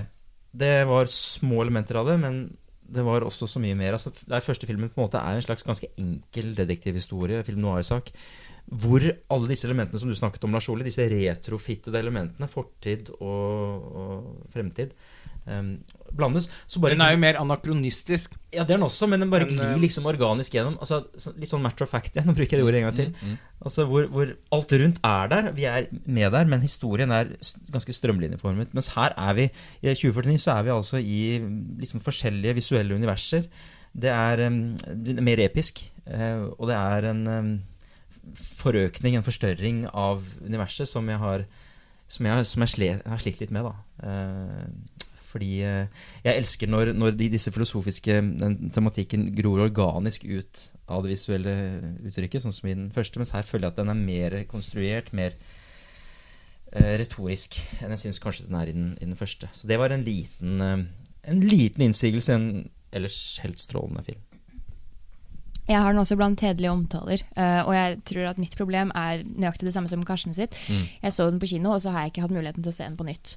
Og jeg vet jeg er 90% sikker på at jeg kommer til å like den bedre ved et gjensyn. Men jeg er også redd for det, fordi jeg kommer ikke til å få sett det på kino på nytt. Med mindre altså, Cinemateket gjør et sånn der eh, reprisegreier eller et eller annet. Uh, men jeg kjenner at jeg er skikkelig redd for å se den hjemme på TV-en min. For jeg tror ikke det blir det samme, og jeg har ikke, selvfølgelig ikke like bra anlegg som det musikken krever, på en måte. Um, er Og det- musikken. musikken og bildene, ikke sant. Og det er jo det som for meg står sterkest i denne filmen. Så jeg behøver de omgivelsene. Jeg Det er veldig gøy at du har den delt med Dunkerque, fordi det er jo de to filmene i hele 2017 som har det absolutt desidert beste fotoet, og kanskje også de to filmene som kommer til å ende opp med å knive om fotopriser i nå Ja, award sånn- season. Sannsynligvis. Ja. Så, eh, Håper vi. ja, men altså, man har jo Roger Dickens, eh, som alltid blir nominert til Oscar, men aldri vinner. Eh, som oftest også da fordi han at det, Det er alltid en som er bedre. Akkurat er, alltid nesten er en som er akkurat enda Close litt bedre. no. Altså, Mm. Det er drøyt å på en måte lage et så levere et så eksepsjonelt fotoarbeid som uh, Jesse James. Og Ja, så det er jo den. og så har liksom Ja, men i år blir det vel Og så, å, så kommer det en film som heter Terrible Blood, som er fotografert av en sånn i sum mindre interessant fotograf, Robert Elswit, men som eh, som, men som likevel leverer på en måte sånn filmhistorisk kaliber eh, i den eh, Ja. Så nei, men han, eh, vi får se i år. Eh, Hoite van Hoitema sitt eh, 70 mm-arbeid i Dunkerque er jo på en måte også helt beyond. Eh, Dickens er jo digital i eh, 2049. Riktignok så later det ikke til at de som stemmer på Oscar, byr seg så mye om eh, den slags. De fleste av filmene som har vunnet de ti siste årene nå, har jo vært fotografert digitalt. Så eh, jeg tror ikke det At Blade Runner 2049 kommer til å være skadelidende under det. Det er i hvert fall Altså for å si sånn, Jeg er helt likegyldig til hvilke av de to filmene som vinner den prisen. Eh, jeg håper ikke Dan Lauston vinner den, for det skjer på Fawter. Det kan altså, skje. Det kan absolutt skje. Det kan vi komme tilbake til på den første Oscar, pre-Oscar-podkasten vår. Ja, ja. Men eh, altså Roger Deakins gjør et av sine best, altså et av sine mest imponerende arbeider noensinne i den filmen. Og Dennis Gassner, eh, som også fra før er en fantastisk produksjonsdesigner, annet gjort et helt nydelig arbeid i Road to Perdition av eh, Sam Mendes.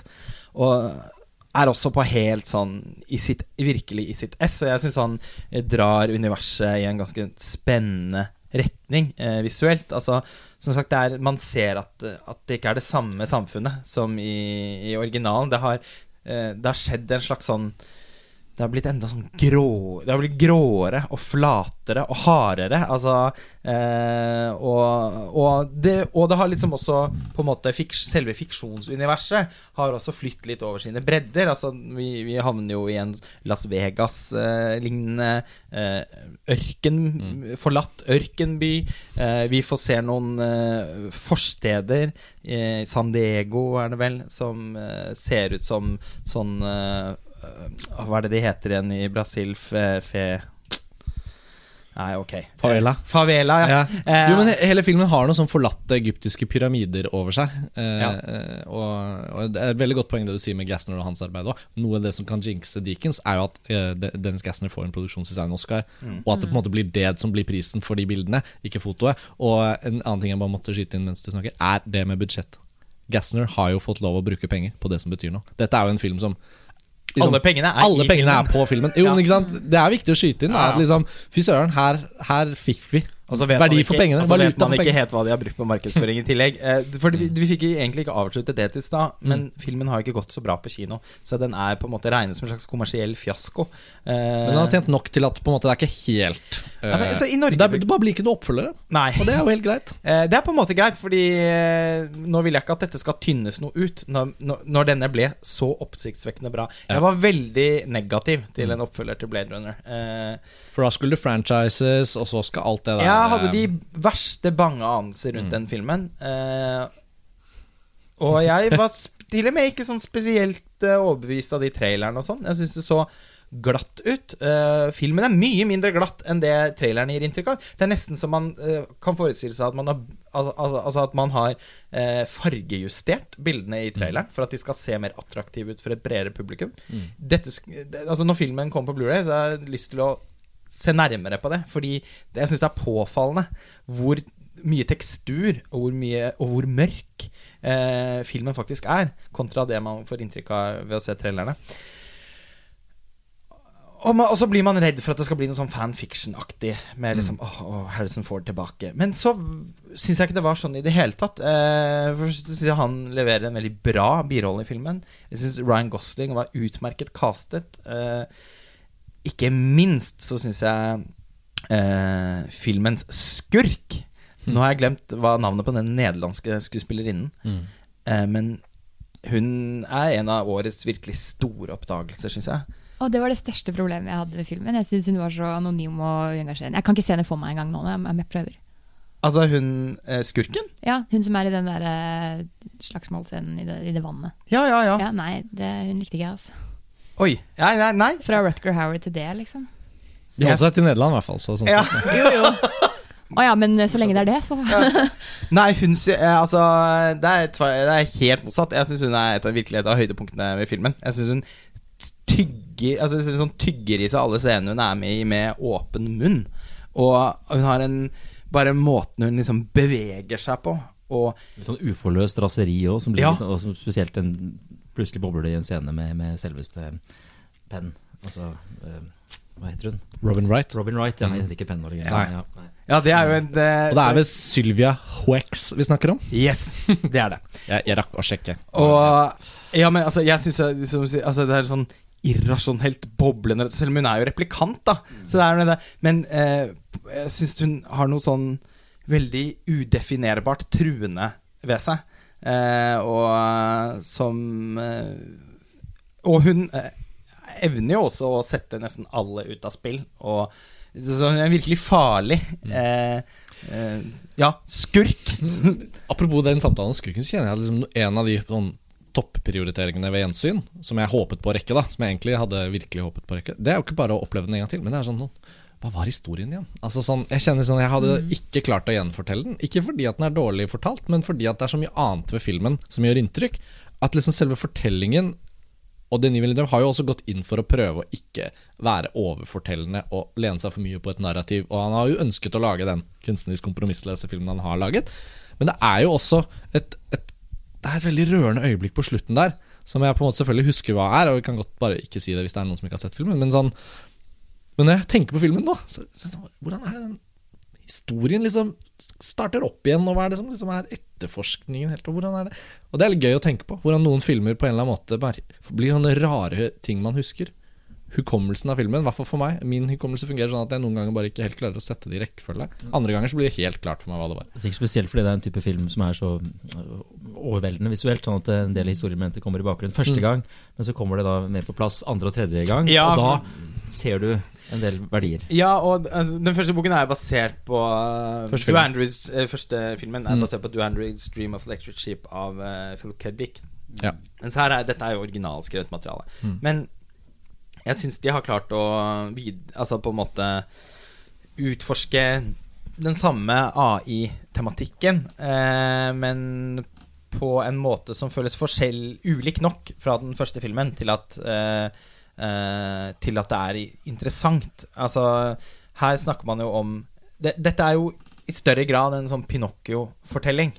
Eh, mer som AI. Nettopp AI. Ja, altså en referanse som er verdt å trekke, ja. Ja, Mm. Fordi man, det er en replikant som drømmer om å være en ordentlig gutt. Eh, og, og, det, og det kommer fram for dagen at, at det har skjedd et mirakel.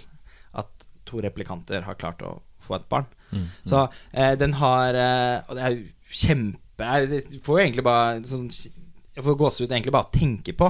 Eh, vi, altså Hva slags eh, Hva filmen eh, tenker altså, sånn, For den har veldig filosofiske ambisjoner. og jeg, men Eh, første gang så tenkte jeg så undervurderte jeg det. Så da følte jeg litt som at Ja, ja. Altså, var, da var jeg ikke så overbevist da om at jeg syntes at filmen hadde noen egentlig dybde. Eh, men jeg må innrømme det at eh, jo mer Jo flere ganger jeg har sett den, og jo mer jeg har tenkt over den, så opplever jeg faktisk at den har det. Jeg syns, de problemstillingene er interessante og, og, og faktisk gripende til å være en så iskald film. Som det også er. Eh, typisk for Denis Villeneuve. Eh, det kan jo være et av hans utfordringer som filmskaper, syns jeg. At han ah, aldri at det, at det er så lite varme i filmene hans. Ganske flott back-to-back med science fiction-filmer fra hans eh, side. Helt klart. Altså Med 'Arrival' og så denne. ja. Så Dune No. Og nå skal han jo gjøre Dune, ja. Altså, jeg har aldri sett Dune jeg, i noe format, så jeg vet faktisk ikke helt hva den historien er Det er ikke David Lynchs beste film. Nei, og det er jo selvfølgelig er derfor okay. jeg aldri endte opp med å se den. Eh, Men eh, hvis vi liksom er på siste bit av Blade Runner-praten nå, så er jo det med Denis Villeneuve Han har jo på en måte Han har gira inn og, og gjort seg selv til en ganske sånn Jeg liksom syns det er så flott å se at han ble virkelig en skikkelig filmskaper. Jeg husker den følelsen av å se den Han er i ferd med å bli en av Ja. verdens største Altså sånn, Og- på, på, altså, sånn Davy Fincher, Christopher Nolan var ikke helt der ennå. Men men, han er i, på vei opp i den ligaen. Og han hans favorittfilm fra 2017 er jo Dunkerque. Ja. siden Sikker de på- deler plassen din, så tenkte jeg det kan være Sikker på at Christopher Nolan har mye pent å si om Blade Runner 2049 òg. Men altså, hvis man, eh, på tross av eh, filmens litt sånn åpenbare kulde eh, Den første filmen eh, har, et, har et sånn sett oppleves annerledes. Altså, det, det er en mye varmere film, eh, syns jeg i hvert fall. Eh, og det er kanskje også fordi den eh, rendyrker mer noen av de noir-elementene. Og så har Eh, den en finere kjærlighetshistorie, den Ja. første. jo, jo, men den er det, altså, helt klart Den har en mer Syns den kjærlighetshistorien i 2049 var litt sånn ganske gripende. Den der på, som på en måte den, Ja. I første Ja, ja. mm, halvdel. Ja, jo, jeg, jeg, jeg, Den var litt stiller meg bak ensom òg, på en måte. Jeg skal, jeg skal oversette din eye roll nå til, o, til ord, sånn at lytterne får med seg Nei, men altså Jo, men jeg, jeg er enig med Pernille, fordi at den, altså, den, er, den er mer tradisjonelt gripende, den kjærlighetshistorien i den første filmen. Og den har en annen type varme. Eh, men det er jo kanskje unaturlig å snakke om originalen også, som en sånn Å, det er så varm film. Det blir, blir selvfølgelig litt rart. Ja, Den er ikke like varm som A Good Year, da hvis vi snakker om Ridley Scott-filmer. Men, Bokstavelig sånn talt. Ja, det var det, jeg tenkte på. Ikke kvalitetsvarme. Ok, sorry. ja, men, eh, men, men likevel, da, så syns jeg eh, Blade Runner 2049 er isnende, på en måte. Eh, og det passer veldig bra for Denise Villeneuve, altså som spiller på sine styrker som filmskaper, men også står i fare for å eh, For å Ja, for å avsløre sine svakheter, da. Men eh, her det, det som gjør at eller i hvert hjelper meg veldig godt på veien med å faktisk bli ordentlig grepet av filmen, som jeg ble særlig andre og tredje gang jeg så den, det er jo da Hans Zimmer og Benjamin Walfish sin musikk. Og jeg syns det er et mirakel at, eh, at det soundtracket ble så fantastisk bra. Eh, eh, Hans Zimmer ville vært min drømmekomponist for den filmen. Eh, nettopp fordi jeg føler at han er den som blant de hvert fall profilerte komponistene i dag som er best egnet til å kunne lage en Vangelis pastisj. Og man kan ikke ha Blade Runner-universet uten Vangelis-musikken. Det lar seg ikke gjøre. For, for dette sier du underforstått med at man vet at Vangelis da ikke skulle gjøre det selv. Så da er det på en måte Alle ville jo vært På tross av at Vangelis faktisk første gang på sånn tolv år eller noe ga ut en nytt album som også er veldig bra, som heter Rosetta, som kom for to år siden. Så har Men når han man ikke kunne ha han, så Han har mest drukket Ozu ute på en sånn gresk øy eh, de, de siste Siden Alexander, egentlig.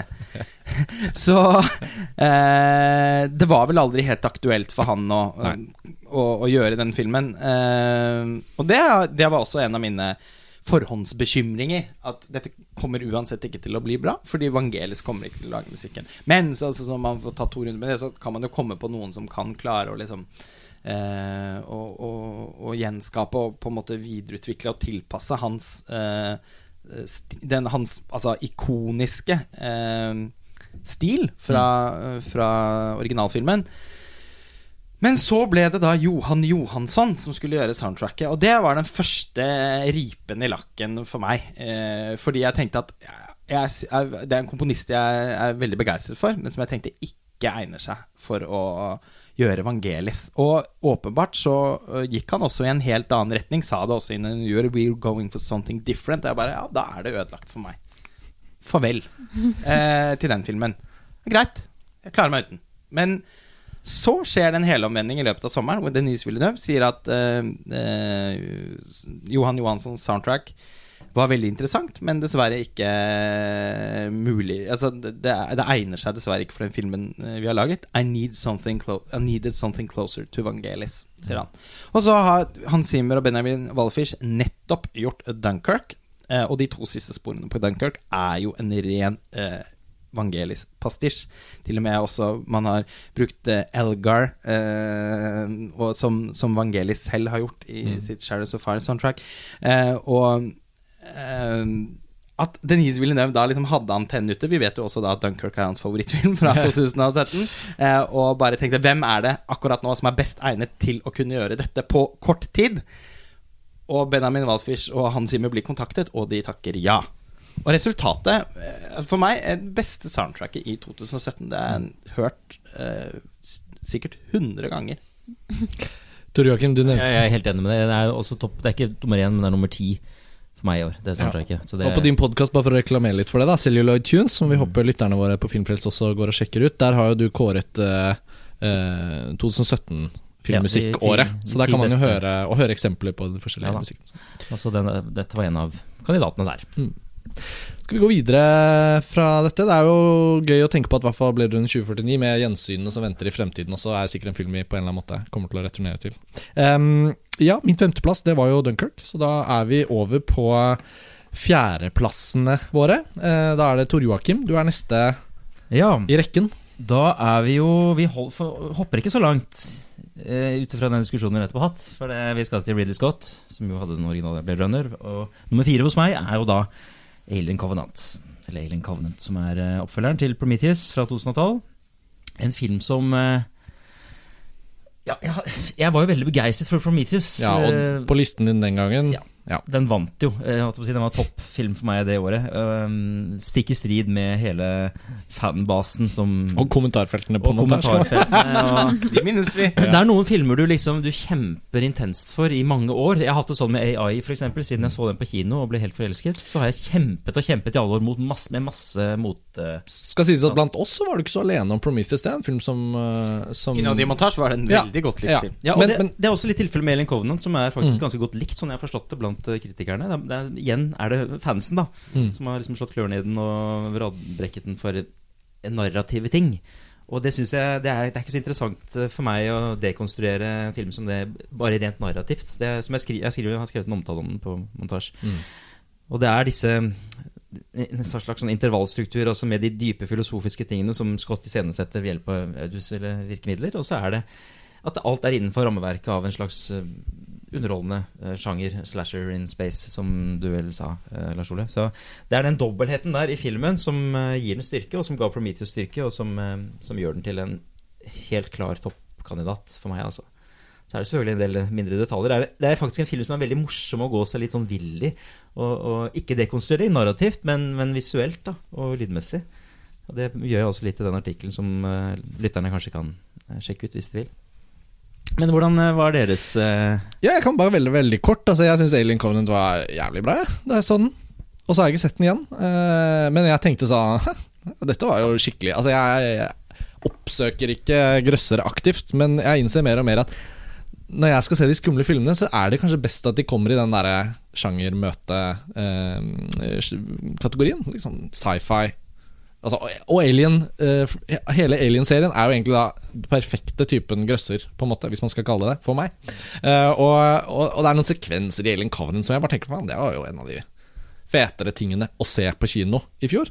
Den er litt B for meg, på en måte, når jeg tenker tilbake på filmåret. Det, sånn, det var en sånn herlig bruksfilm av beste sort i den sorten den tilhører.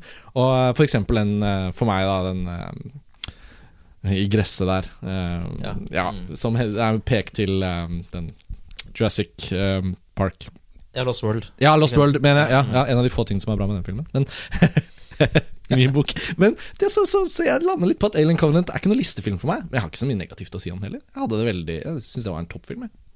Helt samme for meg. Den er på uh, hederlig omtale, og Mm. jeg likte også den veldig godt. Veldig lenge siden jeg så den nå, men det er en sånn film som sitter igjen. Og eh, nok en gang så henger jeg meg veldig opp i casting, selvfølgelig. Og jeg syns den er veldig on point her, at de til og med har fått til å gjøre Danny McBride Ja. god i en sånn her setting. Det, bare det er imponerende i seg selv. Og så må det jo også nevnes at uh, Catherine Waterston er jo en særdeles verdig arvtaker etter Ripley. Altså mye bedre enn og pass i Prometheus, syns jeg, da. Eh, jeg eh, var jo vi, Troakim, Pernille og jeg og Truls eh, lagde jo en podkast om Ellen Covenant tidligere i år. Og jeg var jo på en måte egentlig ganske sånn henrykt over, over den filmen. bare fordi jeg blir så imponert over at en, altså en regissør i 80-årene kan liksom stable dette her på beina. Så sånn skal skje og Wolf of Wall Street. Ikke sant? Som, han er ikke fullt så gammel, da, men altså det er, Nei, det, men det er jo på en måte også en enda villere film da enn Alien Covenant. Men det er noe med Altså, jeg var vanvittig imponert over noen av iscenesettelsene. eh, Og, og, og jeg syns den var, hadde veldig mange ideer. Eh, så jeg var veldig Og jeg er ikke noe sånn jeg har et veldig nært forhold til Alien-filmene, og særlig de to første, selvfølgelig, som alle andre. Men eh, jeg blir Altså sånn både med Star Wars og med Alien, med alle disse her for meg, så er jeg ikke så opptatt av at de må oppfylle noen sånne forhåndsbestemte krav. Jeg syns det er mye mer spennende at de går i litt nye retninger. Da. Og at uh, Ridley Scott har bestemt seg for at Alien det skal liksom dra seg mer sånn AI-retning. Filosoferende science fiction-retning. Det syns jeg er morsomt, jeg. Jeg må hvis man vil ha Aliens uh, av James Cameron, så er jo den filmen der. så fins jo den filmen. Det er og det kommer å aldri til- bli laget til, på en bedre måte. Nettopp. Så Bare sånn for å skyte inn det. jeg så filmen igjen, da. eh, Her eh, tidligere Altså en eller annen gang i tidlig i desember. Nettopp for å vurdere om den faktisk var mulig for den filmen å kunne komme opp blant liksom Ja, kanskje blant topp 20, da. Jeg må innrømme at filmen tapte seg en del for meg når jeg så den andre gang. Altså, Noe av gleden ved å se den var underholdningen i å se hvor den går hen. Altså spenningen. Eh, Når den var borte, så må jeg innrømme at eh, jeg syns den var litt mer sånn lappeteppeaktig, eh, og, og at historien i seg selv eh, ja, blir litt for eh, eng... Altså sånn Litt for uinteressant, rett og slett, til at jeg følte at det ble en sånn film jeg kan se mange ganger og oppdage nye ting i. Så nå er jeg litt der at jeg syns det er veldig god underholdning, og, en, og, en, og en imponerende eh, iscenesatt eh, film fra en, fra en mesterregissør, på en måte. Altså Ridley Scott kan lage denne med venstrehånden sin. Og han har, og har vel basically gjort det òg. Har laget to filmer eh, i, i fjor. Og eh, jeg har ikke noe vondt å si om Alien Covenant, men det endte ikke opp med å bli en Disney-film for meg heller. Men hederlig omtale. Dis Disney-film. Ja, Disney. ja men Ja. Tor Joakim, det var bra at du hadde den på listen din, Fordi jeg følte det var fint å liksom markere at det var jo ikke noe ufilm fra 2017. Nei, ikke, for det- noen, ikke for noen av oss. Så vil jeg bare, bare si det at jeg, jeg ser argumentet deres for at det er en underholdningsfilm, en B-film og sånn, men det er jo den type film jeg elsker aller best, er de som på overflaten virker som en Ja. Ja. dette er en god underholdning, dette er en B-film. Og så kryper og kravler det med masse Jeg ser masse detaljer, da. Som, som altså Bare en enkeltsekvens har så mye visuelle detaljer. Hvis det er en filmskaper som Ridley Scott eller en annen visjonær filmskaper. Slik at jeg får masse gjensynsverdi. Jeg har sett den kanskje fem-seks ganger nå, Helen Covenant, og Ja. den vokser og vokser for meg. Ja, men det er herlig. Eh, Så det er litt motsatt, men Nei, jeg ser også det dere sier, da. At den Ja. har den verdien også. Og vi kjenner jo hverandre, og jeg syns det er så gøy å føle at liksom da Du fikk liksom Du fikk en bra en i den sjangeren du er så glad i. Og en annen ting du gjorde i 2017, var jo å returnere til Event Horizon og skrive en veldig lang, fin artikkel om den filmen. På W.S. Andersons eh, bruksunderholdnings science fiction-film i min bok, da, fra 90-tallet. Men som for deg har mange altså sånn, Og det var så gøy å lese den teksten din. Hvilke Bare- bruksunderholdnings science fiction-filmer er du mest? Ja, ja, ja. Jo, jo, men ok. Men det var bare for å oppsummere, men for å skyte inn det at liksom det var også sånn Godt den. Ja, og den entusiasmen din for akkurat det sjiktet der, den, den ser jeg veldig, og jeg kan ofte kjenne meg veldig igjen i det òg. og selv om jeg ikke liker Event Horizon like godt som deg, så var det å lese den teksten for eksempel, var sånn Du pustet liv i da. Ja, kanskje det er. Og det er jo det å liksom bli oppmuntret til å gå tilbake og få finne nye ting i en film. Da. ja, Så, jeg syns det er gøy, da. absolutt. Ok, fjerdeplass. Uh, da beveger vi oss videre til Pernille. Ja, vi kan gå fort videre herfra, fordi min fjerdeplass er L. Som vi da kommer tilbake Paul Verhoeven selv.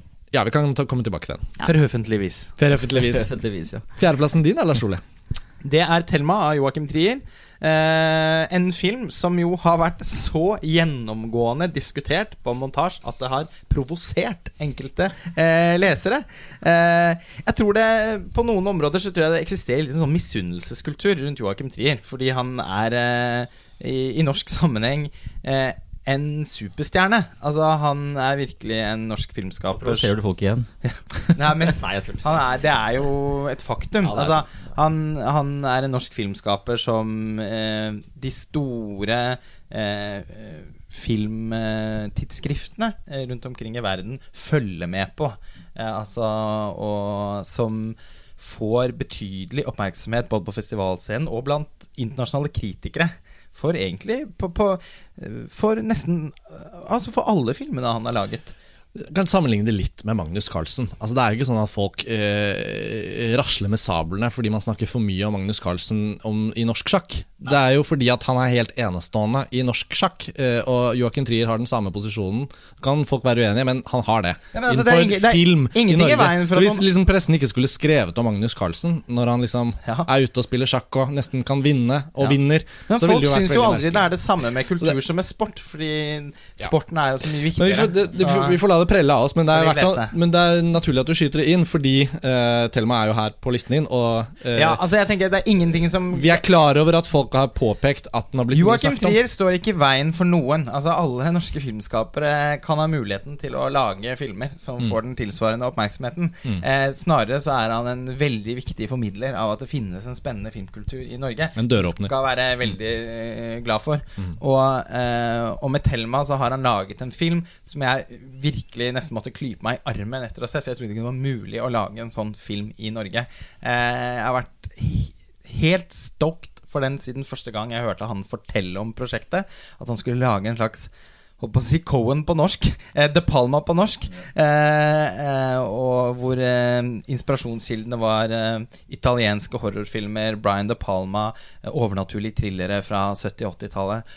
Jeg tenkte bare ja, altså, Dette høres ut som min absolutt drømmefilm. Eh, og sånn ble det egentlig òg. Da jeg så Thelma for første gang, sett den fire-fem ganger, og da jeg så den for første gang eh, på en litt tidlig visning, før den ble vist i Haugesund, så eh, Og da følte jeg at jeg liksom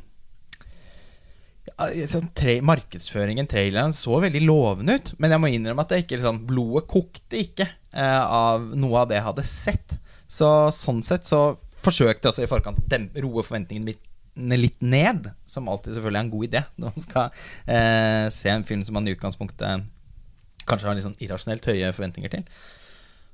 Og bare liksom i løpet av den overtyren eh, Olav Fløttum sin musikk i begynnelsen av altså fortekstene, så kjente jeg bare at Oi, her, nå skjer det. Og så en helt sånn fantastisk bra anslag med denne faren som sikter med et gevær på datteren sin. Hvorfor gjør han videre? Eh, altså, eh, møter Eili Harbo i en sånn The Conversation eh, skråstrek De Palma-aktig eh, innzooming på denne Fredrikkeplassen. Er det, Det er? Fredrikkeplassen. Jeg har aldri gått på Blindern, så eh, det var bare Høgskolen i Lillehammer på oss. Ja, jeg har tråkket på noen brosteiner Ja, for de var jo der før. Da jeg Jeg har vært der i elleve år, så Ja, du- for meg var er det som jo- å komme hjem og se Du har, en, du har en egen sti på tvers av Ja, ja. Fredrikkeplassen. For deg er det som å være i dagligstuen. Nei, men øh, og, og vi får stifte bekjentskap med denne usedvanlig eh, gripende karakteren som da er Thelma. Eh, spilt av Eili Harbo, en ung norsk skuespillerinne som allerede hadde gjort seg bemerket. Så jeg husker jeg var veldig imponert over hennes innsats i den 'Kyss meg for faen i helvete'. Også veldig bra, en liten rolle, men det var vel i Kompani Orheim hvor hun Yes. faktisk eh, Ja. Og i Bølgen var hun også innom. Ja da, og- og det er Ja, også altså, faktisk hun- Hun gjør mye ut av en veldig liten rollefigur i Bølgen. Som, Ja. eh, det var et sånt sted i filmen hvor jeg tenkte sånn Oi, det var en ordentlig bra uh, rollefigur og skjebne. på en Ja, det var helt klart sånn at man hadde bitt seg merke i henne. Ja. Men jeg særlig 'Kyss meg for faen i helvete' Jeg husker jeg var oppriktig imponert. Jeg tenkte Hun må det bli noe stort ut av, tenkte jeg. Uh, og det har det jo nå blitt. Fordi jeg har vel uh, Altså, jeg har aldri sett en eh, rolleprestasjon i en norsk film som jeg har blitt så beveget av, og så imponert over. Jeg tenker at man, Her er man på et veldig høyt nivå. Altså Hun spiller så dritten ut av den rollen Mm. at uh, det er sånn man kan, kunne vunnet Oscar for hvis det var en Ja, engelskspråklig film. Det blir, Altså, kanon, det, sånn det blir kanon og Amanda. Ja, si det sånn. det- Og hvis ikke, så blir det skandale, da. Igjen. Ja, men altså uh, Det er på sånn Natalie Portman i Black Swan-nivå. Uh, det er For meg å si det, så er jeg så opptatt av det. Men jeg virkelig, jeg mener det. Jeg syns hun er helt oppsiktsvekkende god. Eh, og det er en vanskelig karakter å fylle. Altså, Thelma har så mange sider. Eh, hun eh, den litt sånn uskyldige, forskremte Dette uskyldige, forskremte gudsordet fra Vestlandet som vi får møte i begynnelsen av filmen, eh, tar ganske mange Viser seg å ha ganske mange andre sider underveis. Og filmen er veldig interessant eh, i måten å hele tiden være ambivalent i forhold til rollefigurene på. Vi vet for, fordi at det viser seg at Thelma har overnaturlige evner som hun ikke klarer å kontrollere. Så eh, som også gjør henne i stand til Altså det dypeste laget av underbevisstheten hennes, det hun egentlig vil. Eh, som hun selv eh, noen ganger går i konflikt med. Fordi eh, hvis hun skal lytte til fornuft, så bør hun ville noe annet. Men fordi hun ikke er i stand til å klare å kontrollere underbevisstheten sin, så eh, vi, kan den føre til at eh, eh, det går veldig galt for mennesker som kommer tett på livet hennes. Og denne Anja som hun forelsker seg i en sånn, altså, Det er så mye å si om den filmen, så jeg må prøve å bare, for en gangs skyld, uh, fatte meg i korthet. Men jeg må bare nevne en ting som jeg syns er særlig fint med filmen. At den uh, vi, vi blir aldri klok på om Anja faktisk er forelsket i henne, eller om Thelma styrer henne til å bli det fordi at hun er forelsket.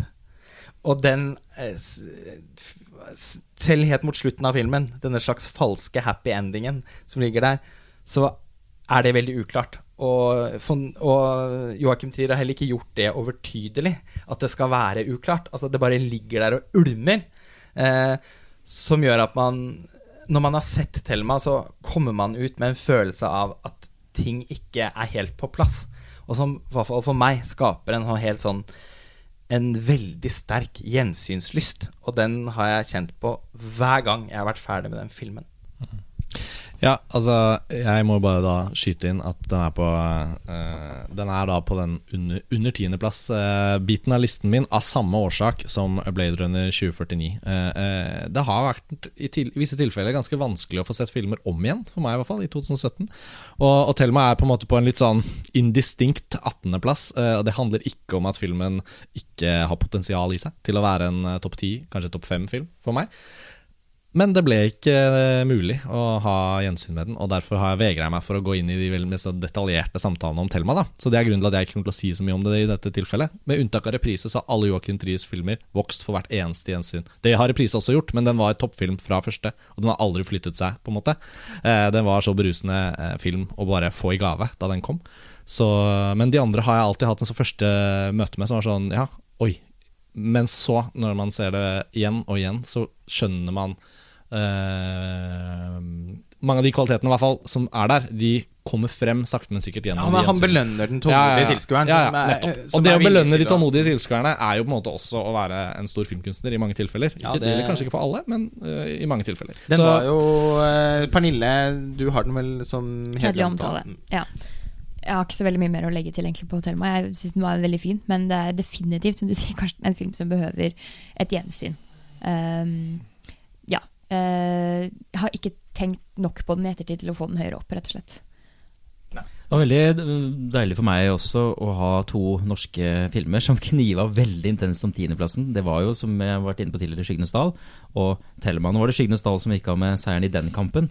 Men det kunne vært, like så godt nesten vært Thelma. Altså Å se en, eh, to norske filmer da, som bruker formspråk på en så fantastisk måte, og ikke minst som du sier, det med å belønne tålmodighet i, i utviklingen av det formspråket i løpet av en film òg, det syns jeg var helt eh, enestående. Og jeg, jeg, jeg stiller meg bak eh, Dag Søtholds eh, voldsomme analyser av den eh, filmen. Jeg så detaljert har ikke jeg gått i verk, så jeg har sett den kanskje tre, tre ganger, eller noe sånt, men den vokser også hver gang. Ja, og du kan jo kanskje også si noe om musikken. Som jeg Altså, jeg har jo alltid hatt sansen for Olav Fløttum. Jeg er veldig fan av Whiteberg og, og har likt alt han har gjort av, for Joachim Trier sine filmer tidligere, og annen filmmusikk han har gjort òg, men kanskje ikke helt følt at han alltid har liksom utviklet seg sånn for hver film. Altså at eh, På et eller annet tidspunkt så husker jeg tenkte at nå føler jeg at det har stagnert litt, og så kommer Thelma. Ja. Ja, nei, det, altså Han er jo kjent for å gjøre disse litt sånn dronete tingene. Det har han gjort ikke bare i Triers filmer, men også andre filmer. Hadde jo, han hadde jo tre filmer på kino i fjor. Det var den, og så var det den ikke fullt så vellykkede Oscars Amerika, og så var det Fra balkongen, som det nesten ikke er noe særlig musikk i. Så det er helt klart denne som skiller seg ut i fjor, og i uh, Fløttums filmografi, fordi den er ekstrovert. Det er en tematisk brodd her. altså vi snakker om De Palma, man kan nesten, høre også litt Donaggio. og- Donaggio, Sakamoto, husker jeg du nevnte ja, Begge går. de to elementene ligger der. Eh, selv om dette hovedtemaet bare brukes tre ganger, så er det så mye annet interessant. Altså den der, den, den Spennvidden fra de, de lave, mm, slags messingaktige eh, samplene til det derre lyse, strykebaserte temaet. som jo på en måte Det er spennende også i Thelma som rollefigur, da, som, som skildres i den musikken. Og det, det er så gjennomgående og flott. Ja, det er slående eh, soundtrack. Eh, og eh, som heldigvis også har blitt eh, tilgjengelig etter filmen ble distribuert i USA. Så eh, via The Orchard så har eh, soundtracket blitt sluppet på, på Spotify. Så anbefaler jeg å sjekke ut det. eh, I hvert fall hvis man har sett filmen. Fordi det er musikk som også tåler veldig godt å bli lyttet til utenfor eh, Kanskje Fløttums første sånn ordentlig sånn ja, soundtrack-albumopplevelse. jeg er litt enig i det. Og altså og, og som du selvfølgelig er inne på, tror jeg ikke, men som jeg føler Altså, det her det har Dag redegjort så grundig for i sine analyser, det trenger jeg ikke å utdype. Men altså, det er ikke noe tvil om at det er en øh, et, et, et visuelt eh, ambisjonsnivå her som er i verdensklasse. Eh, og som at Bare bruken av sånn 60-70-talls arkitektur. eh, 50-60-70-talls arkitektur. Helt sånn slående, gjennomgående i hele filmen. Bruken av vinduer, eh, rektangulære former. Altså, det er eh, en eh, Samspillet mellom kamerabevegelsen og klippingen veldig sånn musikalsk tenkt hele veien.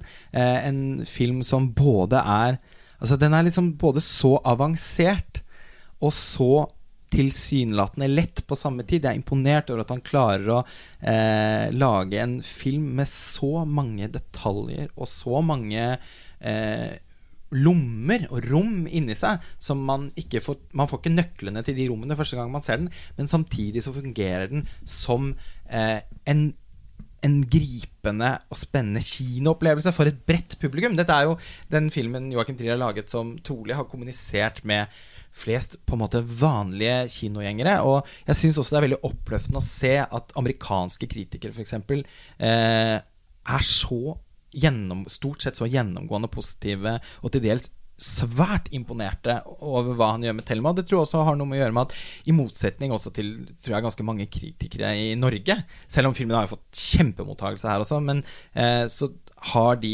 gjerne en veldig inngående kjennskap til de subsjangerne som eh, Trier forholder seg til i Thelma. Altså, de, de kan sin Di Palma, og de kan sin Carpenter. Og, altså, så, og har man og, men nå har man også sett mange nok The Entity og The Fury og Carrie, så, eh, så eh, heves jo også listen for eh, hva man vil anse for å være originalt, eller hva som eventuelt bare er en pastisj. Men på tross av at filmen har en veldig filmhistorisk bevissthet, så faller den aldri over i pastisj eh, på et eneste tidspunkt. Det føles genuint som en Joachim Trier-film. Hans eh, distinkte trekk som, eh, som autør er, er over hele filmen. Og samtidig så eh, syns jeg at den, den er genuint overraskende i, eh, innenfor på en måte sine respektive subsjangere. Den er jo ikke bare Den er til dels en overnaturlig thriller, men eh, den, den er også på en måte mer en sånn psykologisk røsser à Eksorsisten. På, sånn- den, det, er, det er litt Som sjangerfilm kan man jo si at det er litt den, den er vag på den måten at det er ikke så enkelt å kategorisere den. Eh, men han eh, Jeg syns faktisk at han evner å eh, Å levere et bidrag til de eh, subsjangerne som han opererer innenfor. da Altså, Jeg tror ikke det i framtiden, når det skal skrives artikler om eh, overnaturlige thrillere, eh, eller eh, horrorfilmer om eh, mennesker med overnaturlige evner, eh, så har jeg vondt for å se at ikke denne vil skrive seg litt inn i den kanoen, rett og slett. da Fordi den gjør noen eh, Skal ikke gå noe inn på det, men det, det, er, det er noe med måten den er fortalt på også. Den holder så mye tilbake i første halvdel av filmen. For så å gradvis eh, gi oss informasjon som gjør at vi er nødt til å se eh, de tidlige delene av filmen i et helt nytt lys. Og de fleste filmer som er laget om personer med overnaturlige evner, Carrie f.eks., der, der er det jo karakterer som kan kontrollere evnene sine. Og det kan jo ikke Thelma. Eh, så der opplever vi også at filmen eh, er ganske annerledes enn en del noenlunde lignende Altså filmer med noenlunde lignende eh, eh, Ja, sånn eh, ja, med, karakterer med noen tilsvarende egenskaper. Mm. Så um, Ja.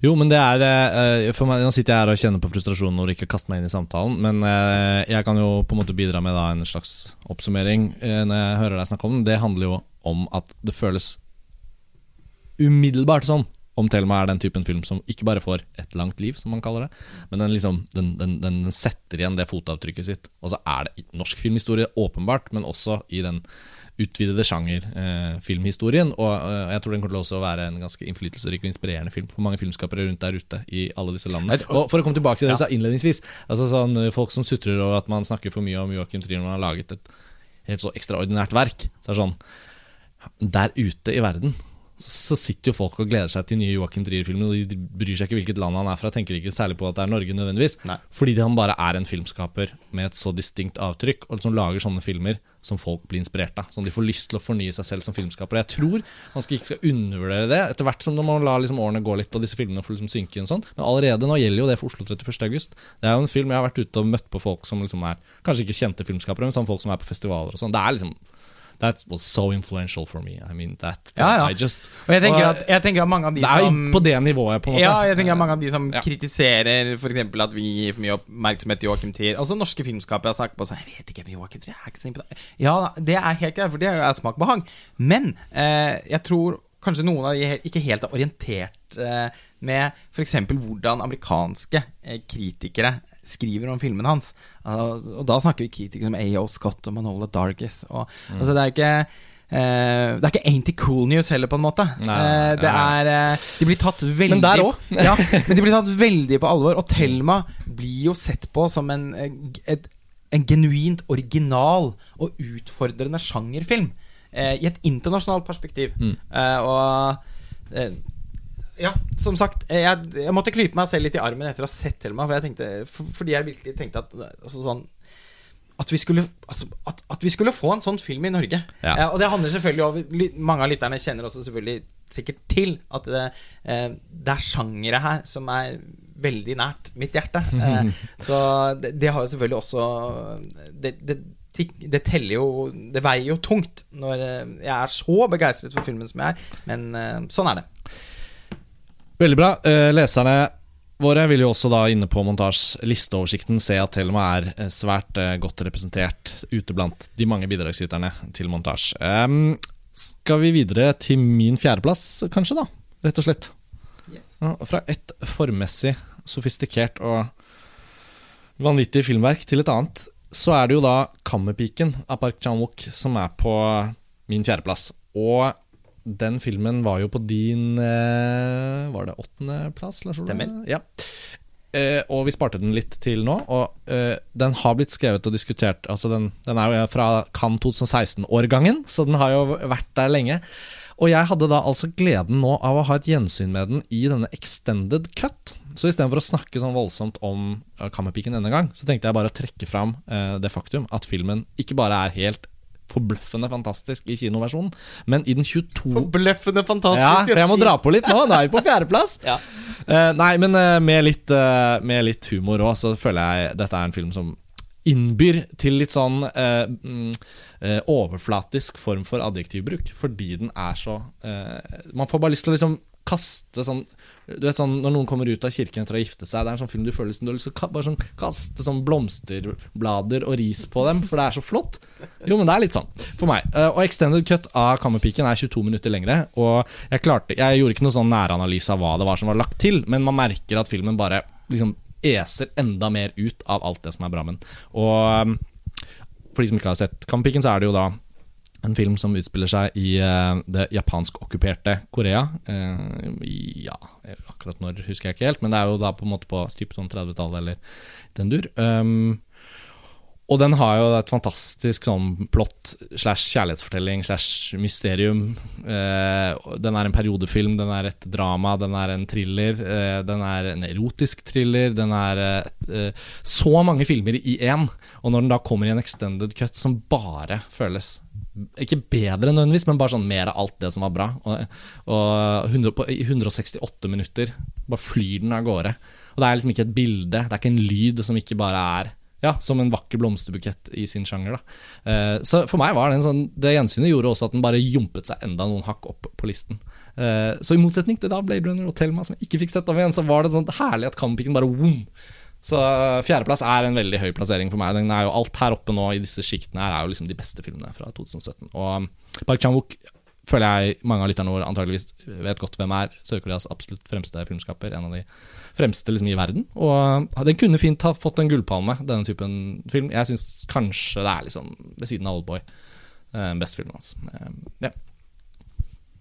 Ja, jeg har ikke så mye å legge til. Jeg så den i Cannes eh, sammen med Lars Ole. Vi, Vi lagde podkast. vi lagde podkast, så vi har, jeg, vi har snakket litt eh, gjennom den. Og den hørte jeg frem til et punkt hvor jeg bare tenkte nei, nei, jeg kan ikke høre mer nå. Du har den på hederlig omtale, Pernille. Nei, ellevteplass. Ellevteplass! Sånn ble det. Faktisk, ja. Må jo ha vært den sterkeste åpningen Film fra sør noen gang har hatt. Ja. Og det var der jeg så den første gang. Det var der jeg også Mm. så den. uh, og det var, det var gledelig, for å si det sånn. Jeg er også veldig veldig fan av Park Chan-wook, og jeg likte Stoker veldig godt. Uh, som mange ikke gjorde. Men uh, Vi stiller oss bak den. ja, jeg, Ja, jeg husker det da vi så den på Altså, riggen sammen. Og ble, det var litt sånn ek- ekstatiske øyeblikk Jeg minnes det første gang vi møttes, tror jeg. Ja, det tror jeg faktisk òg. Jeg har fortsatt ikke sett Joint Security Area, men jeg har sett alle de andre filmene til Park Chan-wook, inkludert kortfilmen som han vant Gullbjørn for i Berlin. Men du har ikke sett den filmen han lagde før John Security? Area? Å Å nei, det er en før det òg. Ok, de to, da. Eh, sånn var det. Men eh, jeg bare liker alle filmene. Og til og med I'm a Cyborg, but that's okay for meg står som sånn derre Var ikke den også helt fantastisk og corny, da? Jeg har ikke sett den igjen, men sånn eh, De liksom minst bra av de fantastiske filmene hans er liksom også bare helt utrolig. Så ja, den måtte opp på fjerdeplass. så. Ja, Oldboy er en av mine favorittfilmer gjennom tidene, så det står altså, så Jeg respekterer denne regissøren veldig høyt. Uh, og syns kanskje at Kammerpiken Ja, den lurer seg vel inn på en andreplass, sånn generelt sett over filmografien hans, for min del. Mm. Og syns den er eh, en av de estetisk Altså mest estetisk vakre filmene fra fjoråret. Uh, og har veldig mye likheter i å være veldig billedskjønn, sånn som Stoker har. Og dette har jo sikkert alt med å gjøre at han bruker den samme fotografen og ja, har et veldig eh, solid team Mm. med seg. Ja, altså det er noe produksjonsdesign og noe kostymedesign Ja. og sånt, noe som bare er helt av en annen verden. Ja. Helt ok. Ja, eh, Nei, altså det er sånn Det er jo en sånn konfekteske av en Altså det er jo hardcore porno for sine file, eh, det han gjør. Så men, men ja. Jeg har snakket om filmen eh, tidligere. Og Ja, jeg har ikke egentlig voldsomt mye mer jeg å si. men har fortsatt til gode å se den extended versionen. Jeg er spent på hva som er forskjellen. ja, den har jeg også veldig lyst til å se. Jeg visste ikke at det fantes engang. Ja, jeg kan ikke si det bedre enn at det er bare mer. Ja. Og det er ingenting som går saktere, og det er ikke noe du føler, ingen, du føler ikke at det er noen longører plutselig som har oppstått, eller noe sånt. Altså, så jeg elsker Ringenes herre-trilogien, men extended-cuttene der var jo tidvis av og til sånn Å ja.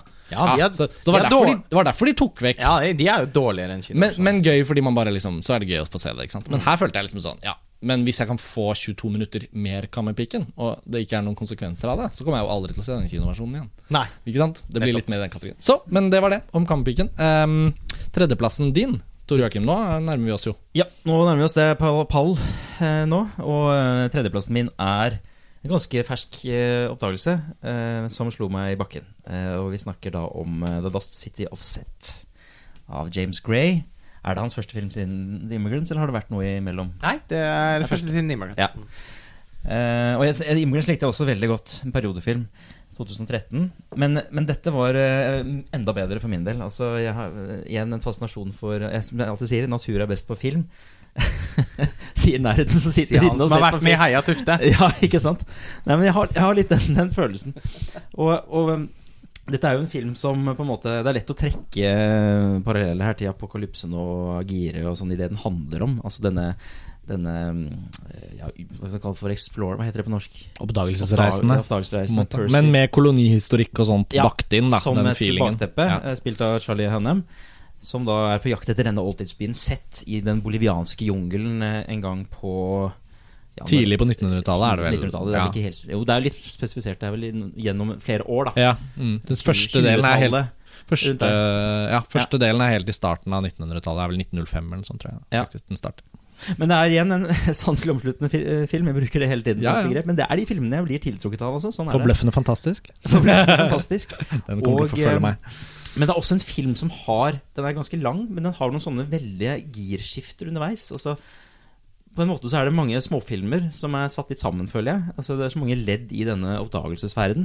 Og og alt som skjer under oppdagelsesferden. Mye sånne overlevelsesmanøvre som kan minne litt om Leonardo DiCaprios eh, lignende bragder i The Revenant, som for meg var fjorårets beste film. eh, Som også var selvfølgelig et pluss. Så den, den har liksom både dette med girskiftene, med hvordan den bruker jungelen som, som noe sanselig, og eh, den derre sterke overlevelseshistorien. De tre elementene spesielt gjør det til en tredjeplass for min del. Jeg må bare stille meg bak eh, det du sier. Eh, jeg, ble, jeg var helt slått i bakken av den filmen selv. Jeg, nå husker jeg ikke helt om jeg har den på 13. eller 14. plass, eller sånt, men som sa, alle som er på topp 20, er toppkarakterfilmer i mine øyne. Og den var Altså, det var helt mesterlig. Eh, hvor, i, liksom, I alt den gjorde.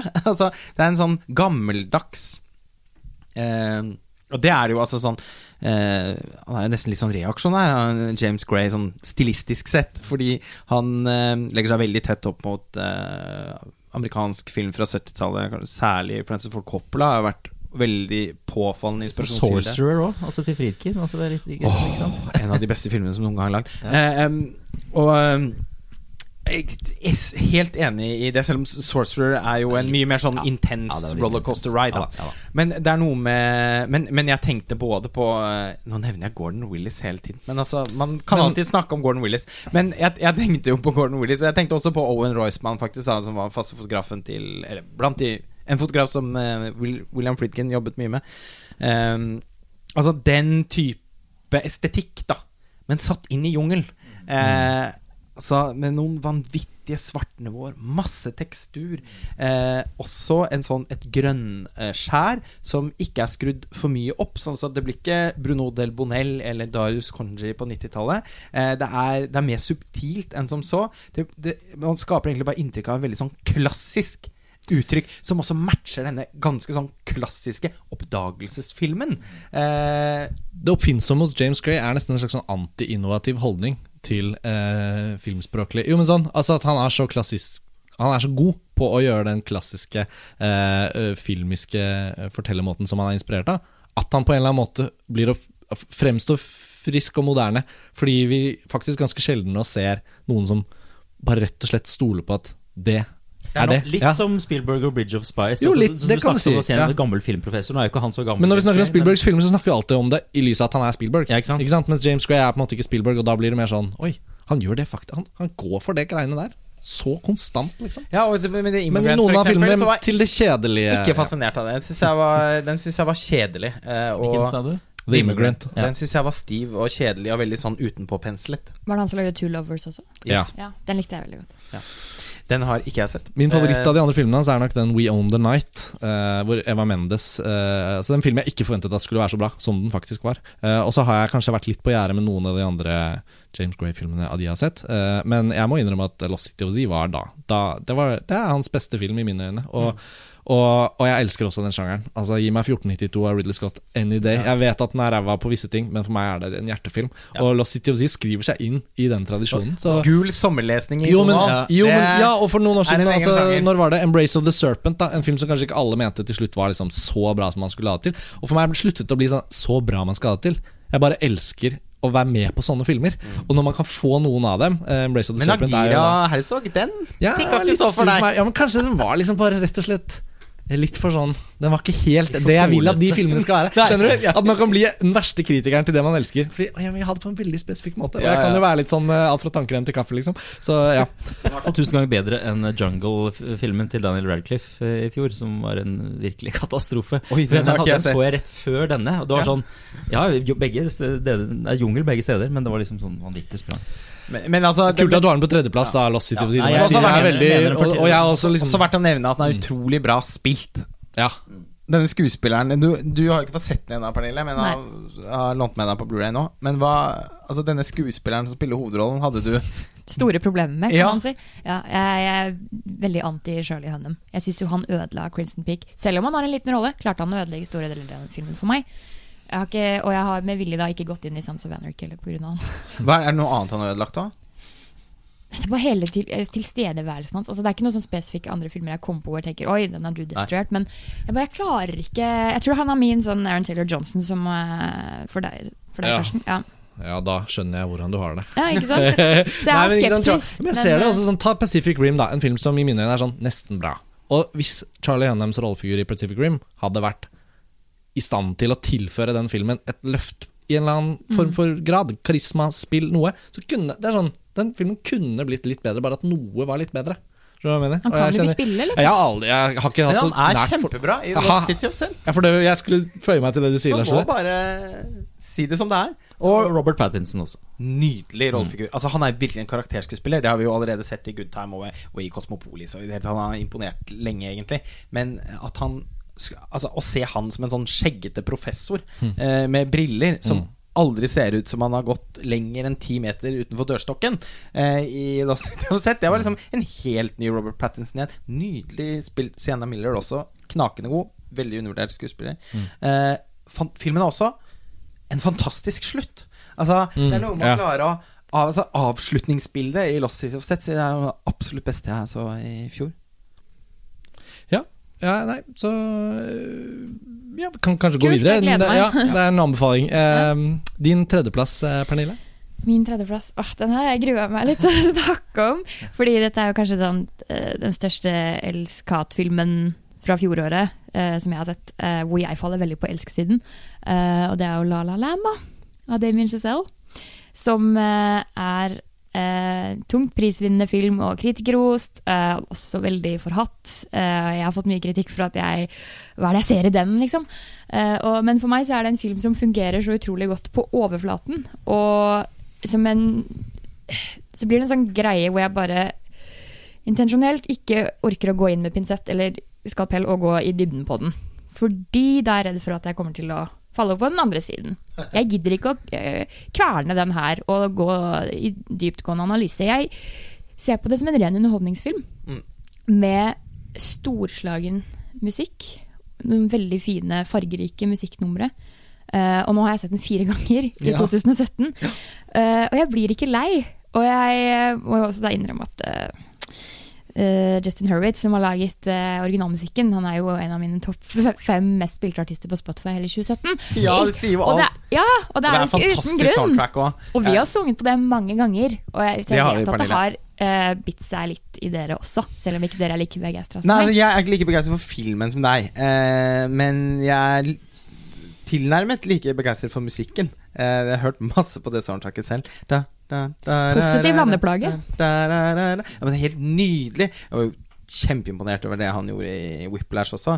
Som er en film jeg totalt sett liker bedre, da. Men uh, jeg, jeg har sett La La Land to ganger, uh, og jeg står ved mine problemer med den filmen. Og vi har snakket om det på Filmfrelst før. Den klarte ikke å vokse for meg ved andre gjennomsyn. Jeg syns fortsatt uh, kjemien mellom Ryan Gosling og Emma Stone er litt for ok. Altså ikke, Den er ikke glødende for meg. Og jeg syns filmen er på sitt absolutt beste når den er musikal. Mens på midten, hvor det nesten er en time hvor den skal være på en måte en slags sånn romantisk drama, eh, så syns jeg den er kjedelig. Ja, For Der er jeg veldig enig med deg. Den har, den har et stort problem med Midtpartiet, hvor det da ikke er så veldig mye sangnumre. Og fordi de absolutt fineste delene av filmen er jo i starten, eh, hvor du da begynner med eh, dette åpningsnummeret på broa, og så er det 'Someone in the. Crowd', denne fantastiske festscenen. Ja, helt fantastisk. Og så går det liksom Jo, og så er jeg også veldig glad i eh, What a Waste of a Lovely Night-nummeret eh, ut mot eh, solnedgangen. Men så tar det veldig lang tid, Fordi det er det ikke før vi kommer til audition igjen, når Emma Stone synger eh, for seg selv. ja, da, kom, blir et- da løfter filmen da seg. løfter det seg igjen ganske eh, kraftig. Og det er jo fordi at nå, åh, endelig, et sånt veldig fint musikknummer. Og så avsluttes det jo da med epilogen, som jeg syns er sykt fin. Ja, den, men den er, Um, den er, den er kjempefin. Jeg syns bare det blir sånn lill, lill, lill late. Uh, Det er litt late. I lys av den timen som har vært imellom der, som jeg ikke klarer å liksom, som, som jeg syns er bare litt sånn kjedelig. Det er litt late, men samtidig syns jeg også det er veldig viktig og fint at den avslutter sånn. Fordi det gjør at jeg går ut av filmen med å faktisk føle noe. Ja. Fordi jeg er enig med det du sier om at kjemien mellom de er kanskje ikke Jeg kjøper ikke det forholdet så veldig godt, da. Og jeg syns at det er definitivt hun som er mest sjarmerende, og hun som stjeler showet. Ja, jeg jeg er ikke klart. så veldig fan fan av han, egentlig. Nei, altså hun gir alt i den filmen. Mm. Men Ryan Gosling er liksom Det er liksom som han virker litt for kul for, for filmen. Men én ting skal sies, og det syns jeg er imponerende. Han har faktisk lært seg å spille det han spiller for filmen. Han spiller alt selv. Jeg syns det er ganske bra. Jeg Han er litt i dyktig. det, men, Nei, men han eh, er dyktig. Jeg liker alle scenene hvor han Jeg syns han er kjempebra i Blade Runner. Men jeg syns det er noe sånn sånn nesten sånn arrogant ved han i La La Land som jeg bare virkelig ikke liker. Jeg liker ikke disse Han er jo litt sånn Sånn type Han skal jo være en litt sånn type òg, da. En Det sånn obsternasi jazzentusiast. Bedrevitende Ja, jazzformidler. Du skal jo ikke være sånn utrolig glad i ham, føler jeg da. Og så tenker du kanskje at ja, men ok, hva er det hun her søte, sjarmerende, eh, fine jenta ser i han egentlig? Det er kanskje der, der det skurrer en del, da. Ja. Uh, og for meg så blir Det Det er noe med hennes sånn måte å se opp til han på som er uh, som Ja, hvorfor gjør du det? Du liker jo ikke jazz engang. Nei. Ikke sant? Så det er jo veldig Ja, det er noen, det er noen brister der. Og jeg syns jo at eh, store deler av filmen blir veldig polert på grunn av det her. Og eh, Eller, på- ja, fake, but litt, okay. sånn, litt sånn kunstig. ja.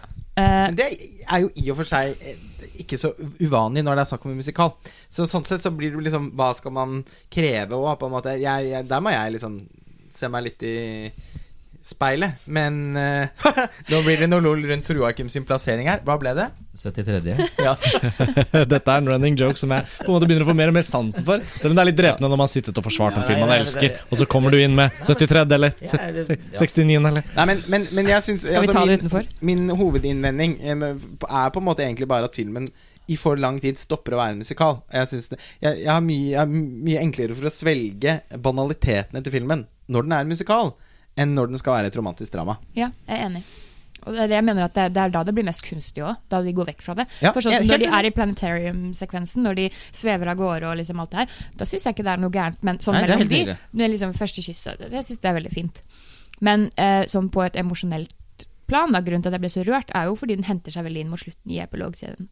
Ja. Eh, med denne montasjen Jeg synes det er vanvittig fin. Ja. Og ja, dette slags uh, sammensydde eh, oppsummeringen av soundtracket. Sånn, åh, Ja, men det er kjempe jeg, Der er jeg helt med. Altså, jeg tror mitt hjerte nært. og jeg er helt sånn at det er sånn, Jeg er alltid så åpen for å se La La Land en gang til, fordi at jeg syns at de beste tingene i filmen er så bra. At uh, Det er meg ikke imot. Men, uh, men ja. Syv Oscar og uh, ble det vel, i hvert fall. Og Anerkjennelsen av La La Land sånn i det store skal bildet ikke stå skal på det den. Altså, det er en av fjorårets absolutt mest kritikerroste filmer. Og noen ble også ganske rike, Ja.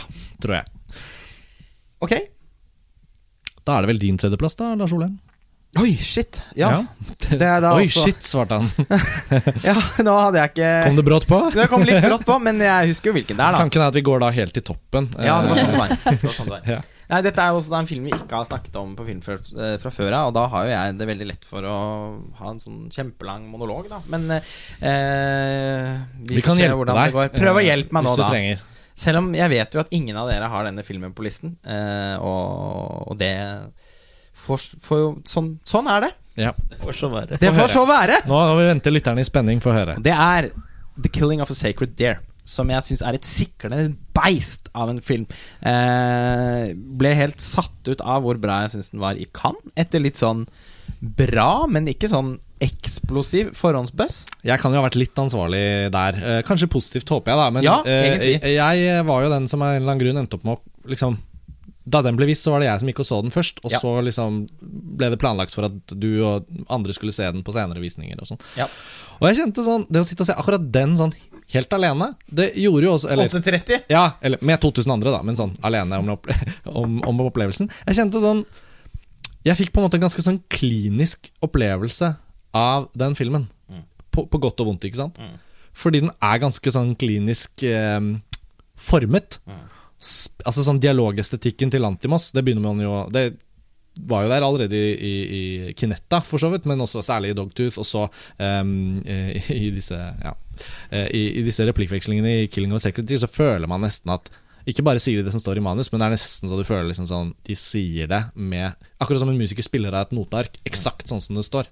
Eh, og, og når jeg bare satt og så den, så tenkte jeg sånn Men hva hva er dette for slags film, egentlig? Men så hadde den jo det utrolige stemningstoneleiet sitt, som jeg synes var helt fantastisk fascinerende. Hvordan man liksom på sånn kubrikiansk vis suges inn i sånne store totaler som glir gjennom ganger i sykehus. Og, så han Barry Keegan, han birolle fantastisk. Han kunne jo fint fått en Oscar-nominasjon i min bok, som bare kommer og banker på døren, nærmest. Mm. Og hele den ulmende uhyggen er jeg fortsatt veldig fan av. Jeg liker den siden av den filmen. Eh, men det, da jeg kom med bøssen til deg, så kjente jeg sånn ja, den var jo bra, Men Ja, jeg, husker, jeg minnes den. Og, ba, ja, og, og jeg var veldig Jeg var veldig overbevist av din buzz, fordi eh, i likhet med deg så hadde jeg ikke noe sansen for The Lobster. Nei, ikke sant, Forrige film, The Lobster Jeg synes det var veldig illevarslende for Georgios Lantimos. Jeg tenker Ja. altså Nå blir han så eh, konseptuell og, og så eh, forsøksvis på en måte intellektuell i sin tilnærming til å lage film Mm. at liksom filmen forsvinner litt. Jeg syns The Lobster hadde en utrolig morsom idé, men jeg syns ideen var morsommere enn filmen. Men du har jo rett i at 'Killing of the Secretary' da ikke er eh, på min liste. Er omtale på min liste. eh, Og den var vel ikke eh, Hvor er den hos dere andre? Hederlig omtale hos meg òg. 37 hos meg. Oi, men det er jo litt Det er ganske bra. Ja, det- ja, men det er bra. men ikke ja. Det, Plutselig har jeg funnet ut at jeg har nesten glemt eh, hele filmen. Den er jo, det er jo en veldig forglemmelig film. Det ja, er, morsomt, fordi jeg, jeg skulle til å si det selv om den ikke er på listen min. Så jeg, veldig, jeg husker den veldig godt. ja. Mm. Den sitter veldig skarpt i for meg. Men, øh, men for å hjelpe deg med å unngå denne monologen, Lars Ole, så er det jo likevel umulig å ikke gi deg ordet tilbake og få høre litt. For du, du har den jo på, faktisk på, en, på din liste på tredjeplass. Du hadde et gjensyn med den, vet jeg. Altså, Yep. øh, Kan du si litt om hvorfor den liksom Kamppiken for meg fikk det der løftet. Altså, Det var jo absolutt kanskje en tiende, ellevte, niende, men så ble det liksom en fjerde. Eller sånn. Ja. Det er noen ganger sånn i liste Ja, det var sånn det eh, som skjedde med Killing of a Circle' jeg så den andre gang. Eh, og, men det var mest fordi at jeg fikk en enda følte at jeg fikk en større idé om hva filmen handler om. Eh, og, så, og det er mange den er, den ganske åpen tekst, så det er mange innfallsvinkler til den. Jeg syns ikke vi skal gå noe inn i og beskrive plottet og sånn. Eh, men eh, du nevner jo eller du nevnte altså, Man kan jo si Filmen har en estetisk appell. Altså, den er helt fantastisk fotografert av team Timus Bakatake, som også fotograferte Eskil Fox blind.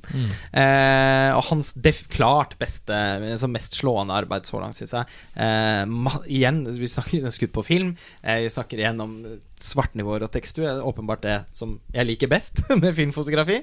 Eh, og et utrolig altså sånn eh, et suggererende kameraarbeid. Og det er umulig å ikke tenke på Stanley Kubrick. Det handler jo om den modernistiske musikken på lydsporet, som er veldig sånn Ligeti Bartok-aktig. Eh, og eh, bruken av steadicam, eh, sentral komposisjon eh, Steadicam som høyt, beveger seg i høyt tempo gjennom sykehusganger, som gjør at det er umulig å ikke tenke på The Shining, eh, og så videre. Eh, produksjonsdesign og sånn i filmen her er bare helt fantastisk. Altså, dette huset til eh, som Colin Farrell og Nicole Kidman og deres to barn bor i, er jo et sånt soveværelse. Eh, bruken av speil, eh, møblene altså, Det er ikke et Altså Det er ikke en pute i den filmen som ikke er veldig gjennomtenkt. Mm. Akkurat sånn dialogen sånn som jeg beskrev det, føles det sånn Altså Alle elementene i filmen føles veldig sånn eksakt spilt, sånn som det sto i notearket. gjennomstilisert. Ikke sant? Og, og den spillestilen skjønner jeg veldig godt kan, kjem, eh, kan få en veldig sånn kunstig fremmedgjørende effekt eh, hos mange. Det er nok også en del av Lantimos sitt eksperiment. Eh, og han drar jo det enda lenger, føler jeg, her enn det han har gjort i de tidligere filmene sine. Men jeg syns også der at på en måte spillestilen fanger opp kulden som, eh, som hele filmen preger av. Det er jo en ond film. Og apropos estetikk og liksom ting som er visuelt fint i den, kan jo være enige om at, at denne filmen har årets vakreste barn. Han lille gutten. Det har jeg ikke tenkt på. Har du ikke det? Nei. Men jeg Altså baby, eller Nei, han sønnen. Ja, altså, lillebroren? han, eh, lillebroren? minste- Ja, ok, sorry. Jeg bare trodde du Sønnen. tenkte sånn Han som, fordi det blir jo en stor Kan man spoile nå? Ja, ja. eh, Ja, spoiler warning, da. Hvis noen har sett ja. 'Killing of a Secretary', spol noen minutter frem i podkasten fra og med nå. Når han står og skal eh, ta dette her tilfeldige hvem som Men de ser skal jo unektelig veldig sånn vakre og perfekte ut, hele den familien. Så, Ja. Og det er, I motsetning han, til Barry Coogan. det er jo han lille gutten som begynner å få symptomene de, de mest groteske og synlige symptomene. Med, med, Som gråter blod. Ja, som gråter blod. Og du ser liksom dette Det er, det er veldig mange Ja, det er helt jævlig, men det er veldig mange eh, scener, eller bilder, opp, som leder opp til dette, hvor du bare ser sånne veldig sånn yndige, fine nærbilder av Ja, ansiktet hans. jo, nok- hvor jeg- han har altså, sånn de vakreste øynene jeg har sett. Ja, Og det føler jeg er veldig viktig sånn, med tanke på casting. At oi, du, se på dette, dette denne lille engelen liksom, som skal bli rammet av det her. Ja, men det, det, Syns det ble veldig effektivt. familien Altså Colin Farrell og Nicole Kidman altså, De er jo ikke Det er ikke troll, akkurat. Nei, nei. Og hun eh, storesøsteren hans altså, De er jo veldig sånn den vakre, perfekte, fam rike, velstående, eh, intellektuelt oppegående familien som blir rammet eh, av eh, denne indianerforbannelsen. Ja, og det, det er altså, en av de en- andre bra tingene med filmen. Den har en utrolig flott titt som faktisk virker inn på hvordan man kan lese filmen. Uh, 'The Killing of a Sacred Deer', som på en måte aldri kommenteres, men så er det denne Den Forbannelsen. den har ganske mye til felles med en film som Farlig begjær, eller Fatal Attraction, eh, for eksempel, og i og for seg eh, Funny Games av Michael Haneke. eh, At det kommer, kommer noen utenforstående og bokstavelig talt omtrent banker på døren, og som sørger for at kjernefamilien brytes ned innenfra. Til, også altså Kasjé av Michael Haneke, også en film jeg tenkte veldig mye på når jeg så 'Killing of Secret Dear'. Mm. Eh, og, man, og, det, og filmen vipper hele tiden mellom eh, Altså, den eh, Jeg opplever på mange måter at den handler en del om hvordan vi mennesker forholder oss til sykdom. For sykdom er jo noe Altså, følelsene vi har rundt det, er dypt irrasjonelle, veldig voldsomme og ukontrollerbare. Sykdommen i seg selv, sånn helt sånn naturvitenskapelig, er som oftest veldig rasjonell. Eh, og det samme med behandlingsmåtene. Altså det, det er noe et eller annet med legevitenskapen som hele tiden føler jeg, og, og sykdom, og hvordan vi mennesker alle på en eller annen måte rammes av det, må forholde seg til det i løpet av livet, enten det gjelder en selv eller et familiemedlem. Og det er noe med at eh, den den utrolige vanskelige liksom, kampen mellom det rasjonelle og det irrasjonelle. Vi må forsøke å være fornuftige. Legene sier at Nei, men vi ser jo at han blir sykere. Jo, men de sier medisinen skal virke sånn og sånn og sånn, og så skjer det ikke likevel. Fordi kropp Altså, det, det er noe et eller annet eh, Inn og ut av sånne CT-scan-maskiner som, som Ja. ser ut som sånne rom, romskip. Og Det er det jo veldig mye av i filmen, ikke sant? Fordi eh, de ønsker å Altså, de, de føler seg jo sikre på at de kan finne en rasjonell forklaring på at barna plutselig mister følelsen i beina og etter hvert begynner å gråte blod. Eh, men det lar seg jo ikke gjøre. Eh, og han Barry Coogan er jo da på en måte Gud, som kommer inn og sier at «Mm, Nei, men altså, det er ingenting dere kan gjøre her. Det, det eneste du kan gjøre, er at du må ofre barna En av familiemedlemmene dine for at dere skal overleve. Fordi han har jo da Nå kommer vi litt inn på plottet likevel, men Ja. eh, Colin Farrell har jo da kommet i skade for, muligens fordi han har vært alkoholpåvirket og sørget for under en hjerteoperasjon fordi han er hjertekirurg, at uh, Barry Keegan-karakteren sin far uh, er død. Og han akter da å ta sin hevn. Øye for øye, tann Øye- for tann. Øye for øye, tann for tann. Uh, så jeg, og filmen som jeg var inne på Jeg føler at liksom, den er ond. Den vil oss ikke noe vel. Eh, den er en film som er såpass ubehagelig å se at eh, den nesten er sånn Altså, den må anbefales med forbehold.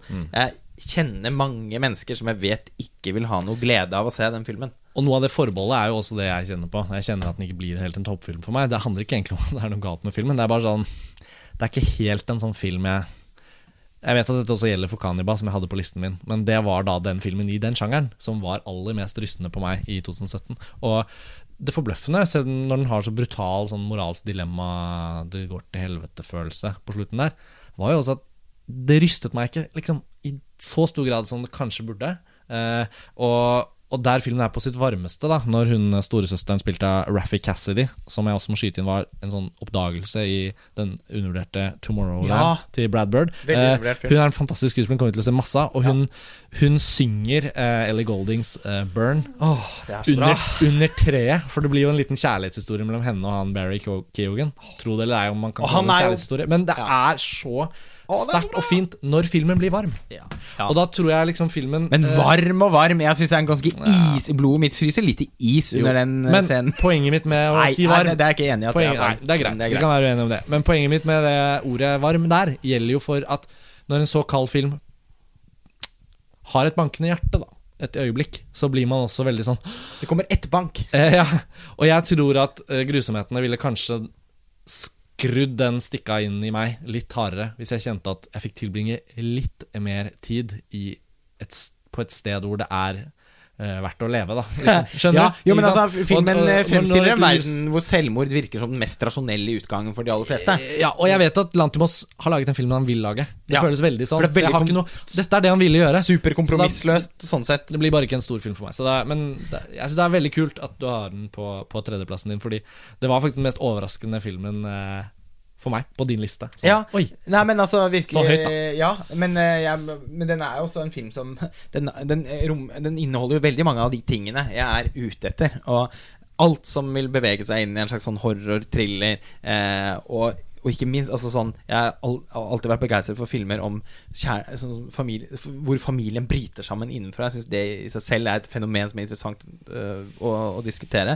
Så, øh, og det, irrasjonell frykt, f.eks. Altså, måten Kasché tematiserer det på, gjør jo det til en av mine favorittfilmer gjennom tidene. Så det er den egentlig så, så Pluss at den er så audiovisuelt slående, da, som er veldig vesentlig for, for meg. Så den, sånn sett så syns jeg egentlig det er ganske logisk at den havner så høyt som den gjør på min liste. Men eh, fra i utgangspunktet mer ligger ligge rundt sånn 9.-10.-plass-sjiktet, da, så fikk den seg altså dette voldsomme løftet ved gjensynet, fordi jeg også merker at selv om jeg syns det er en film som er Altså, den er jo slitsom å se. Altså, sånn Det, det går ikke Jeg vil aldri på noe tidspunkt kunne liksom sette meg Legge meg ned i sofaen og spiser, potet... Ja, spiser ikke potetgull, men ostepop.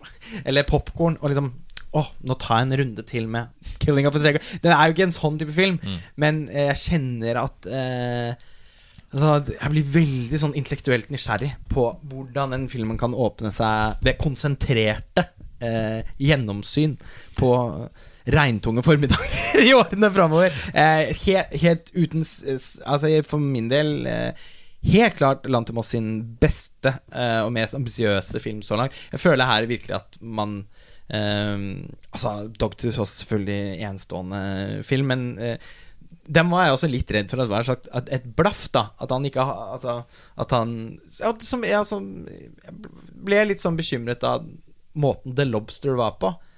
Eh, men eh, nå føler jeg virkelig at eh, jeg har fått Vi en fikk han tilbake. Ja, virkelig. Altså, sånn, jeg gleder meg veldig til å følge han i årene framover. Og jeg håper Nå skal han ikke samarbeide med Timos Bakatakis da, på sin neste film, men der skal han jobbe med Robbie Ryan, som fotograferte American Honey i fjor, og I. Daniel Blake. Så ikke noen dårlig erstatning. Jeg høres ut som enda en grunn til å, å glede seg til noe. Akkurat som i, med, etter James Grays fantastiske nye film Lost City of Sea, som vi akkurat var inne på, så er det sånn åh, plutselig blir det litt sånn Nå skal det bli spennende med mer fra Lantimos. Eh, Jeg kom forresten på nå i stad at vi sa rundt at uh, fargetonen og sånn i, i filmen er såpass subtile. Det var ikke sånn Del Bonelli eller Konji på 90-tall. Glemte jo da å nevne at det er Darius Konji som har fotografert filmen. Så kunne det være greit å nevne. Ja.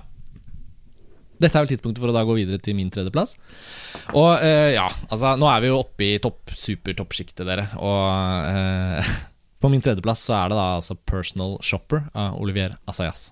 Og i fjor, for den er jo også en del av denne legendariske 2016 i Cannes-årgangen. Så i fjor så var den øh, vel på noen lister, hvis ikke jeg husker feil. Den var på feil. flere lister, Mm. eh, så Bare starte der med å liksom ja. fordi noen, noen lesere og lyttere vil kanskje huske at Personal Shopper var oppe. eh, Nettopp fordi at den, det ikke så ut så til at den kom til å få norsk kinodistribusjon i 2018. Det endte den heller ikke opp med å få. Nei. Men likevel, for ganske mange så ble det jo først anledning til å få sett den Ja. i år. Eller i 2017. Og det jeg vil med det, er på en måte og Selv om jeg elsker filmen og har lyst til å legge ut i det brede, lange og det brede, så føler jeg også at det er en film som har eh, vært eh, tilstrekkelig omsnakket, og var jo da listefilm i fjor. Eh, og for meg var den jo da en av de absolutte mest utrolige filmopplevelsene i 2017. Fordi den gikk på vanlig kino i Tyskland, da vi var der for å være på Berlinalen. Så da Å, Berlinalen, ja, skal du se. Ja, Mest av alt så skal jeg finne den kinoen hvor de viser ting uten tysk dubbing, og få sett Personal Shopper, og det gjorde jeg alene en kveld. Og eh, jeg har ikke sett Personal Shopper igjen, men jeg tror nesten jeg kunne gått gjennom filmen bit for bit på husk. da Og vi snakket om det på Blade Runner. Altså Hva husker man av en filmopplevelse? Og Personal Shopper, den var bare liksom Det er ikke en sånn typisk film man omtaler som perfekt, men ut fra hva jeg elsker når en film funker, så var den liksom alt det. Og jeg følte at i det siste bildet av filmen, så er jeg liksom nesten sånn at jeg kjenner jeg bare Det er som en ny film. Jeg, jeg, jeg er nesten på vei til å starte.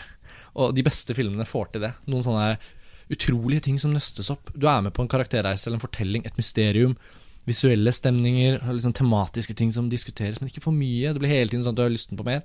Og når Personal Shopper er liksom på slutten her, så jeg kjente sånn nå, nå, må det være mer film. Nå må jeg liksom fortsette inn i det, og så er den ferdig. Og, og den følelsen jeg liksom hatt med hver gang jeg tenker på den film, så tenker jeg bare at den er nesten sånn at den liksom Du vet når du satt på pause på en film du ser fordi du skal gå og gjøre noe, at den liksom står og bildet står der og bare er straks klar til å liksom spille av neste frame. Eh, og, og siden jeg ikke har fått snakke så mye om Personal Shopper, så vil jeg i hvert fall bare si det. At jeg er klar over at den var en listefilm i fjor, og, og den ble det for meg i år. Og Jeg syns den er helt utrolig. Du har den også på listen. Ja, jeg har den på syvendeplass, og det er jo Jeg tenker fortsatt at det er det smarteste valget jeg gjorde under Berlinalen. Da, jeg, da jeg dro til Cottbusser Tour for å se den på vanlig kino. Ja. Det er den gledeligste opplevelsen under hele Berlinalen. Ja, tenk at den ikke kom på kino i Norge, fy faen. Ja, det er ganske sykt. Det var sykt. deprimert, ass. Ja, faktisk. Men den er Men- kanskje litt vanskelig å Jo selge inn. Fordi... den har til og med Anders Danielsen Lie i en rolle, liksom. Eh, men nå skal jeg ikke Jo, men nå skal jeg ikke liksom leke at jeg er Det er distributør, men sånn liksom. Nei, men likevel, da, så går det an. Det er Kristen Stewart i hovedrollen. Ja, Det er ikke umulig å gjøre vanlige mennesker interessert i å se denne filmen. Den har masse sjangerelementer som man faktisk kan Så ja. Ja, nei, jeg er enig i det, men jeg, det, jeg tenker at det er vanskelig å på en måte forberede folk på hva de kan forvente. Fordi det er jo en hard nøtt å knekke. Uh, jeg er fra før, jeg skal bare være ærlig med at jeg er ikke sånn kjempestor fan av Sayas. Jeg likte ikke Sils Maria så veldig godt. Uh, men dette er noe helt annet, og det er jo kjempeambisiøst og uh, litt sånn ve litt, veldig vanskelig film å lese. Uh, jeg, jeg vet egentlig ikke hva jeg skulle ta ut av det, men jeg bare vet at jeg likte det så sykt godt. Uh, sitter igjen med enormt mange spørsmål, noe jeg egentlig hater. Jeg er ikke så sykt fan av åpne slutter eller uforløste ting, for jeg liker å få svar på noe, med mindre det er veldig åpenlagt hvordan jeg skal tolke det selv. Men her føler jeg at det er så mye som er uh, åpen for tolkning, og jeg, jeg, jeg, jeg vet ikke egentlig hvordan jeg har konkludert med det selv, men jeg bare aksepterer det, og det er sjeldent. Men eh, det er jo liksom kanskje For, for det er jo på en måte det som er liksom filmens vesen. Ja, Tenker jeg at den har Et eh, mysterium. Ja, altså den eh, jeg had, Den var jo på andreplass på min eh, liste i fjor. Eh, Husker jeg meget godt. Ja. Eh, og etter at jeg fikk sett den enda en gang, også i Berlin eh, Underlig nok så var vi aldri på den samme visningen. Eh, så må jeg nok innrømme at den hadde nok da fått min førsteplass i fjor, da. Eh, hvis eh, Sett med dagens øyne, den hadde, hadde nok det. Og den ville også kvalifisert til en, i hvert fall en delt førsteplass i år. Eh, men eh, jeg snakket jo da om den Ja. på fjorårets uh, listepodkast, så jeg tror ikke jeg trenger å utdype det. Men jeg syns det er Olivier Asias eh, en kronisk interessant eh, filmskaper. Jeg syns- alt han har laget, eh, er interessant. Ikke alltid helstøpt, eh, eller engang nødvendigvis veldig bra. Men det er alltid noe der. Eh, og han, til å, til å ha laget film i så mange år, så føler jeg fortsatt på en måte at han virkelig er i sin ungdom som filmskaper. Han er fortsatt i ferd med å på en måte Altså, han er fortsatt i en sånn utforskende og litt sånn formativ fase, og det er beundringsverdig i seg selv å kunne holde på det så lenge. Men det, og det begynner nettopp nesten å bli hans, et av hans fremste autørtrekk. Hans nysgjerrighet. Ja, hans nysgjerrighet eh, og hans, og hans intense kjærlighet eh, til og respekt for eh, Nesten ærefryktig respekt for film. Altså, og, og jeg syns jo da Personal Shopper rett og slett er den, den aller mest eh, cinema... Sånn eh, nesten utstudert cinematiske filmen han har laget. Eh, den er jo nesten som et eh, Nesten litt sånn essayaktig. Eh, I hvert fall på ett plan. Samtidig som den også er en eksepsjonelt suggererende filmopplevelse. Så Og så ekkel. ja, det er den altså, altså Den er jo både Den er virkelig guffen. Eh, den er samtidig også ved et par anledninger ganske morsom. Eh, hele tiden så skaper den en undring Mm. hos tilskueren som gjør at jeg liksom fra første til siste frame sitter bare helt klistret Mm, mm. til den filmen. Hvorfor blir hun ikke redd? Hvordan kan hun bry seg så lite om dette her? Altså, hadde det vært meg som hadde fått disse meldingene på telefonen min, jeg hadde jo eh, Altså, jeg hadde, hadde ikke gjort noe av det hun gjorde. Jeg hadde blitt livredd og bare oppsøkt masse folk rundt meg hele tiden. Altså, Det er en sånn Roman. Polanski-aktig del av, av filmen. Jeg tenkte faktisk ganske mye på The Ghostwriter. Ja. Eh, Det er helt men- absurd. En GPS i den filmen. Men, her, men altså bare hvor, sånn Hvorf, Hvorfor kjøper hun seg mat og drikke hele tiden som hun ikke, Som ikke rører? spiser eller drikker? Ja. Altså, det er Den, er den er rett og slett, ja. Eh, For nå- et filmverk. Ja, jeg, jeg vet at vi skal gå videre nå, men dette var også sånn apropos slutten av Personal Shopper. Det er sånn sted hvor jeg merket nå Nå kunne jeg godt snakket en time om den, for nå ville jeg gått ned i masse detaljer, og sånn, men det skal jeg faktisk ikke gjøre. Det, jeg tror folk skjønner at dette er en anbefaling, og at Asayas er på en måte kommet til ikke nødvendigvis sitt endelige senit som filmskaper, Nei, nei, men, men det er noe med at han oppnår noe i Personal Shopper som det virker som han har vært ute etter hele film, i filmografien sin. Ikke at de andre filmene ikke er bra på sine måter, men det, det er en sånn film som bare er sånn Ja, det er det her, selvfølgelig. Uh, og det kan han gjøre flere ganger nå. Det er Og det, sånn at og det føles bare som en film ingen andre enn Olivier Asias kunne laget. ja. så sant som det er sagt. Tor Joakim, da er vi rett og slett kommet til din uh, andreplass. Ja. Uh, jeg kan bare skyte at Personal Shopper var på min tolvteplass i fjor. Også en, en film jeg likte godt. Så den i Cannes. Og det er faktisk en Cannes-oppdagelse fra 2016 også på min andreplass. Vanvittig år.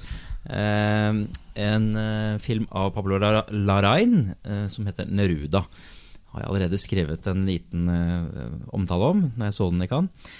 Eh, han Larain hadde jo da to filmer eh, i fjor. Eh, Jackie og Neruda. Neruda er egentlig litt eldre. Men, eh, Ja, men begge hadde norsk kinopremiere Ja, i 2017. kinopremiere i Mm, og derfor blir de gyldige samme år, på Ja. en måte, i hvert fall for vår del. Yes, og jeg vet at uh, her skilles mine veier med mine kolleger her. For eh, Det er derfor du skal få snakke om an- andreplassen din.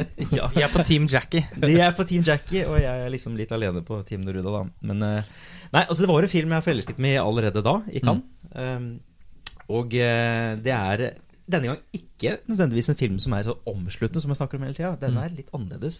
Det er liksom mer sånn showcase av uh, virkemidler. En lekende film. Flyt, energi, rytme. Det er det det handler om i forhold til opplevelsen av denne filmen. Hvordan han bruker eh, lens flares og rare projection og en del sånne grep som er veldig morsom. Film noir, eh.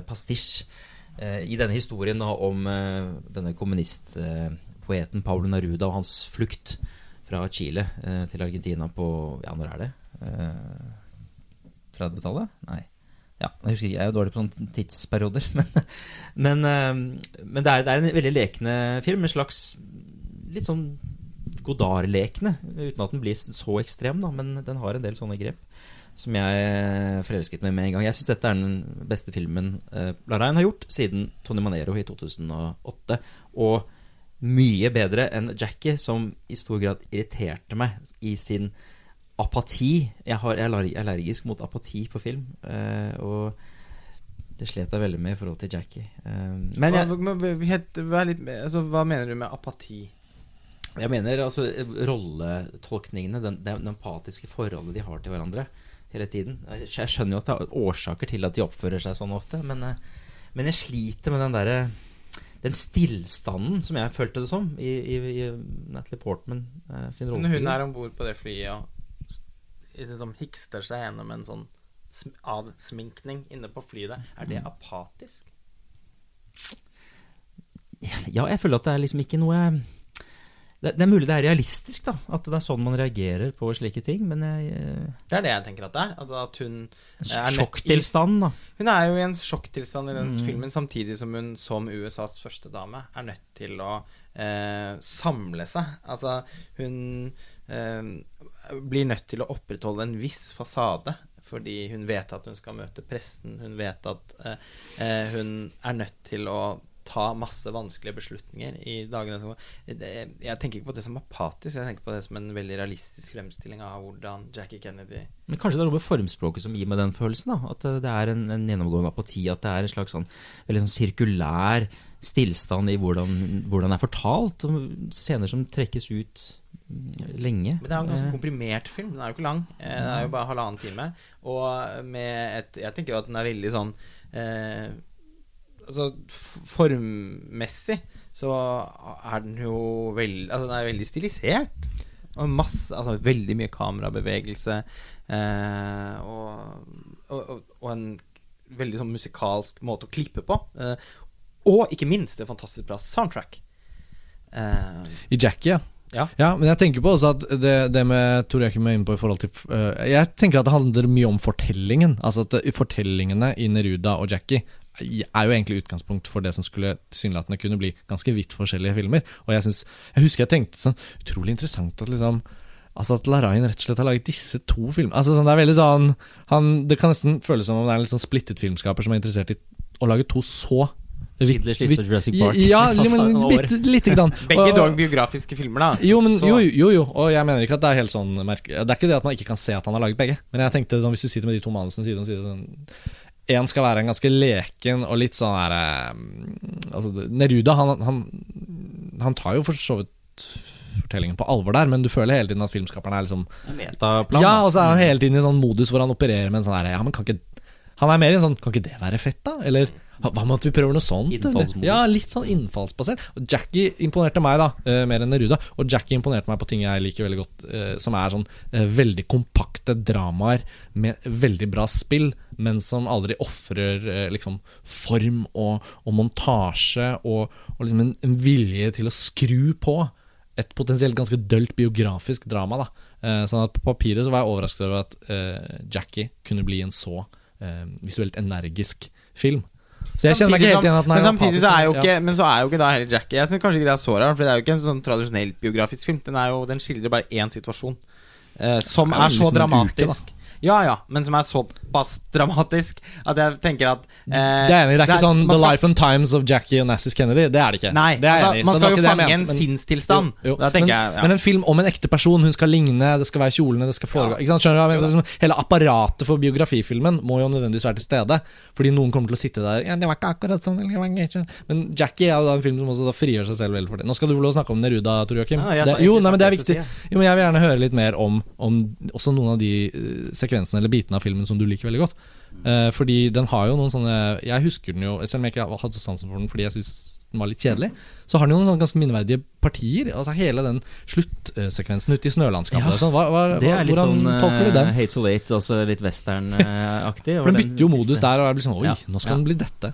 Vanligvis er det sånne selvbevisste metafilmer. Det er ikke alltid det fenger meg. Uh, men en eller annen grunn så gjorde det, her, gjorde det det her, og det er Jeg har prøvd å spørre meg hvorfor. Mhm. Um, men jeg tror det er styrken i enkeltsekvenser, og hvordan han løser det. Så kan du si at det er, det er, det er innfall, men hvert enkelt innfall er så utrolig gjennomført. Kanskje som små kortfilmer. Eller, altså det, er, um, det er en sånn oppdagelsesreise hvor Å ja, nå gjør han det grepet. Ja, nå, nå hopper han i tid, og så har han kameraene spillende rundt der. Og så er det en samtale som fortsettes der. Oi, der kommer det noen JJ Abrams lens flares. Oi, Jesus, så gøy. Og, og nå, nå kjører de på med en sånn rare projection, så gøy det var. Um, og det er jo, det er jo en, det er en litt annen type filmopplevelse enn den der intense dramaet kanskje Mm. som, som Jackie er. Men noen ganger så er, er det den type film som Så er det bare så morsomt med sånn type film, da. Ja. Jeg syns de fortjener å få litt kudos også. Ja, men ikke, bare, ikke bare som en sånn en, en, en morsom idé. Jeg beundrer, beundrer den andreplassen din, og at den har stått uh, løpet ut. da Helt fra Kan 2016 Ja, og frem frem det, til altså. i dag. Så absolutt, altså. Og, og, og, og, så- og så pluss at eh, sånn Jackie det, er, det kan man si, og jeg skjønner at Sånn som jeg kjenner din smak, da at på en måte, det, er noe veldig sånn insisterende over den filmen. Knugende. Og vi snakker om Jackie, ja. Ja, om Jackie. Uh, Mm. Mens uh, Neruda er, har en mye mer sånn florlett uh, Har kneppet opp skjorten tilnærming. liksom. Ja. Så jeg, jeg ser helt klart hvordan de filmene app, altså, sånn, appellerer til ulike smakspreferanser. Ja, men Så flott. Skal vi videre til andreplassen eh, til Pernille, da? Eh, ja. eh, min andreplass er Raw av Julia Ducourn Ducournau. Ducournau? Ja. Raw av Julio Ducorneau. Ducournau. Det var veldig viktig for meg at den kom høyt opp, fordi eh, ikke bare er det en spillefilmdebut for regissøren og skuespilleren, men det er også den eneste filmen jeg har på lista mi av en kvinnelig regissør. Eh, så jeg er veldig glad for at da, den innfridde så sterkt. Mm. Uh, det var en film jeg i utgangspunktet var veldig redd for at eh, skulle bli ødelagt for meg av hype train, rett og slett. Mm. Fordi du leser disse overskriftene om at å, publikum besvimte i salen og kastet opp.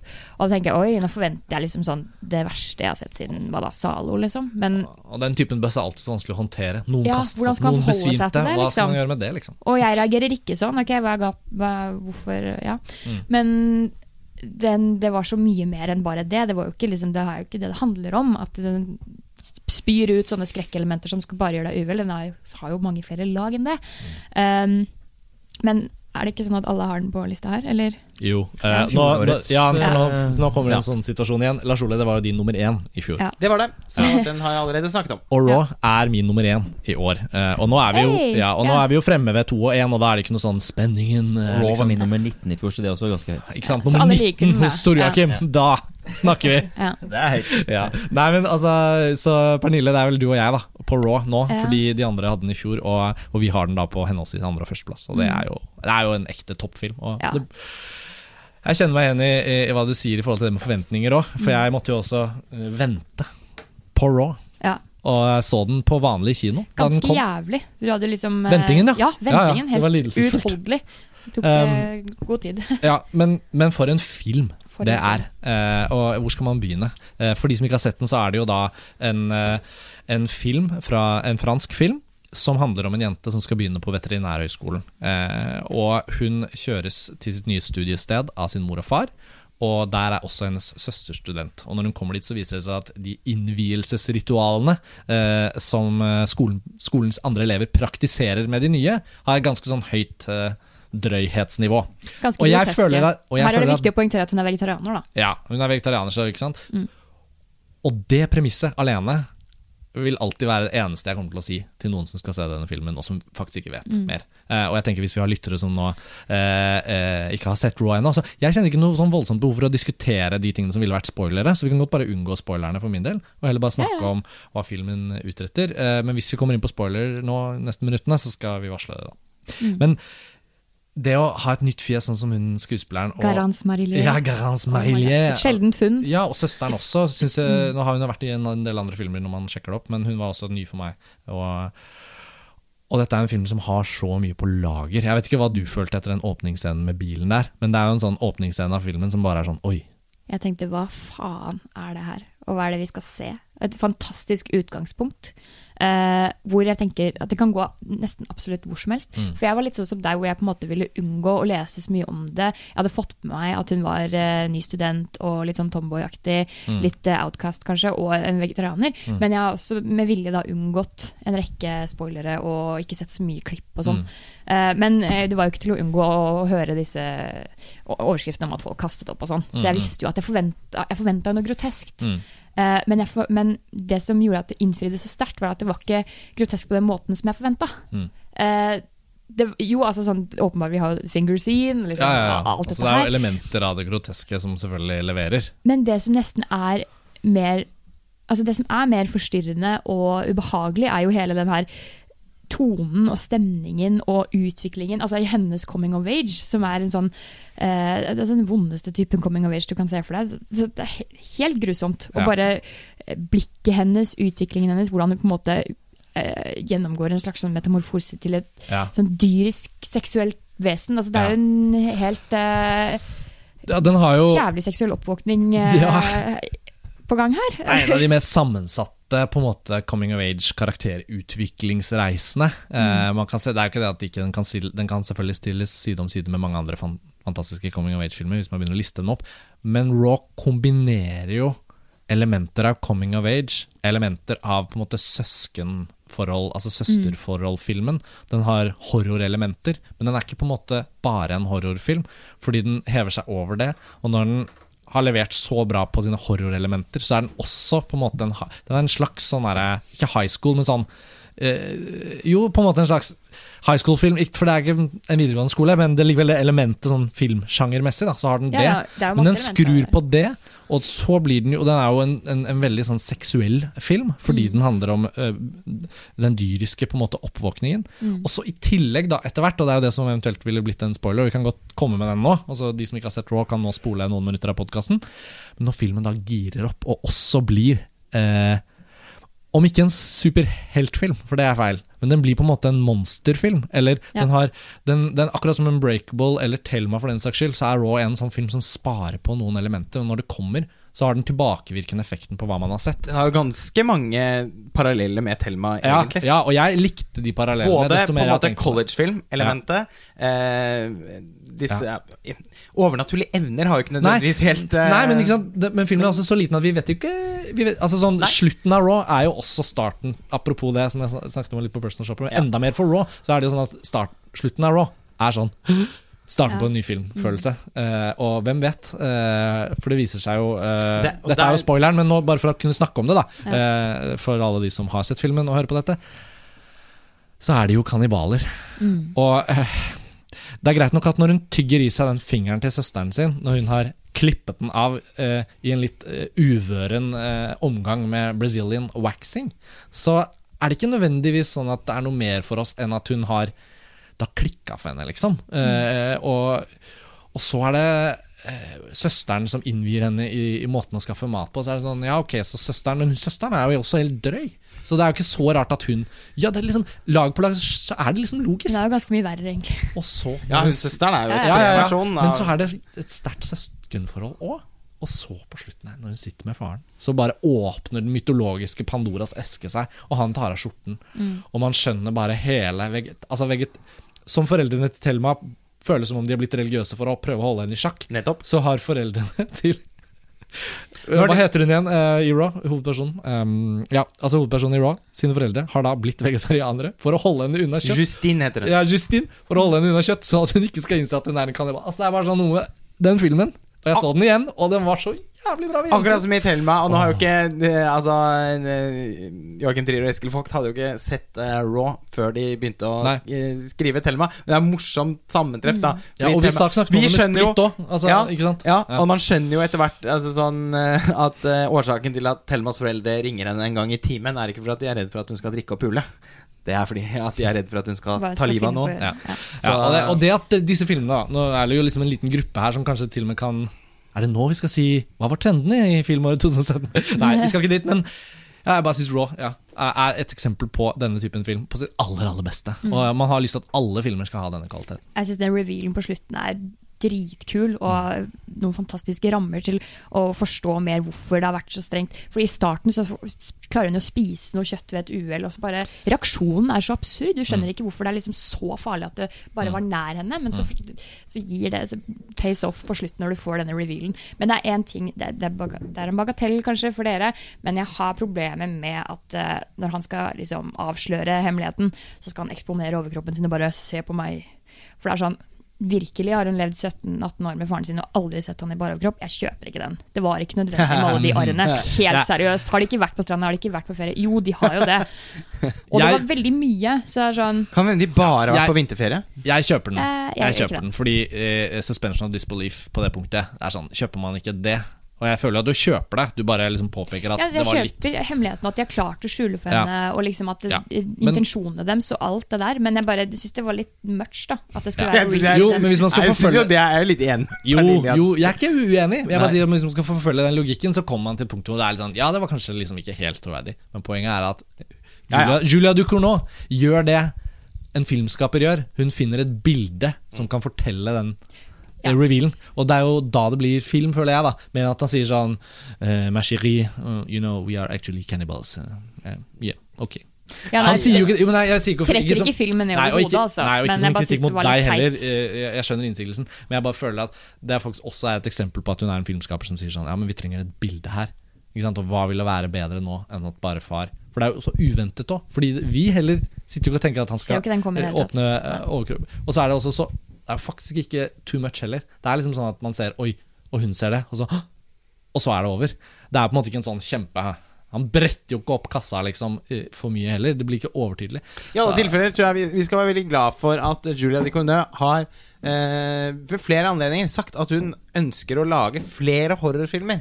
Altså Hun er genuint interessert i den sjangeren. Det er jo også Mm. mange spennende filmskapere som eh, Ja, eksempel slår igjennom med en horrorfilm og så tenker man Åh, jeg gleder meg til liksom, neste runde i sjangervalsen Ja. med den regissøren. Og så uh, This time I choose to make a drama about mm, Å, spennende, men hva? Altså, eh, hun har liksom sagt eh, helt tydelig at hun ønsker å fortsette å utforske horrorsjangeren. Det, det mildt sagt gleder jeg meg til det.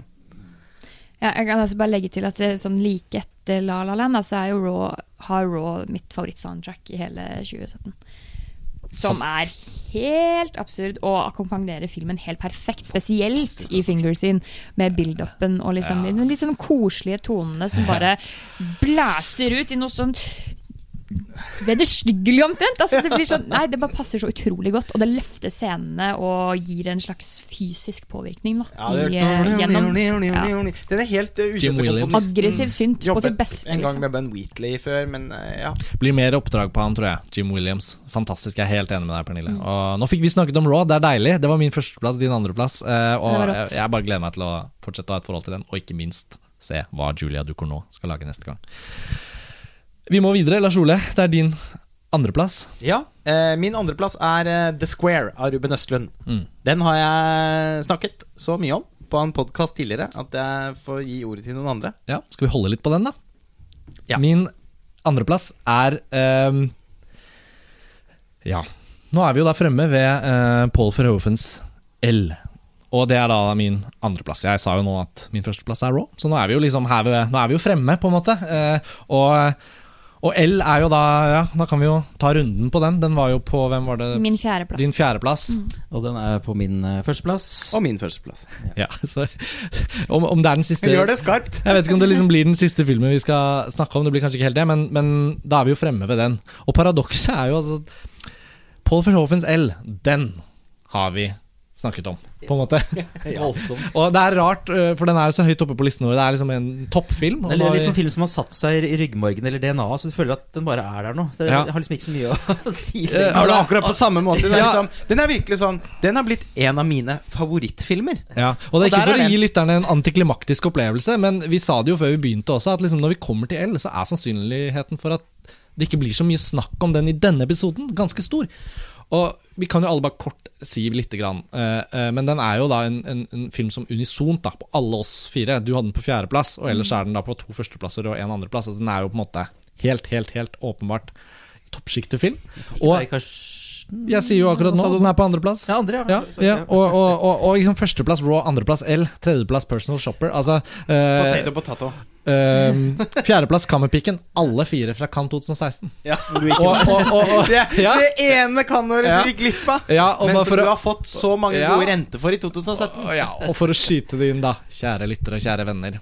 En annen film jeg fikk sett like før jul, altså i 2017, som endelig ble sett, det var American Honey. Fra Kamp 2016, fjorårets toppfilm i hele montasje, Ja. som jeg da ikke fikk sett i fjor. Og den var jo helt grensefantastisk sprengende, uh, forbløffende fantastisk. Grensefantastisk Ja, nå prøvde jeg å parodiere meg selv, men uh, det ble jo selvfølgelig bare en, uh, en, en uh, klisjé. Men ja. Så dette utrolige, uh, denne årgangen, faktisk, nå har vi tullet litt med det underveis, men det er jo sant at det er jo ekstraordinært. Det er en sånn historisk kaliber bra Altså Det var masse filmer på to, fra, fra L- Cannes i fjor, og det er masse 2016 Cannes-filmer på listen i år, fordi de har hatt norsk premiere. Ja, og, og, og, og L kom jo da sent på festivalen. Altså, dere snakker jo om det i L-podkasten. Men, men Kom det er nest siste dagen, Ja, for jeg liker jo også tanken på at alt dette andre fantastiske har blitt vist. Ja. Og så vet man at Pål Frøfen kommer med noe, men det er sånn Ja ja, liksom Ja. Tenk om den, ja, tenk om den også er så bra, liksom. Og så er den var ikke i nærheten av å forvente at det skulle Altså, det var en av de filmene jeg gledet meg mest til, fordi det var den første Verhoeven-film Ja. på ti år. Ja. Hallo! Eh, og traileren og sånn så kjempe, kjempeunderholdende og kult ut. Mm. Men at filmen skulle være Altså, et sånt verk, Mm. det var helt umulig å forutse. Eh, så den var jo filleristende å få den på slutten av festivalen og bare Men, ja, men når vi da er enige om at ikke vi skal ta det L-dypdykket, og, og lyttere og lesere, dere er Vi har laget podkast ja, ja, om den ja. fra før av. Jeg har skrevet en Ja, kjempelang eh, Men si konkret da den teksten, sånn at folk finner den. Nei, Eh, eh, den, eh, ja, Søk opp L på montasje, så er det en side for filmen, og der vil dere finne både podkasten og, og Lars Oles artikkel. Eh, og den er jo da godt representert på årslistene inne på montasjen nå, så nå er det bare å, å velge og vrake. Og der kommer vi jo til å sette noen ord på, på filmen for vår egen del også. Så eh, jeg, jeg, jeg støtter alles følelse her at liksom, vi orker ikke en sånn muntlig lang runde med L.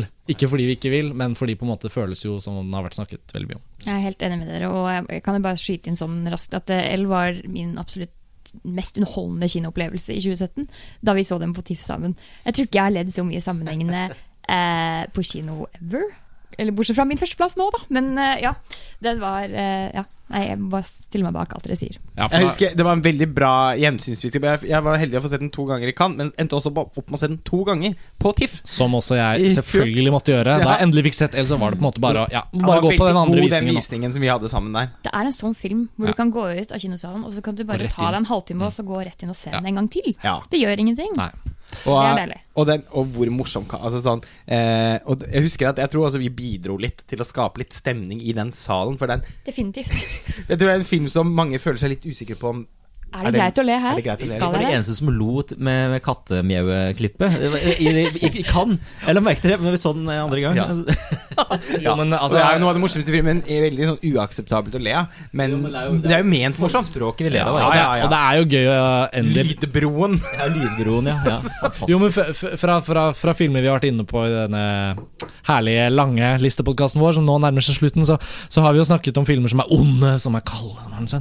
Så slutter vi litt on, on a good laugh, da. Fordi humoren i L eh, Nå er vi jo ferdig med L, men bare for å si til slutt det. Det er en den jo- varmhjertet film.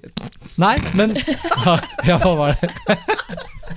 Det var det du bygde opp mot nå. Nei. Så var det så godt godt å se noe så Ja, ok, greit, men jeg skulle bare henge meg på Pernilles henvisning til en visning i Tromsø, og, og, og påpeke det at um, uh, uh, L er kompleks og superinteressant som film, også fordi når man sitter i en full sal Og Tromsø er et veldig godt eksempel. Sant? Veldig mange går og ser film under TIFF, som er på en måte i hermetegn vanlige publikummere i Tromsø, som kanskje ikke går så mye på kino gjennom året, men så ser de kanskje 20 filmer denne uka, fordi festivalen har klart å etablere et fantastisk tillitsforhold til sitt publikum.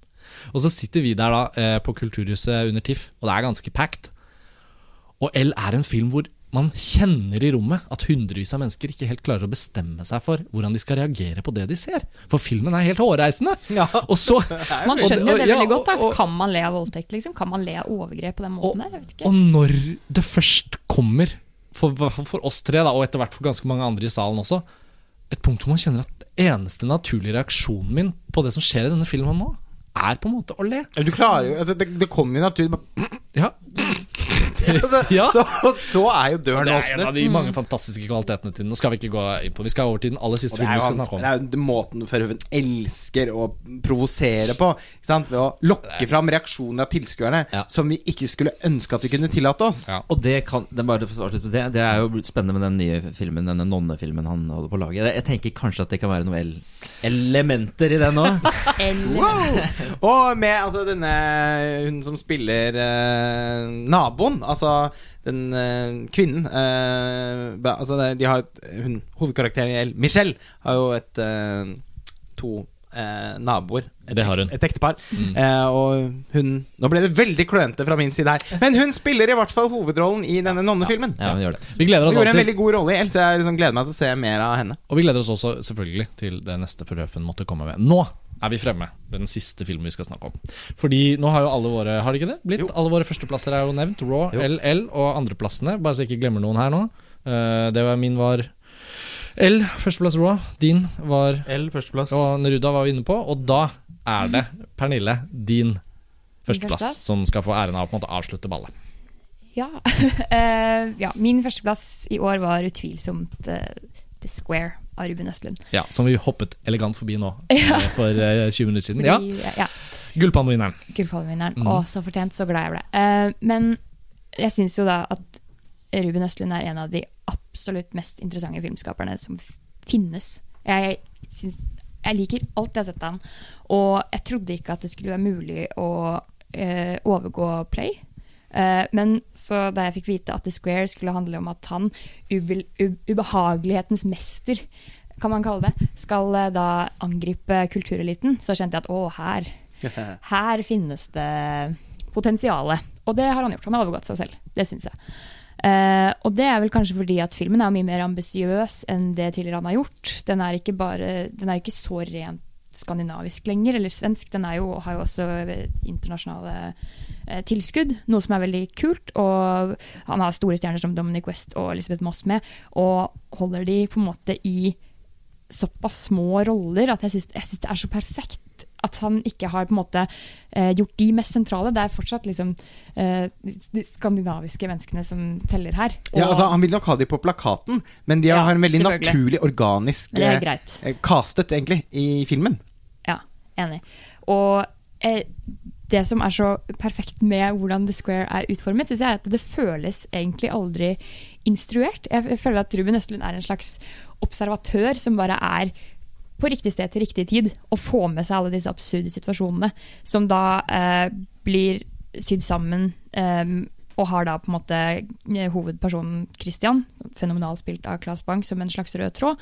Eh, men samtidig så fungerer eh, alle scenene, som da er, mange av de er veldig lange, men de kan også på en måte stå selvstendig som egne kortfilmer omtrent. Eh, og er så varierte, da. Den, altså, scenene er så varierende. Eh, og det, det er det som gjør filmen så rik, da. Eh, og som også da gjør at det, det ikke gjør noen ting at den er så lang. Jeg kjenner at jeg kunne fått en time til, liksom.